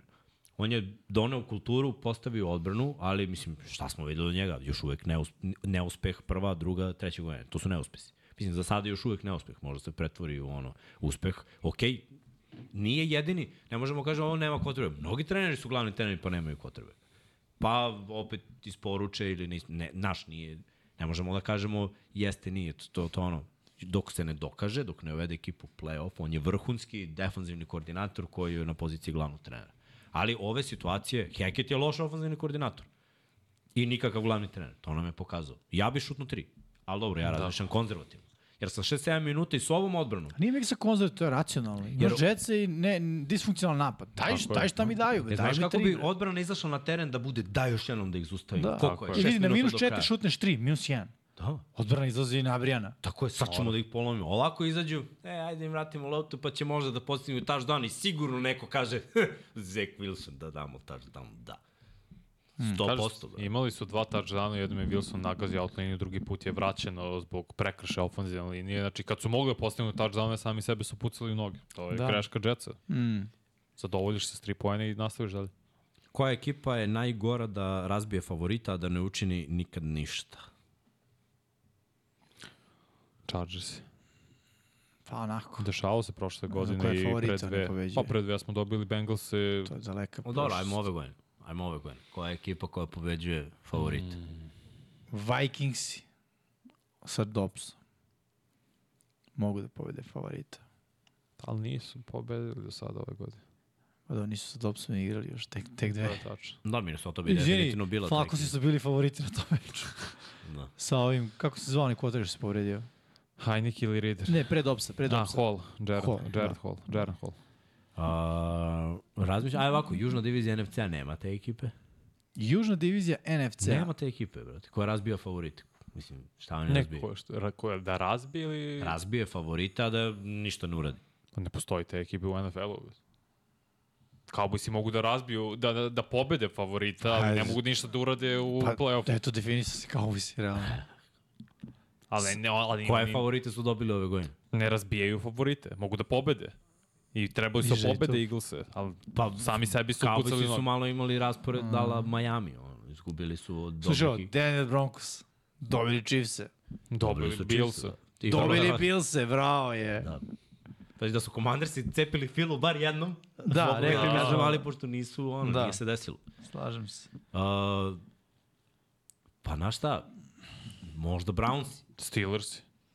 Steelersi, bravo. Da, Steelers i Browns. mogu. Mogu da te Steelers. dobiju, Jeste. a ovaj, vrlo verovatno da neću raditi ništa. Mislim, ne znam šta smatrate s ne, ono, nečim, da je ono, Super Bowl ili playoff, ući će u playoff, ali mislim, to je ništa, to se u istoriji, u istorija pamti za pobednike.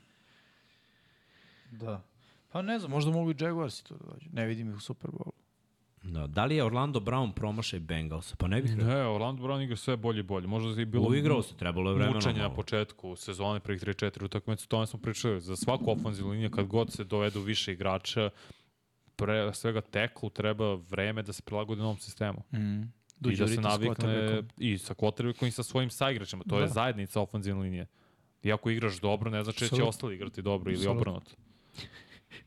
Pazi, Boško ima nača pitanje. Kaže, prvo, može li neko da zaustavi Chiefs-e u AFC play-offu i zašto niko? I drugo, pitanje za Vanju, idu li Steelers u play-off i zašto da? Ajde ovako, Chiefs-e- Steelers idu u play-off. Da se razumemo. Raspored im je takav da ono, možemo Igraju protiv pročitamo. backup quarterbacka. Igraju, sledeće tri utakmice igraju protiv rezervnih quarterbackova. Znači, njima je najopasnija utakmica Baltimore u posljednjem kolu. To je ono, Dobro, Vikingsi su izazvati tekmu sada. Pa jesu, ali mislim, znaš, realno Steelersi Josh mogu da dobiju. Dobbs je rezervni quarterback koji lansira svoje ekipe, brate. No, vidjet ćemo. Ja mislim da Steelers idu u play. A što se tiče Chiefsa, ko može da ih dobije u AFC play-offu, prvo pitanje je da li igraju kod kuće taj play-off. Vrlo Pa, verovatno, da vrlo verovatno da. Uh, kod kuće njih da dobije, ovako, koje ekipe su uspevale u tome? Bengalsi, Bengalsi, ali- verovatno neće u play-off. Da. Uh, Može li, mogu li Ravensi da dobiju? Ja mislim da mogu. Pa, znaš šta, istorija je pokazala jednu pobedu u svim tim duelima. Mislim da je isto ono, 1-4 da ima. Ovako, Burrow uvek Ali imate dobi- bolju priču Pazi ovo, neko je to napisao u komentaru, i carski, jer je bukvalno ono trougao. Burrow dobija Mahomesa. Mahomes dobija Lamara, a Lamar dobija Burrowa. 8-1 ima protiv Bengalsa Lamar. Burrow ima 4-1 Ona protiv... serija Dark. Razumeš? a Mahomes ima 4-1 protiv Lamara.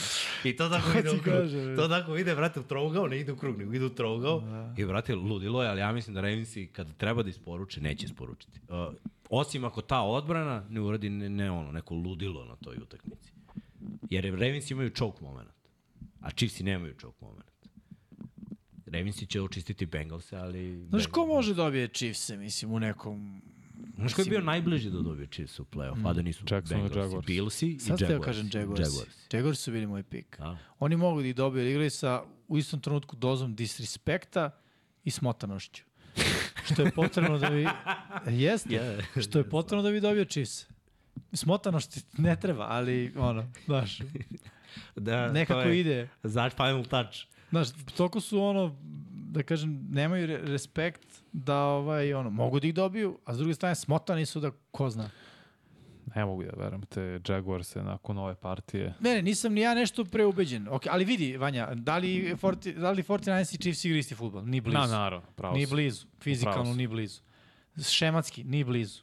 Mislim, sve je suprotno. Više im na ruku ide. Prosto ekipama iz AFC-a više idu ekipe iz AFC-a, ekipama iz NFC-a. Ono, rekli smo, dve najbolje ekipe u NFC-u su Eaglesi i uh, 49ersi uz potencijalno Detroit Lions. Šta sve tri ekipe imaju jako? Ofenzivna linija.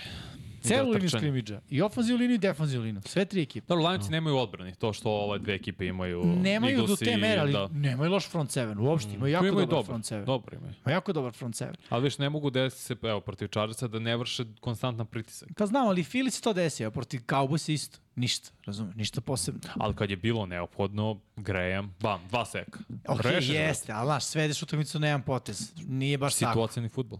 Ok, istina, ali ok. Ako gledamo AFC i tu najspešnija Samo ekipa. jedna ekipa koja dobija konferenciju drugu. Uvek, skoro. Baltimore ima 17-1 od kad je Lamar tu. Protiv NFC-a. Protiv Da, da. NFC-a. A poraz je Giantsi. Prošle, Prošle godine. Da, da, da. Boga za- zašto. Zanimljivo baš. da. Dobro, izgubili su bez Lamara od Ramsa su izgubili. U Dobro, to kada se... Tako je, bez Lamara i ono. Ali ono, mislim, realno gledano, Ja verujem zato u Ravens, mislim da Ravens imaju najbolje šanse ove godine da skinu scalp Chiefsima, jer Chiefsi nisu ta ekipa od prošle Znaš godine. kako su Ravensi jedinom, jedini put pobedili Chiefs? Chiefs su imali dobijenu utakmicu i uh, Edward Ciller je nosio loptu, od Afe ove ga udario po ruci, ispala mu lopta, fumble, Ravensi uzeli loptu, postigli poen i pobedili. Ali znaš, ja mislim da vi ove godine Ali možete. druga je priča ove godine. Isto, isto ja Baš je druga priča. Mislim da vi ove godine možete da ono, kontejnujete Mahomes. Kad ste poslednji put predvodili ligu sekujema? Kad ste poslednji put je imali toliko interseptiona da jedan igrač ima šest, da ha Hamilton leti na sve strane kao kad smo, safety. kad smo bili prvi Možete, seed, ali možete mi se izgubili smo od Titansa. Možete, Tad bilo- sigurno možete. A niste osvojenih imali i ovakvu odbranu. Za mene vi Jackson i odbrana. Jaguars su odgovor na to pitanje. No, dobro. Ja ne verujem. U Jaguars? U bilo, ko, u bilo koga. Ja mislim da Chiefs idu u Super. Mislim da sam to i rekao. ono. Moguće. Treba stvarno napravimo Trebamo grafiku pre početak stvarno da biramo timove naše za playoff i to, da znamo šta smo Ja pričali. mislim da zapravo će se ponoviti Super Bowl, to je ono što ja vidim. Trebamo presek, pravo si vanje. Pre početak sezone Da, i onda na nakon neke polovini. pete nedelje, nakon desete i Koliko, koliko dugo nije bio back-to-back Super Bowl? Isti timovi. Pa Seahawks i Patriots, jel? Nisu Ne, bili dva nisu puta. bili jedan. A, za red. nisi Bilo je. Denver pa New England. V- Dugo, dugo godine to bilo. Desilo se, desilo se, provjerao sam ja. Desilo se u eri Cowboysa sa Emitom Smithom. Ako je bio u AFC tad. Nisu Pa bili dva puta, ili su bili dva puta Bills. bili- E, Ali, ali nisu bili Bills, izgubili su od Jesu. Redskinsa, izgubili su od Cowboysa, izgubili su od Cowboys, uh, Giantsa. Giantsa i od još... Cowboys, Cowboys. Cowboys, A tada je taj divizija ih je kosila. To je Jel da, je- ovo vi- puta je bilo zapad, Cowboys. zapad jednom i tri puta isto. Pa nije zapad je. Onda nije, su bili Cowboysi dva puta. Jer su bile tri ekipe. Bili su jednom Redskinsi su ih dobili, jednom Giantsi, Cowboysi, a sad ne znam koja je ta ekipa. Misliš da su 49ers? E, Ne, koje godine su Fortinansi uzeli? mislim možda je pre toga bilo. Nije pre toga bilo, brate. Znači 70-ih zapravo. Znači era uh, Terija Bradshaw i Barta Stara. 75. Eto ti. Dallas Cowboys 93. 94. Ali nisu bili igrali tad Billsi 94. Buffalo Billsi. Nisu 94. Dallas Cowboys are 2-0 versus the Bills in Super Ja, da, Bowls okej. all time. Prvi put 31. januar 93. Drugi put 30. januar 94. Da. Ok. Da je to prilično to the point. Da, eto, tad je bilo. To je jedini put. 94. 93. Zamisli, Chiefs i dva puta dobiju Filu, brate, u Super Ti Filu. Nemojte da se sad. Uh, da li Steelersi treba da menjaju potrebeka ili ofenzivnog koordinatora ili obojicu? Obojicu. Obojicu. Obo, ma kako Da, da, ja, biće, nemam ja, bih promenio. ja mislim nisam ni bio ubeđen u toliko tu generaciju potrebeka, rekao sam da, da su svi ono, aj neko mora da bude prvi, ali nisam verovao uopšte u njih. Uh, I tek moj pik je bio Malik Willis koji se pokazao da je još veći užas od Piketa, ali uh, Canada n- sad je ono našao neki kao mini ritam, ali nije to dovoljno. Uzorak kad uzmeš ceo, šta je radio i dok je bio Big Ben i, i sada je I dalje jako... mislim da smo jako surovi prema mladim quarterbackovima. Jer ako pogledamo uzorak, Život je surov. Pa Ne, ne, dao, jeste. dve godine smo mu dali. Čini, Šta? dve godine smo mu dali. Vanja, Pa dve godine je starter. ma nemoj da se zezamo. Zach Ka- Wilson je sada starter zato što mora da bude starter jer se ovaj Kakve povredio. dve godine? On se nije ispilio. Za, za, kad pogledamo lifetime quarterback i ono, Jimmy koliko startuje igraju- pet godina na koleđu. Hajde, razumijem bi da je startovao koleđ, da- jednu godinu da je slučaj Jordan, ovog... Startao uh, sam ja pet utakmica u flag turniru, brate. Ne, ne mogu da igram u NFL-u, brate. da je, kako se zove, Trey Lance, da je jednu godinu igrao koleđu pa je neiskusan, nema dovoljno snapove, razumijem bi skroz. čovjek igrao pet godina na koleđu, malte ne, u istom koleđu, u istom gradu gde su i Steelersi, Pittsburgh univerzitet. Ništa to ne znači. Igrao je sada dve godine kao startni quarterback, stvarno mi je dovoljno uzorak Nije, od dve godine kako? u NFL-u da znam da li je neko dobar ili ne. Nije dobro. Mi smo znali jednu godinu nakon što je bio Burrow i nakon što se poredio da je on vrhunski quarterback. Kad je Brady poč- počeo bude start? Ali nije više isto to vreme. Pa, e, pusti me vremena, čoveče, ja Pa ti ali kažem kako? realnu Pa čekaj, situaciju. Ali je, brat, isporučio kada je postao. Ma ja znam, ali ti kad Da, bi rekao nakon godini. dve godine ti je dovoljno da vidiš nekog u NFL-u. Pa da, dovoljno mi. Dovoljno je bilo da vidim Burrow jednu godinu, Herberta jednu godinu, Hrca da vidim dve godine mi je bilo dovoljno i onda smo bili... u- Krenuo je boljitak za Hrcu u drugoj godini. To moramo da, da kažemo. Ne znam, mislim da ste surovi. Pritom Pickett, ako uđe u play-off sada, možemo da razmatramo da treba da ostane Vidi. s drugim koordinatorom. Ja se sjećam kad sam ja igrao Madden, ono, kad smo, kad smo još i trenirali. Ne, ozbiljno. Dobro.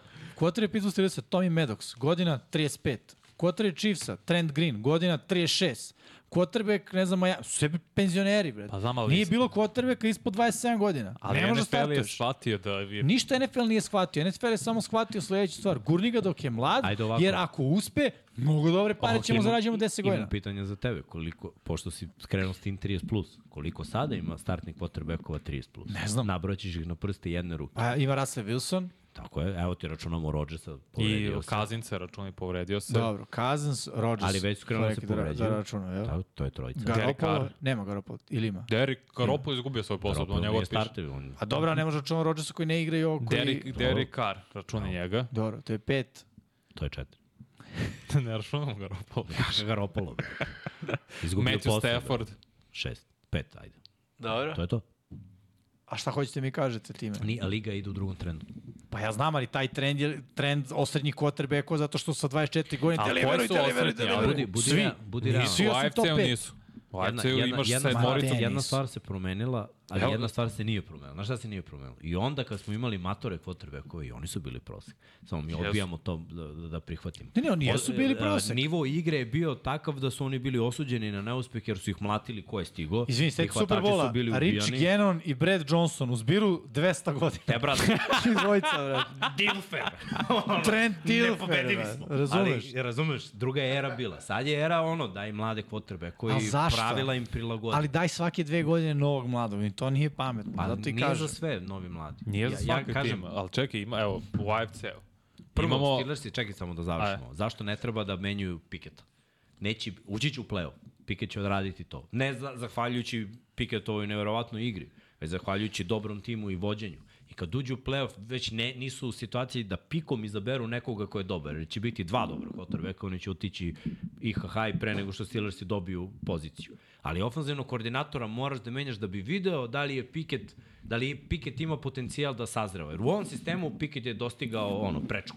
To je to. Zveknuo je glavom, brate. Nema, to je Plafon. to. Nema, ne može, nema, koji plafon, brate. Plafon je i daleko je. On je udario u prečku, ko mi što imamo ovo za, za osvetljenje pre plafona i to je to. Piket je dostigao to. Treba mu neko novi, tipa neki ofanzivni um, neko ko će da prilagodi taj napad i da vidi, ok, ovaj momak može to, to, to i to, ajde da radimo to, to, to i to i da vidimo dalje taj. I posle tri godine ćemo videti da li jeste ili nije. I vrlo Da, ali- verovatno ćemo videti da nije. Pa šta ja mogu- mislim? Mogu, Ajde, ajde. pre nego što ti mi za- završiš misao. Jesmo videli utakmice, evo, od Trevola Lorenca, koji ima dosta grešaka, koji se muče u prvoj godini, pola druge godine, a smo videli utakmice da izdominira. Da je on glavni razlog zašto je tim njegov, njegov tim pobedio. Ja to čekam od Kenija Piketa dve godine da budem, ka, da kažem, Piket imao je 350 yardi, 3 touchdowna, on je glavni razlog, sve ostalo se raspalo oko njega. Mislim da previše tražiš. Pa dobro, ali ček, zašto bi onda se zadržao prosječnog quarterbacka u timu? Pa Krenuo ne, sam o- kažem, AFC-a. mislim da nije fair, jer ti momci se bace u vatru prerano i očekuje se da deliveruju prerano. Ako pogledamo priče i svih ovih legendi, svi su ono, džidžali, brate, na klupi. Jesu, Pa I- nisu dugo, brate. Pa onako, Tom brate, Brady je bačen u vatru, re, re, Tom Brady je bačen u vatru brzo. Peyton Manning je Pa bačen nije, u vatru Brady u brzo. trećoj godini, zar ne? Pa Mahomes je Nije bačen u drugoj. godine bio u na drugoj, katu, drugoj. brate. u drugoj. Brate, Mahomes je u drugoj bio MVP ligi. Dobro, okej, ali ja ne kažem da je nemoguće, Pej. samo Mahomesa je malo, Brady je malo. Pogledaj koliko je quarterbackova prošlo između svih tih ljudi da se poje. Pritom mi pričamo o 32 ekipe. Ne, ali znam, zato ti kažem, ne, Ajde, ne ajde da pričam, nab- evo, uzimam da ove quarterbackove od današnjice i zato sam Ajde da AFC. napravimo 10 quarterbackova koji su danas u današnjem futbolu napravili pomak u dve sezone. U prve dve sezone. Nakon dve sezone, kako su U draftovali. drugoj da su krenuli da igraju. Dobro. Ajde, kad nabrajamo sve, Jalen Hurts nije u uključujući, toj priči. uključujući Nije krenuo da Patricka igra dobro Mahomesa. u drugoj sezoni. On je u trećoj sezoni krenuo da igra dobro. Tako? Tre, treća sezona je Super Bowl sezona, druga sezona je playoff sezona, tako, ali druga ma- sezona vidio si boljitak. ma Ali dobro, kakav nebitno, playoff? ajde, ne, neću njega, smešno. Ok. neću njega. Krenut ćemo od Patricka Mahomesa. Dobro. Definitivno bio bolji u drugoj godini. Dobro. Lamar Jackson. Lamar Jackson bio MVP u drugoj godini. Dobro. Mislim, sigurno je bio dobar kad je bio MVP. Dobro. A samo gledaj ovo, Super to iste godine? Kako misliš isto? Da li se u istoj godini desilo da je Mahomes deliverao i da je Lamar bio MVP? Bilo godina za godinu. Godina za godinu. Znam, ali to on ti onda priča. Mi pričamo onda o jednoj godini u kojoj je jedan quarterback od 32 ekipe učinio to. Ok, imaš, Znači, imaš moraš da Burrowa razumeš- i Herbert u istoj godini. U istoj godini. Ok, Isto dva quarterback od 32 ekipe. Ponovo, statistički gledano, izračunaj procenat, veoma malo, jedna Dobro, šestina. a mi ne tražimo taj nivo dominacije. Ono što ja Slažem se, od Piketa ali ve- veruj mi, ti ne vidiš, malo iznad proseka. ali mi ne vidimo drugi nivo dominacije ako nije dominacija. Razumeš, mi, mi, ta- ti ljudi su ispod radara. Tipa Piket nam je totalno ispod Ajde, radara. Dobro, je li kao- Pickett sad na nivou Dereka Carra? Nemam pojma da li je nivou. Iskreno da budem, Steelersi su mi jako teški za gledati. Pa ne, pa I ne gledamo se kad moram da Steelersi gledamo. pobeđuju zbog svoje odbrane, pre svega. Slažem se, ali Najveći taj raz- Piket je u drugoj godini u NFL-u. Pa znam, ali ti nabrajamo igrača on koji su nema u ni drugoj uzorak godini. tvoj od dve godine. On nema taj uzorak. on Ok, je u ali godini i po. Dajemo primjer igrača, pre svega quarterbacka u AFC-u, gde su u svojoj drugoj godini ili imali utakmice više, da su zaista izdominirali, da su oni glavni razlog zašto je tim pobedio, ili igraju dve godine uzastopno na Jeste, na ali visoko, dokle na nabrojimo nivou. u jednoj godini pet takvih igrača, mi, mi pričamo o ono, brate, ne, ne, ne pravilima, nego izuzecima. Ja o tome vama govorim. Znači, i taj Mahomes i taj Lamar Jackson su izuzeci. Dobro, okej. Onda Pittsburghu treba izuzetak. Znam, ali znaš kako je teško da nabodeš izuzetak. Ono. Sa, ovom, sa Evo ovim, ga, vidi, na sledećoj godini na draftu imamo jednog o kom se Nemo priča. jednog, imamo više. Ne, ne. Ko? Pravi. Ajde, ne ko, nema imena. Daj broj. Caleb Williams, Drake May su ti dvojica najboljih i bolji su Gde prospekti igra May? Na n- ovoj Severnoj Karolini.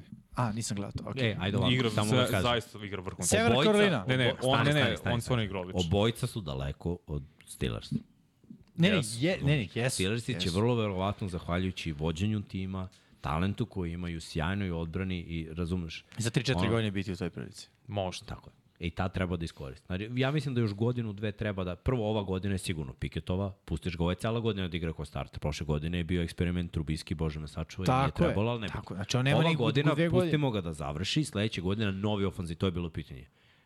Ofanzivni koordinator, Piket ili obojica. Sledeće godine ofanzivni koordinator. Ne isporuči, on lično ne reši neke utakmice. On onda nije odlučujući A znaš šta ja faktor. mislim da je bolje sledeće godine? Ostavite isto koordinatora, ne deliveruje, cut, interim coach koji mu je poznat i onda tražiti novog. Jer Ali, nije ni cool je- prema njemu to- mladom dati mu dve je- sezone, ali dva on To nije ti je koordinatora. buljanje u prazno, zašto je Matt Canada nije tu pet godina ništa nije uradio. Zna, ali pet godina sa različitim quarterbackovima. Sad Bio je. Big Ben i bio je ovaj, sada Pickett. To hoću da kažem, znaš. I, I to su sve stvari Njega, koje... brate, nima Holmes, ne bi s njegovim sistemom izvuku. Mislim, gledaj, ja govorim ovo kao neko ko stalno gleda Steelers i gledam svaku utakmicu Steelersa Da. i navijači Ne, Steelersa, Verujem, navijači Steelersa koji gledaju svaku utakmicu, svaki play, su očajni zbog znam, toga. ali Evo, vidi, vidi, u svo dužo Navijači Steelersa, poštovanje... napišite ovde. Napravi pol. Srki pravi pul. Ali samo navijači Steelersa da glasaju. Da li ste učili? Ne, ne, ali gledaj, okej, ajde Da da, u svo dužno poštovanje ljudi koji su navijači, ali zato smo svi mi navijači. Da. I zato smo iracionalni, zato što sedimo u kući, gađamo kokicama televizor i psujemo tamo neko ko 15 godina radi nešto i, i najbolje na svetu u tome jer se nalazi u 32 ekipe ono, jedine profesionalne na svetu. Ako izuzmemo Kanadu. Brate, na... ajde ti prvo pitanje pa ću Hoću samo da kažem da je, znamo svi da je pozicija quarterbacka jako kompleksna, ali isto tako dozvoljavamo sebi da zaboravimo i ne divimo se dovoljno CJ Stroudu koji dečko kida u svojoj prvoj godini. Divimo se, valo, i tekako Ne, dobro. ne, divimo se, ali znaš ono, može to i malo bolje. Hoću da kažem Dečko da polomio. Dečko stvarno loše, radi brutalnu stvar. utakmice od uh, 10. Ljudi u ekipi koja je de, deceniju ono, jako loša. Jako loša ekipa, on već sad menja kulturu u svojoj prvoj godini. I to su super vesti. E sad, slažem se i tu nam treba uzorak, ali opet, znaš, opet tu mislim da se previše traži od, od uh, mladih momaka koji e, nemaju dovoljno. Prosto nemaju dovoljno igre. Opet se vraćam. Ovo ti kažeš igrao pet godina na koleđu. Igrao pet godina na koleđu. Proti koga? Studenata. Proti studenta kojih? To je još veće pitanje. Ono, tamo neki Weber James univerzitet. Nije Weber Nije James. njegova divizija, okej, ali z- dođe mu neko ko te godine se raspada. I on ih pregazi. I na, na karika brojke i kao ide kao neki rekorder škole. Inače, ljudi nam ovde dodaju ove od 30 plus, doli su Gino Smith, ja se zezamo u prilike, 10 godina u NFL-u, starter bio u Jetsima očajan i sad je starter dve godine. Mislim, Gino ne može ući u konverzaciju uopšte za startnog quarterback, on je backup quarterback koji je dobro Odrađuje posao. Odrađuje Premošćuje posao sad kao- sezone. Mi Da. pričamo o Kenny Pickettu koji Gino ima starter nema pet godina. manje touchdowna nego Mac Jones. Vanja, on ima manje godine od tebe, vrete. Je- je- ima, sad će napuniti 26 godina. Pa dobro, sve jedno, mislim, ali... Samo ti kažem, Pickett ima isto godina ko Lamar. Po čemu? Ne, ne, sve je to okej. Okay. Je u svojoj ranije, karijeri ali... ima tri utakmica 250 ili više yardi dodavanje. Tri Dobro. utakmice. Ok, ako vi mislite da je, da je, da je to put, ja vam kažem šta ćemo da vidimo. Sve više i više hajpa i sve više i više basta. Ali ja ti kažem da taj put već gledamo 5 godina. Pa gledamo godinama, pogledaj Bryce Younga, prvo pika na ovogodišnjem draftu. Pogledaj, Bast kakvog nema. Pogledaj Miča, Zašto? Pogledaj Miča Trubiskog. Pa treba pogledaj, znaš, da- ali moraš se zapitati... To- to Čekaj, NFL. kakve okolnosti ima Bryce Young i kakve okolnosti igrača i saigrača ima Kenny Pickett? Kenny Pickett ima Najee Harrisa, ozbiljnog running backa, makar smo mislili Pa da je dobro, ima ozbiljan. ekipu koja nikad nije negativna, ajde da krenemo. I to, Uvek ali ne, ne, pričam godina. samo ofanzivno. Ima ohvatačke Ući ćemo, opcije. ući ćemo u priču do šest ujutru ćemo budemo ovde. Ali Kenny Pickett nema lošu situaciju, nema loše saigrača, to je čitava poenta i on igra loše. Dobro, u napadu ne blista sve i nije ofenzivni koordinator dobar, ali realno gledano, mislim, Pickett, frajer, od, Kene, od Kenade moraš da odeš dalje ako želiš da pobeđuješ utakmice, a da nije samo defanzivno. Mislim, jer ti defanzivno dominiraš, a napad se skrpi. Mislim, Steelers su ta opasna ekipa, ali treba, treba malo više ofanzivno da, da se Dobro, radi. ja samo mislim, moj utisak je da se prerano bacaju mladi kotrbe koji... To je činjenica. To je- NFL, to su kažem pravo, mladi, to su ne, pravo. ne mislim, uh, Tu- tu gledaj. čak i ono, verujem i Stanton, Staton Bennett sada da ga ubaci u ligu, jako 8 godina studira, on je dalje mlad quarterback. Prvi put vidi uživo NFL igrača. To su, to su činjenice, da ali ne traži NFL ide u smeru, ono, Ne, Quick- mislim, quick delivery. svet ide u tom smeru, znaš. Danas deca od 15 godina zarađuju milione ili, YouTube-u. ili jesi ili nisi. Znaš, isporuči odmah. Ga, Nisi video, Tvrda priča. nisu ni drugi. Ne, Znam. sve će više bastova da bude i sve je, više... hoće. Futbal, ali zato se pravila okreću da njima bude lakše. Niko ne sme da ga udari po glavi, niko ne sme da mu dira vrat, niko ne sme u koleno, niko ne sme ispod kolena, Samo trup. niko ne sme u, seku, sekundu nakon što baci loptu, ako krene da trči, pazi kako ga obaraš, nemoj da padneš preko njega, ne bacaj ga preko kuka, da. Borazeru, njima je lakše nego ikada. Oni stvaraju kotrbekove koji su ono, Debili. Pa ne, raz, razmaženi. Mekani, raz, mekani. Yes, quarterbackovi. I tako, znaš, ono, hvatač, ako ga neko juče, Zay Flowers, nepostojeći pass interference, Lamar prebacio za metar, 40 yardi. To je ono što je pričao Brady. Danas se nagrađuje, ono, lo, loša igra napada se nagrađuje gorom igrom odbrane. To nije bilo nekada tako. I oni će tako da kompenzuju za, za ovo što dobijamo mlade, neiskusne quarterbacke. Dobro, danas trčiš maraton, budeš 1555, dobiješ medalju. Mislim, Yes, to, tako je, to, je, Tako je, to je naš skroz. nagradi, učestvovao si. Pitaju nas kad smo počeli da treniramo američki futbol. Ja sam sa 17, ali nisam ni znao da postoji pre toga. Ja sam sa 16 i nešto. Skoro 17, 16 godina. Ma ranije si počeo. 16, bre, to je osmi razred. Prvi srednji, osmi razred. To smo razredi. A to je 15 godina. 15 godina. Pa dobro. Ja sam ja, ne, ne, ne, ja sam rođen. Dugo ja sam, rođen. dugo sam bio u prvom Ja sam prehlađen. ja sam Steton Bennett, brate. Osam godina išao u prvi rad. Je, dobro. Ako nema pitanja, možemo i zatvaramo radnju. Može. Si stavio onaj pul, sa želi? Isto. A, Ja sam rekao do 23, sad je 23, 24. Ajde, Ajde. zbog Jimmy-a zatvaramo radnju. Nastavit ćemo polemiku Da. da. zvanu Kenny Pickett i Matt Canada. Nije, nije ni Kenny Pickett, ja samo pričam o mladim znam. Inače, ljudi, ste primetili da nam je pozdina iza Troplana ovaj, logo. Nije više boja. Da, da jeste, jeste. došla po Da, namir- to, to, namirisao to sam. ja prepo, predložio, da. Dobro to sam ja predložio prošle nedelje, ali je bila animacija i nije mogla animacija da stoji iza. Onda je PR eksportovao kao sliku. Da, i, da, bolja fora, realno. da, baš je, baš je opasno. Ja, Top, top, da. top. Zato je možda zabogo ostalo. Za... Kao negde, negde smrkne, negde Pa, sva. tako je, kao što rekao. Da. Ništa, ajde, ajde da zatvaramo. Hvala vam što ste bili tu, što Hvala, smo se ljudi. ovako lepo proveli i ovaj, pričali o svemu. Brzi i efikasni smo bili, sve smo obradili teme. Uh, pričali smo u prethodne nedelje, najavili novu malo o play-offu, o svemu. Uh, inače, sledeće nedelje nismo se dogovorili, ne, ne bi, pričali smo ti ja o tome još u, E, da, možemo to i da najavimo ukratko. Pa ne, ne znam šta ćemo da Ne, ne, uradimo. da najavimo to, ovaj, dan zahvalnosti. Dan zahvalnosti, to je u četvrtak imamo Tako, tri pola utakmice. 7, Mhm. u 22-25 i u 22. 20. Videli smo najavu. Sergij, aj nađi opet da pustimo. Aj, Šta? Sve tri da najavim. Koje su... Aha, imamo. za, za Thanksgiving? Ne, ne, ne, ne, to je ne, naredna ne, ne, to je naredna Thursday nedelja. night. Da, da, nema veze. Ali uglavnom naredni četvrtak tri utakmice nas očekuju. Da. I za pet, u petak će biti Black Friday utakmica, A jedna koja neće biti u, uživo Tako je, u 9 sati je na kraju. Da. Ja mislim, mislim Trebalo da je da u budu 9 7, pa Mm. se pomerili za 9 uveč. Tako da ono, Naše ja ne znam... Naše vreme, Da, da, ja ne znam šta mi da radimo.